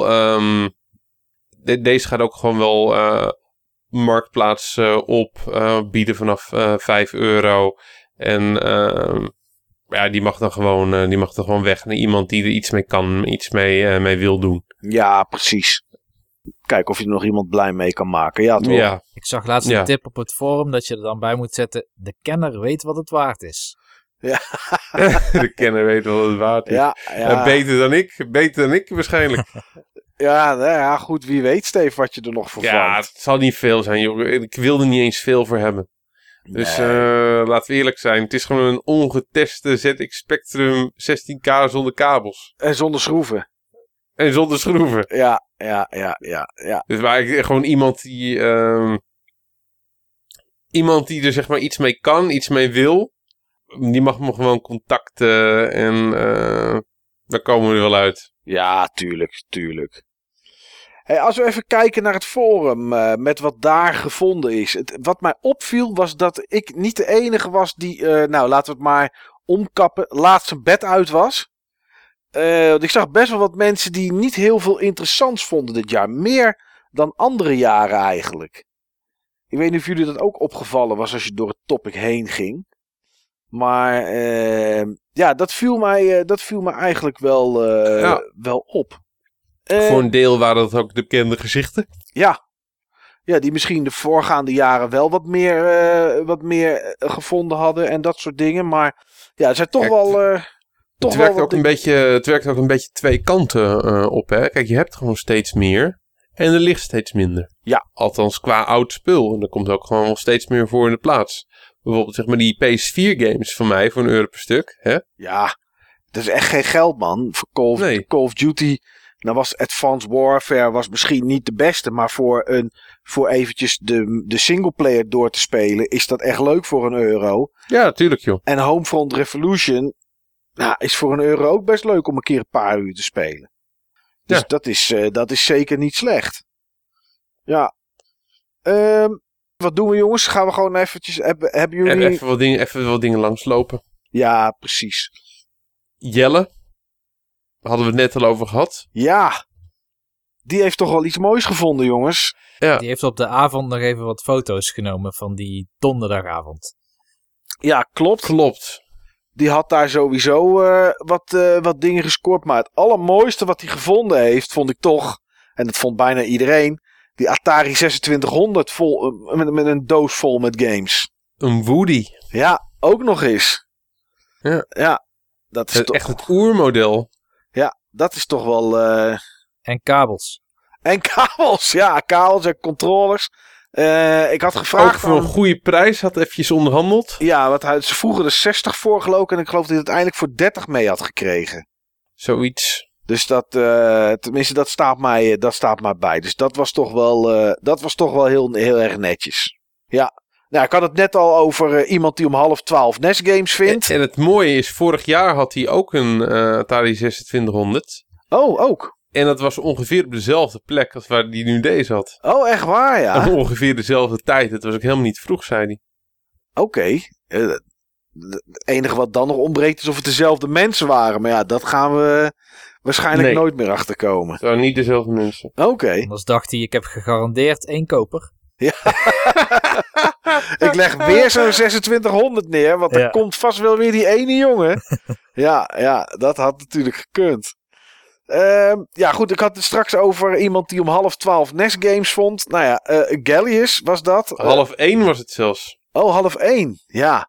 Eh, Batman bijvoorbeeld, ja, vond ik toch wel een, eh, een leuke find dat hij die... eh, Ja, en die had. Commando, dat is nog een Amerikaanse NES-game ook. Ja, ja, dus dat was wel, eh, dat vond ik wel tof. Wat had jij nog ertussen gezien, Niels, dat je interessant vond? Eh, nou, ik, ik was heel erg benieuwd, want ik, de games waren best wel donker op de foto. Ja, Dus, dus ik, ik herken wel een aantal games. Ik zie een aantal, al, aantal Wii-games bijvoorbeeld. eh, maar, maar er zit ook dingen als driver tussen, zeg maar. Daar ben ik dan niet heel erg benieuwd naar. nee. Maar bij Jelle is het wel, denk ik, toch die Atari die ik het meest bijzonder vind. Maar ook, wat zijn dit? Hij heeft die twee van die Duke Xbox controllers gevonden. Zie ik dat goed? Oh, Die dan moet ik even zijn eerste foto model. pakken. Ik zie daar eh Dukes. Ja. Dus ik zie zowel Dukes als Minis. Ja, dat vond ik een hele toffe controller. Dat En- is het ook. Die zie je niet vaak. De Duke ehm, is juist opnieuw verschenen voor de Xbox One. Oké. Daar, daar hebben ze een nieuwe Wired gemaakt. via Hyberkin. Dat klopt inderdaad, ja. Ja, dat is toch wel, eh, dat is toch wel gaaf. Steve, jij iets wat je eruit wil lichten? Dat je zegt, nou, dit vond ik Ja, toch wel... verschi- verschillende dingen. Nou, kom maar Ehm, op. Super fruitig. Ja. Die heeft een hele stapel PlayStation 1 games. Ja. Daar, eh, Waaronder, waaronder Blazing Dragons. en nog dat is volgens eentje. mij ehm Kula. Cooler World heeft Cooler hij ook, World. heeft hij ook gevonden. En dat, Dat is volgens mij eh, een vrij prijzige game. Ja, Was Ja, dat ook niet heb- een hidden game van jou, Mike? ja, Cooler World, klopt. Ja, zeker. Die heb ik zelf Gem, ooit, ja. eh, ja, Hidden Gem, die heb ik zelf ooit een keer voor 25 euro gekocht. Ik geloof dat hij nu rond de 80 zit of zo. Another Code had hij op de DS. Ja. En een NES en wat NES games. Ja, die had best leuk gescoord hoor. En eh, Dat valt er helemaal niet tegen. nee, en Tomb Raider bordspel, die heb ik toevallig ook staan. Ik heb geen idee of het leuk is, maar eh, ja, dat was wel, eh, dat was wel een leuke score. Nou, Sigma, die had ja, een redelijk stapeltje aan games. Ja. Eh, Ik zie daar een Metal Gear liggen. Ja, en een Monkey Island voor de PS2. Ook heel leuk. En ook Another Ook Code. Best een dure game eh, trouwens, volgens mij inmiddels. Ja, dat, ik, ik heb geen idee, maar je ziet Ja. hem niet veel. Hotel Dusk, Another Code. Ja, en Ja. Last Window ook, hè? Het vervolg op Hotel Dusk. Ik vind dat echt twee super gave games. Ja. Die zou ik zo nog een keer helemaal gaan spelen. Heeft hij Last Window? Ja, die ligt ernaast volgens mij. Oh nee, dat is Another Code. Ik heb verkeerd Dat gekeken. Another Code. Ja, Ja. Under the Knife, Trauma Center. Ja. Ja, dat is gaaf hoor. Ja, vind je dat leuk? Die vind ik echt leuk, ja. Oké. Nou ja, Toe Jam, die had eh, een PSP voor 15 euro met een stapeltje games, waaronder eh, Ape Academy 2 en Lemmings. Ehm, dat is best aardig voor 15 euro, zeker met een PSP erbij. Dus daar heeft hij ook best wel goed aan gescoord. Ja, en wat ik heel erg gaaf vind, maar ja, dat is natuurlijk weer, eh, dat ben ik natuurlijk weer, is Arjen 1981. Want die had namelijk Commodore 64 games op tape gevonden. Ja, dat is toch gaaf. Dat is super gaaf zeg. Ik weet niet, het, het, eh, het stond er helaas niet bij of, die ze, of ze ergens loslagen. Of, dat, die, ehm, of dat, die, dat ze in een doos zaten met cassettebandjes. Nou ja, dan had ik ze waarschijnlijk nooit, eh, had ik ze waarschijnlijk nooit gezien. Maar ik moet wel zeggen dat ik dat toch wel. eh, dat is toch wel heel erg tof hoor. Als je dat Is, vindt. is ook tof. Is ook tof. Ja. Ehm, nog wel dingetjes. Coaster Mark. Ja, Een SNES. Ja, met doos. Wel, wel een doos waar ongeveer een, eh, ja, waar Ja. een Rotweiler een hap uit had genomen. Ja. En een Pikachu Nintendo 64. ja, die zijn ook eh, lastig. Ja. En daar zag ik ook bij hem, hè, dat inderdaad PS4 games. Hij had, eh, even kijken, Ratchet Clank had hij gekocht. En er was dan iemand die daar dan eh, een prijsstickertje op, op had gedaan. 5 euro, denk ik, ja, dat zijn best leuke prijzen. Ja, die van jou nog helemaal, eh Steve, met een euro. Ja, Ratchet Clank eh, en Watch Dogs. Voor eh, de gok dat die Watch Dogs ook 5 euro was. Die Ja. had ik eh, ook wel meegenomen hoor. Ja, ja, dat denk ik ook wel. En het grappige was, ik heb een, ehm, ik heb een Battlefield 1. Ja, Ben ik ook nog tegengekomen voor 7 euro. Die heb ik juist weer laten liggen. Ja, dat snap ik wel. Dat is net even te veel. Het is wel de laatste. Battlefield 1 is natuurlijk wel de laatste die uitgekomen is. Maar ja, het is, ja dat is net even te veel. Ja.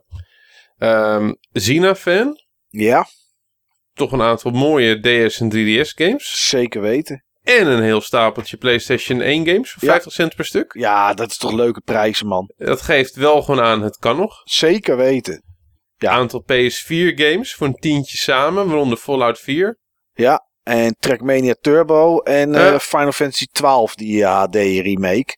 Remaster moet ik zeggen. En dat een is van ook mijn gems ligt er ook. Nou ja, die heb ik nog niet genoemd, maar Oh, Excite is dat Truck. Monopoly? Oh, Excite Truck? Ja, Excite Truck. Die schijnt goed te Ja, zijn, hè? die- Die heb je ook een keer eh, meegenomen, toch?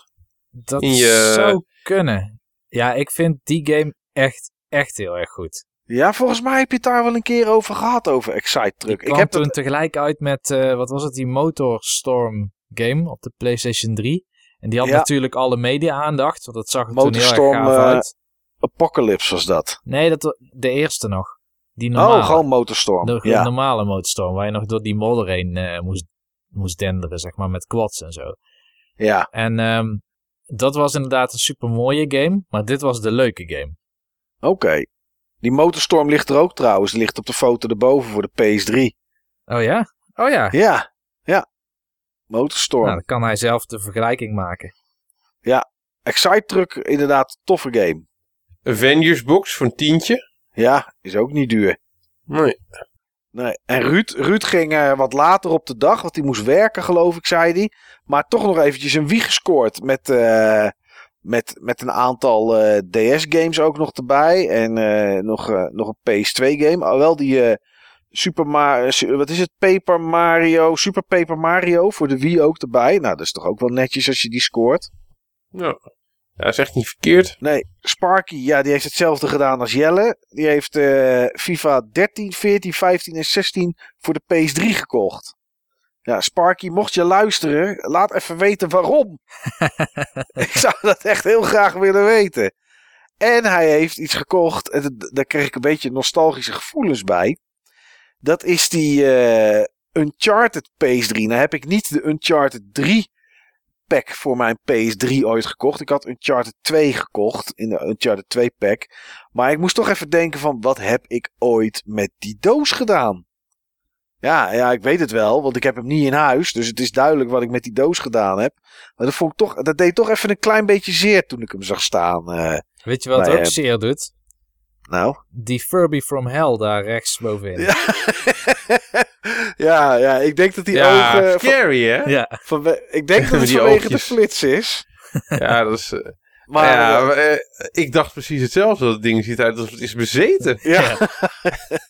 ja, bizar hè. Maar ja, ook hier liggen voor de rest leuke games. Eh Roll Cage 2 is een leuke game voor de, PS, eh, voor de PS1. Ja, God of War 3 erbij. Dat is ook een, eh, is ook een aardige titel. Dus dat is wel, dat is wel, dat is wel netjes. Ja, wat vonden we dit jaar van Silent? Want kijken, meestal, Silent Eddie, die eh, had dan een, een boxed House of Dead Overkill. met handgun erbij. Ja, dat is volgens mij wel een dure titel. Het is in ieder geval tof om te vinden zo met dozen al. Ja. Klopt. En dan de George Foreman eh, PS3 heeft hij eh, gevonden. Met een shitload aan Call of Duties ook. 1, Ja. 2, 3, 4, 5 Call of Duties. Ja, en natuurlijk een FIFA. Dus ja, dat is, eh, dat is natuurlijk helemaal scoren. Maar wel God of War 1 voor de, voor de PS2. Dat is, dan wel, dat is dan wel weer netjes. En ik zie weer een Duke controller. Ja, En een van de mooiste finds. Een CIB Donkey Kong Classics. Helemaal netjes. ja, in een tas of zo, hè? Zat hij, eh, had hij erbij Ja, gezet. die zat in, in een tas. Alles zat los. Ja, maar die ziet er inderdaad, die doos ziet er echt heel netjes uit. Ja, ja dat heeft hij wel, eh, heeft hij wel netjes gedaan. eh. dat is wel goed. Ja, alles bij elkaar heeft hij ook echt wel mooie dingen. Ja. Silent Eddie heeft wel eens meer en betere dingen gehad. Ja. Want hij is wel eens winnaar geweest van onze Koningsdag Koning. Ja, ik vond hem ook een soort graadmeter. Dat ik dacht van nou, hij heeft ook niet zoveel gevonden. Dan is het niet zo raar dat ik ook niet zoveel heb. Het, maar dat kan altijd, hè? Ja, tuurlijk. Eh, het is gewoon niet altijd. eh, Nee, het is niet altijd feest. Vorig Nee. jaar was het ook bij hem wel echt absurd. Maar die laatste foto, waar alles dan nog eens een keer op staat, geeft toch het idee dat hij wel echt veel heeft gevonden. Het is niet de Ja, het is kwantiteit een, van vorig jaar. Maar het is wel een shitload. Het is veel en het is heel gevarieerd. Zeker. Ja, dat is het zeker. Nou, Dennis, die gaat natuurlijk ook altijd op pad en, eh, en dingetjes zoeken. Eh, ik vond die Silent Hill wel leuk voor de PS3. Die die, eh, die die gevonden had. Dat vond ik wel eh, tof. En van Fable, ik vroeg me af wat dat was. Weten jullie dat, jongens? Hé? Ik weet niet wat het is, hè? Nee, ik weet het ook niet. Het lijkt op een bordspel en niet op, een, niet op de PC-versie. Maar ik, ik weet het niet. Ik weet niet precies wat het is. Nou, ja, nog een eh, DS XL.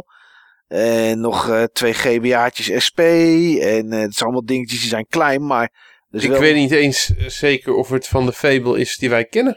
Ja, dat zou ook nog kunnen. Ja, Fable is natuurlijk, kan ook gewoon een naam zijn. eh, het is denk- natuurlijk gewoon een... Ik denk dat het een bordspel is. Of, Ja, dat of moet een andere wel. Fable game. Heeft hij nou twee DSi XL's? Want ik zie die De- blauwe in doos. En dan In ziet doos ook en nog een rode nog. Ja. Ja. Ja, ja, ja, ja. En de Rebel Edition GBA SP. Ja, met die mooie... en nog een GBA SP. Voor de zekerheid. met, die, met die mooie tribal erop. Ja. A Tribal, Ja. dat was hem ja. Tribal Edition. Ja, ja, ja, dat is natuurlijk mooi. Ja, ik met twee Eh, K's. is een AGS 101? Oh, dat weet ik niet. Dat durf ik niet te La- zeggen. Laat ik het zo zeggen. eh, ook gewoon veel. Ook gewoon dingen die je niet zeg maar, zo snel eh, verwacht eh, te vinden. Om bijvoorbeeld je te geven Super Mario Maker. Inderdaad. Echt wel, echt wel toffe dingen allemaal die hij heeft. Ik moet wel zeggen, als ik er zo, als ik er zo naar kijk. eh kijk, hij komt natuurlijk uit mijn regio. Dus hij loopt denk ik grotendeels op dezelfde plek als ik. Of niet. Misschien gaat hij wel een hele andere kant op. Ik, eh, kom, ik ben hem dit jaar ook niet tegengekomen. Oké. Maar qua games zou ik, zie ik daar niet echt dingen liggen waarbij ik zo eh, super warm eh daar word. Al heeft hij echt gewoon wel mooie dingen. Maar waar ik wel warm van word, dat zijn de toys die hij heeft. Ja. Dat vind ik nou echt bijzonder. Ja, ik weet het niet. Want dit, dit doet mij dan zeg maar weer helemaal niets. Ik had vroeger wel een He-Man poppetje. Ehm, maar die, eh, daar heb ik een onwijs heftig avontuur mee beleefd. Eh, in een soort van eh, vuurberg, zeg maar. Toen heb ik een aansteker onder He-Man zijn gezicht gehouden. Want ja, het was heel warm. Dus, dus He-Man was vrij snel weggesmolten. Dus ik, eh, ja... Ook ik, precies, op het onder, precies op het onderdeel wat daar het minst goed tegen kan. ja, inderdaad. Want die koppetjes die zijn altijd zacht. Maar ja, ja mijn He-Man was... Arme eh, He-Man. Ja, die was vrij snel weggesmolten. Ja, ja kon daarna kon hij niet zoveel meer. eh. Maar hij heeft, wel, hij heeft wel veel toys gevonden. Of in ieder geval meegenomen. Ja, en ehm, wat, wat jammer is van die, eh, van die He-Man eh, dingen die er liggen, die zijn voor het grootste deel incompleet. Oké. Maar ik, ik weet niet eens of hij dat zelf weet. Maar veel Transformers spul wat er ligt, is niet incompleet. Oh, ja. Dus ehm, ik, ik zie toch wel bij verschillende, eh, bij die Terrorcons, dat, eh, dat, zijn, ehm, dat zijn vier mini-transformers die samen met hun leider kunnen veranderen in een gestalt, zoals dat heet. In een, eh, in een Uber-transformer. Ehm, daar zie ik toch echt wel het merendeel van hun accessoires liggen. Zowel van hun individuele eh, accessoires als van de eh, gestalt eh, accessoires die erbij horen, die je dan nodig hebt om er zeg maar een grote robot van te maken. Hmm, En hetzelfde geldt voor de, ehm, voor die, ik- ben eventjes vergeten hoe die, voor de Protectobots. Ja, dat waren de Protectobots. Eh die zijn ook grotendeels compleet. Die kunnen veranderen in Defensor. En die missen hun leider. Het is, dus, vol- het is volgens mij zo van dat zeg maar het kind waar dit ooit van geweest is, die... Nee. Nee, want ik zie ook wel accessoires die horen bij, eh, bij die leiders. Alleen die leiders ligt er niet, eh, niet tussen. Oké. Dat is Ik wel heb grappig. echt geen idee. Ik heb vroeger wel een Transformer gehad. Maar die ging, Ik heb wel maar die ging een vulkaan in. En dan was het warm, joh. om He-Man het te warm? redden. nee, dat niet. Maar ik heb vroeger wel een Transformer gehad. eh, maar eh, dat, eh, geen idee waar dat ding is gebleven. Ja, eh, ik, ik met dubbel K. Die heeft, eh, ja, die heeft mijn hart gestolen natuurlijk. Want de eerste, eerste aanwinst die je ziet liggen. Is mijn enige aanwinst van vorig jaar. Blinks. En hij heeft in dezelfde rechterbovenhoek, kan ik je vertellen, als waar bij mij stickertjes zitten, zitten bij hem ook nog de stickertjes. Dus dat is natuurlijk, eh, dat is natuurlijk al goud. Eh, wel een PS2 met, eh, met een rits aan games. Dus dat is op zich wel leuk om, om mee te nemen natuurlijk. En ehm, ja, ik was een beetje geïntrigeerd door die Home Alone game voor de PS2. Ik weet niet, het zal vast heel slecht zijn, maar als ik, als ik die cover zo zie, denk ik, ik ben benieuwd wat het is. Maar goed, misschien, eh, misschien gaat u ons dat ooit wel eens een keer vertellen. Ehm, In het kader van graadmeters trouwens, ja, wie ook altijd veel heeft, eh, Marijn. ja. En die heeft ook niet bepaald weinig eh, nu, maar wel iets minder dan eh, we ook wel eens van hem gezien hebben. Nou, ik dacht wel van, oké, dit is niet allemaal voor eigen gebruik, want anders koop je nooit vier keer Sonic en Sega op de Olympische Winterspelen. Nee, maar die kun je gewoon hartstikke goed verkopen. Ja. En Super Mario Galaxy twee keer, Wii Play twee keer. Wel Horizon Zero Dawn voor de PS4. Dat vond ik dan Ja, wel... dat vond ik eh, ook wel eh, bijzonder. ja, dat is dan wel een aardige, een aardige aan, aanwinst. Maar het is ook gewoon veel mensen doen. Hè. Kijk, Het, is ook gewoon zo, het zijn dagen om, ehm, om zeg maar zelf dingen te vinden en, en te zoeken rechtstreeks voor je verzameling. Ja. Maar ook vervolgens om dan weer te kunnen ruilen of, te, of verkopen. En dat je op die manier dan weer dingen voor je verzameling kan Ja, scoren. inderdaad. Hebben jullie trouwens die foto van Treppen eh, nog gezien? Die hij vandaag geplaatst heeft om half zes? Het, was, het gaat niet om zijn aanwinsten. Maar ja, maar dat was, dat was zeg maar op, dat is een rommelmarkt hoor.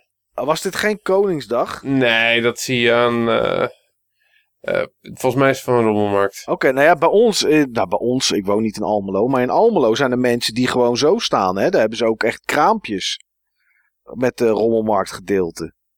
Maar goed, het was in ieder geval, of het voor Koningsdag was, is dus inderdaad een beetje twijfelachtig. Maar een, een, een SNES, nee een NES bedoel ik, Ja. met eh, vijf games, niet eens in doosje, en twee controllers voor 100... Zeven games, volgens mij. Oké, nee. Er liggen, er liggen erachter. Oh, er ligt wat achter inderdaad. Oh ja, ik zie G-Man zie ik liggen onder eh, Ja. Super Mario 3. En, maar voor 145 euro. Nou, dat is natuurlijk... eh, In geen 145 jaar. nee, dat is natuurlijk wel een, dat is natuurlijk wel een koopje. Die dopper zal er ook wel voor 20 euro liggen. Die groene dopper. ja, er heeft wel iemand lekker al aan zitten lurken. Dus ik, eh, ik pas dan, zeg maar. eh, die, hoef ik, eh, die hoef ik niet te hebben. Ik vind trouwens sowieso onhandig ding, een dopper. Omdat je elke keer moet draaien om dat ding open te doen. Maar Nee, ik goed. vind het een leuke ding. Ik heb er twee. Ik heb er eentje voor de zaak en ik heb er eentje voor thuis. Oh ja, nee. Ik, ik, naar de sportschool neem ik, ze ook nooit, neem ik hem ook nooit mee. Want ja, dan sta ik, sta ik op cross trainer en dan moet ik het dopje open gaan zitten draaien. Dat is altijd een beetje gehannes. Wie we nog even vergeten zijn is Heather Grace. Want die is ook op pad geweest, maar die had al heel vroeg foto's. Eh, dat vond ik wel grappig, die Donkey Kong puzzel die, zij, eh, die ze gevonden had. Ja, en natuurlijk Icewind Dale voor, eh, voor de PC, Niels. Dat is natuurlijk, dat is natuurlijk ook en wat mooie. leuk is, zij is natuurlijk fan van BioWare. Dus dat, is- dat, is, dat is dan top. Ja. En wat ik ook erg leuk vind, is dat ze die Crash Bandicoot figuurtjes heeft. Ja, Waar ze ook fan van is. Ja, ja, ja. Dus die heeft ook eh, geen. eh, En ook een mooi verhaal, zeg maar dan, ehm, van hoe dat gegaan was dat ze opeens die crash had. Dat, ze- dat ze eerst gewoon die dokter Cortex, Ja, heet dat dokter Cortex? ja Vo- Vortex. Is het Vortex? Cortex, Cortex, Vortex, of whatever. Die de bad guy eh, had. En tot eh, vervolgens dan opeens uit een tas dan ook nog Crash eh, Komt. op, eh, op de prop kwam. Ja, ja. Vind ik mooi. Ja, is leuk inderdaad. Dat is leuk. Ja, dan is dit traditiegetrouw, jongens. Het moment dat wij eh, gaan vertellen een top 3. van, en dan doen we een beetje mengen. En dan komt er een Koningsdag koning of koningin uit. Niels, je bent al even stil. Ja, ik zit altijd op en neer te scrollen tussen al die posts. Ja, Altijd te vergelijken. van, dit is eigenlijk wel gaaf. En dit is wel heel veel en bijzonder dat je dat nog kan vinden. ja kom Dus- maar op. Het is, wil je mijn hele top 3 of gewoon... Ja, eh, top, eh, top 3, tuurlijk. Want we moeten, stel dat eh, mijn nummer 1 jouw nummer 3 is en bij Steve nummer 2. Dan heb je kans dat eh, voetbal toto technisch gezien diegene wint. Ja, precies. Oké, ehm, ik heb... eh, ik ben niet 100% overtuigd, maar dit is zoals ik het nu bevind. Ja, Ik heb dan op 3 de winnaar van vorig jaar, Silent Eddy. ja, Eh, dat heeft te maken met de grote variëteit aan dingen die hij vindt. En het, het hele mooie, ook het, het mindere, zeg maar. Hij neemt het allemaal mee. Waardoor je een hele interessante verzameling krijgt qua volume. Maar ook eh in verschil van, van, ja, van wat ik tenminste aan waarde zou zien in wat hij heeft verzameld. Ja, dus zo werkt het ook gewoon. Je moet gewoon echt alles meenemen. Je moet alles meenemen, ja. Ik heb op twee, en dit is voor mij heel moeilijk, want ik heb deze twee heel erg dicht bij elkaar zitten. Op twee heb ik Marijn. oké, ja. Die hebben we net gezien. eh, ook vanwege dingen die hij heeft gevonden. eh, veel, eh, even kijken, drie Gamecubes. Een aantal controllers die ik zo meteen eh, zou over kunnen nemen, bij wijze van spreken, omdat ik die nog zou willen hebben. Ik ben heel benieuwd, bijvoorbeeld, werkt die N64 controller nog goed? Dat is altijd een, eh, een vraag die in me opkomt. Ja, Eh, snap ik. Wat, wat handhelds erbij. Ik heb op één foto een Pokémon Mini zelfs zien liggen trouwens. En over Ja. hacking gesproken, daar heb ik nog aan meegewerkt destijds. toen, was hij, toen had je geen games meer die ervoor uitkwamen. En het was ook alleen homebrew, dus het was geen... eh, we hebben geen eh, flash tools of zo. Ja, dat hebben we wel gemaakt, maar niet dat je die games ook kan dumpen. Maar goed, Oké. ehm, En op één. op één heb ik Dennis. Oké. Dennis, eh, vanwege de grote variatie ook weer in dingen die hij heeft gevonden. De, zeg maar, tweede generatie Wii die hij had, vond ik Ja. apart om te zien. Eh, de DSi's en GBA's. Ik merk, ik heb gewoon een klik met, als ik iets verzamel, zeg maar, dan is het vooral DS of 3DS of Vita, zeg maar. Ik heb een klik met handhelds die ik niet heb met consoles. En ik zie dat hij die veel heeft. En, ja, en Mario Maker Splatoon. Heeft ook games die me aanspreken. En ook al ben ik niet zo van de figurines en de toys. Ik heb ze vroeger nooit gehad.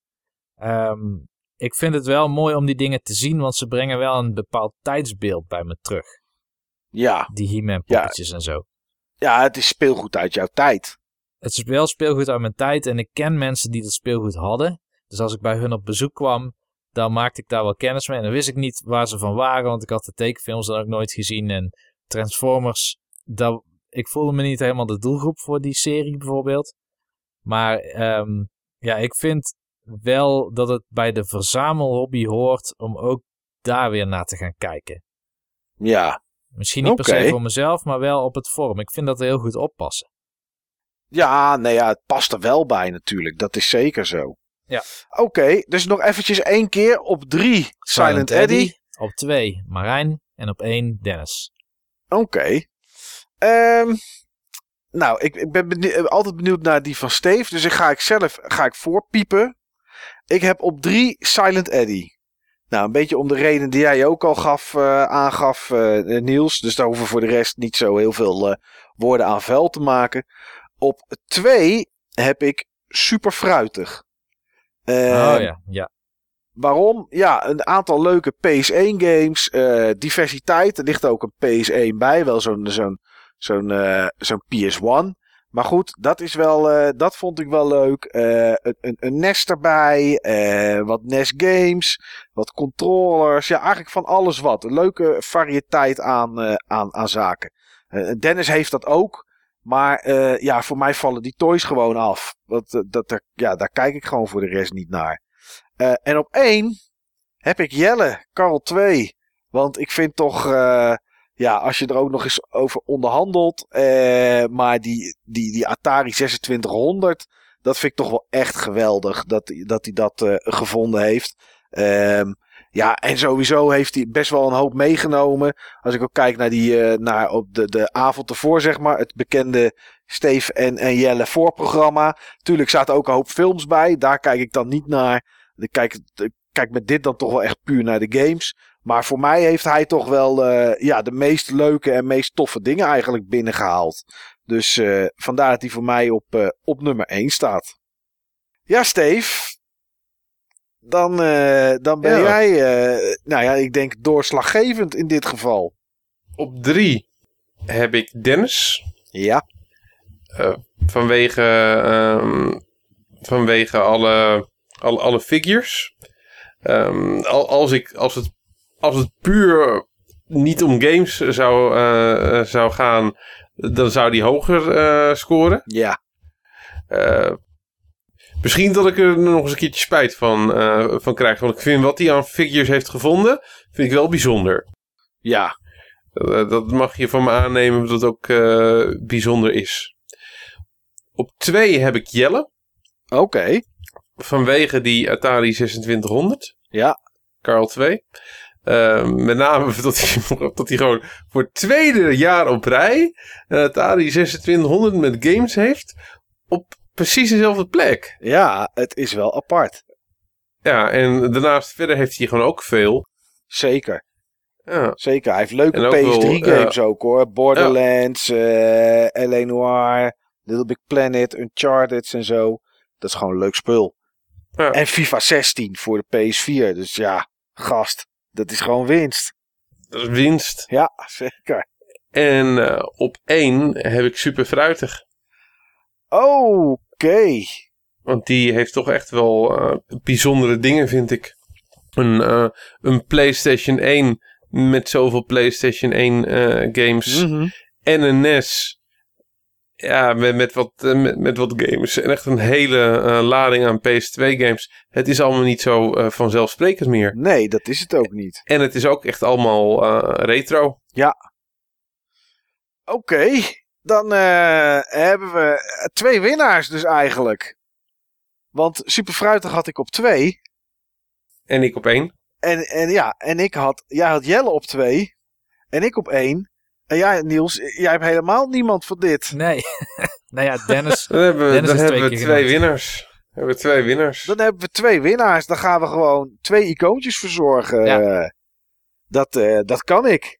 Dat mag eh, geen probleem zijn. Dus ja, eh, Jelle en eh, super fruitig. Ja, Jelle klinkt, klinkt makkelijker om te zeggen dan super fruitig. Want ik heb geen idee hoe super fruitig eigenlijk in het echt heet. Die heet Carl Maar- 2. Het is gewoon, het is, het is Koningsdagception is het dan eh, geworden.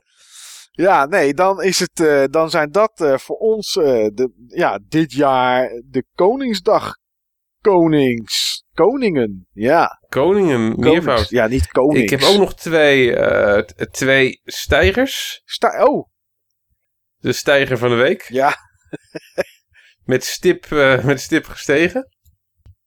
Dat zijn eh Gallius. ja, vanwege Met zijn die- NES games. Met die NES games in plaats van zijn pet. Ja, oh, vorig jaar had hij een pet, ja. Ja. Ja, een Mario pet had hij vorig jaar. Dat Ja. klopt, ja. En eh, op één in de tipparade. Oh, oppassen voor volgend jaar, jongens. Niels. Ja? Jij. ik heb de grootste groei natuurlijk gemaakt hè, in de afgelopen Dat- jaren. Dat. Ja, dat is zeker zo, zeg. eh, Potverdorie. die kaapt volgend jaar gewoon alles voor ons neus weg. Ja, die is overal volgend jaar ineens. Die zet gewoon eh, pionnen in. Ja, weet je, ik vind dat ik de lat dit jaar wel erg hoog heb gelegd voor mezelf. Ik weet het. Ja. Maar ja de, ja, de vraag is inderdaad, Niels, heb je nu de smaak te pakken? Ga je volgend jaar weer? Eh, dat weet ik nog niet. Dat hangt er vanaf of er een borrel is of niet. Dat hangt van dat soort dingen af. Ik ga niet ergens naartoe om daar op een vrijmarkt te gaan lopen. Maar als ik ergens ben en er is een vrijmarkt, dan verandert de zaak. Ja. Ik had wel, jongens, wilde ik nog even zeggen, eh, dat ik eh, dit jaar weer eenzelfde soort heb gedaan als waar we het. Ik weet niet, we hebben het er onlangs over gehad, maar ik weet niet meer wanneer. Eh, dat als je denkt van, oh ja, eh, volgens mij was het in de, of in de vorige uitzending, of in die daarvoor. Maar dat je een game ziet liggen en dat je denkt, ah, moet ik die meenemen? Nou ja, weet je, doe maar niet. En misschien dan straks als ik er nog een keer langskomt en hij ligt er nog. Dat heb ik wel dit jaar één keer gehad. Ehm, maar het was, een, het was een Lego game voor de PS3. Het was eh, de Star Wars Complete Saga. Eh, maar dan ook nog eens een Essentials uitvoering. Dus ik vond dat ik daar niet heel veel verlies aan had. Nee joh. Ik heb ook geen idee wat die kostte. Als het nou de normale was geweest, dan had ik hem gelijk meegenomen. Maar ik denk, ja, ik heb wel een aantal van die Lego games staan. En ik vind het wel leuk. Maar om nou een Essentials mee te nemen, omdat het Koningsdag is. Ja, weet je. Dat gaat misschien wat te ver. Ik bedoel, hij had leuk gestaan hoor, naast Batman 2. eh, en Harry Potter jaren 1 tot 4 en 5 tot 6 of zo, geloof ik. Of 5 tot 8. Eh, en dat soort games allemaal. En Indiana Jones en, en weet ik veel wat. Maar nee, ik heb, hem toch, eh, ik heb hem toch laten liggen, zeg maar. Maar dat is het enige dat ik gezien heb dat ik dacht van... Nou ja, misschien had ik dat toch moeten kopen. Maar ach, achteraf gezien, broodje kipfilet, hè, was ook lekker.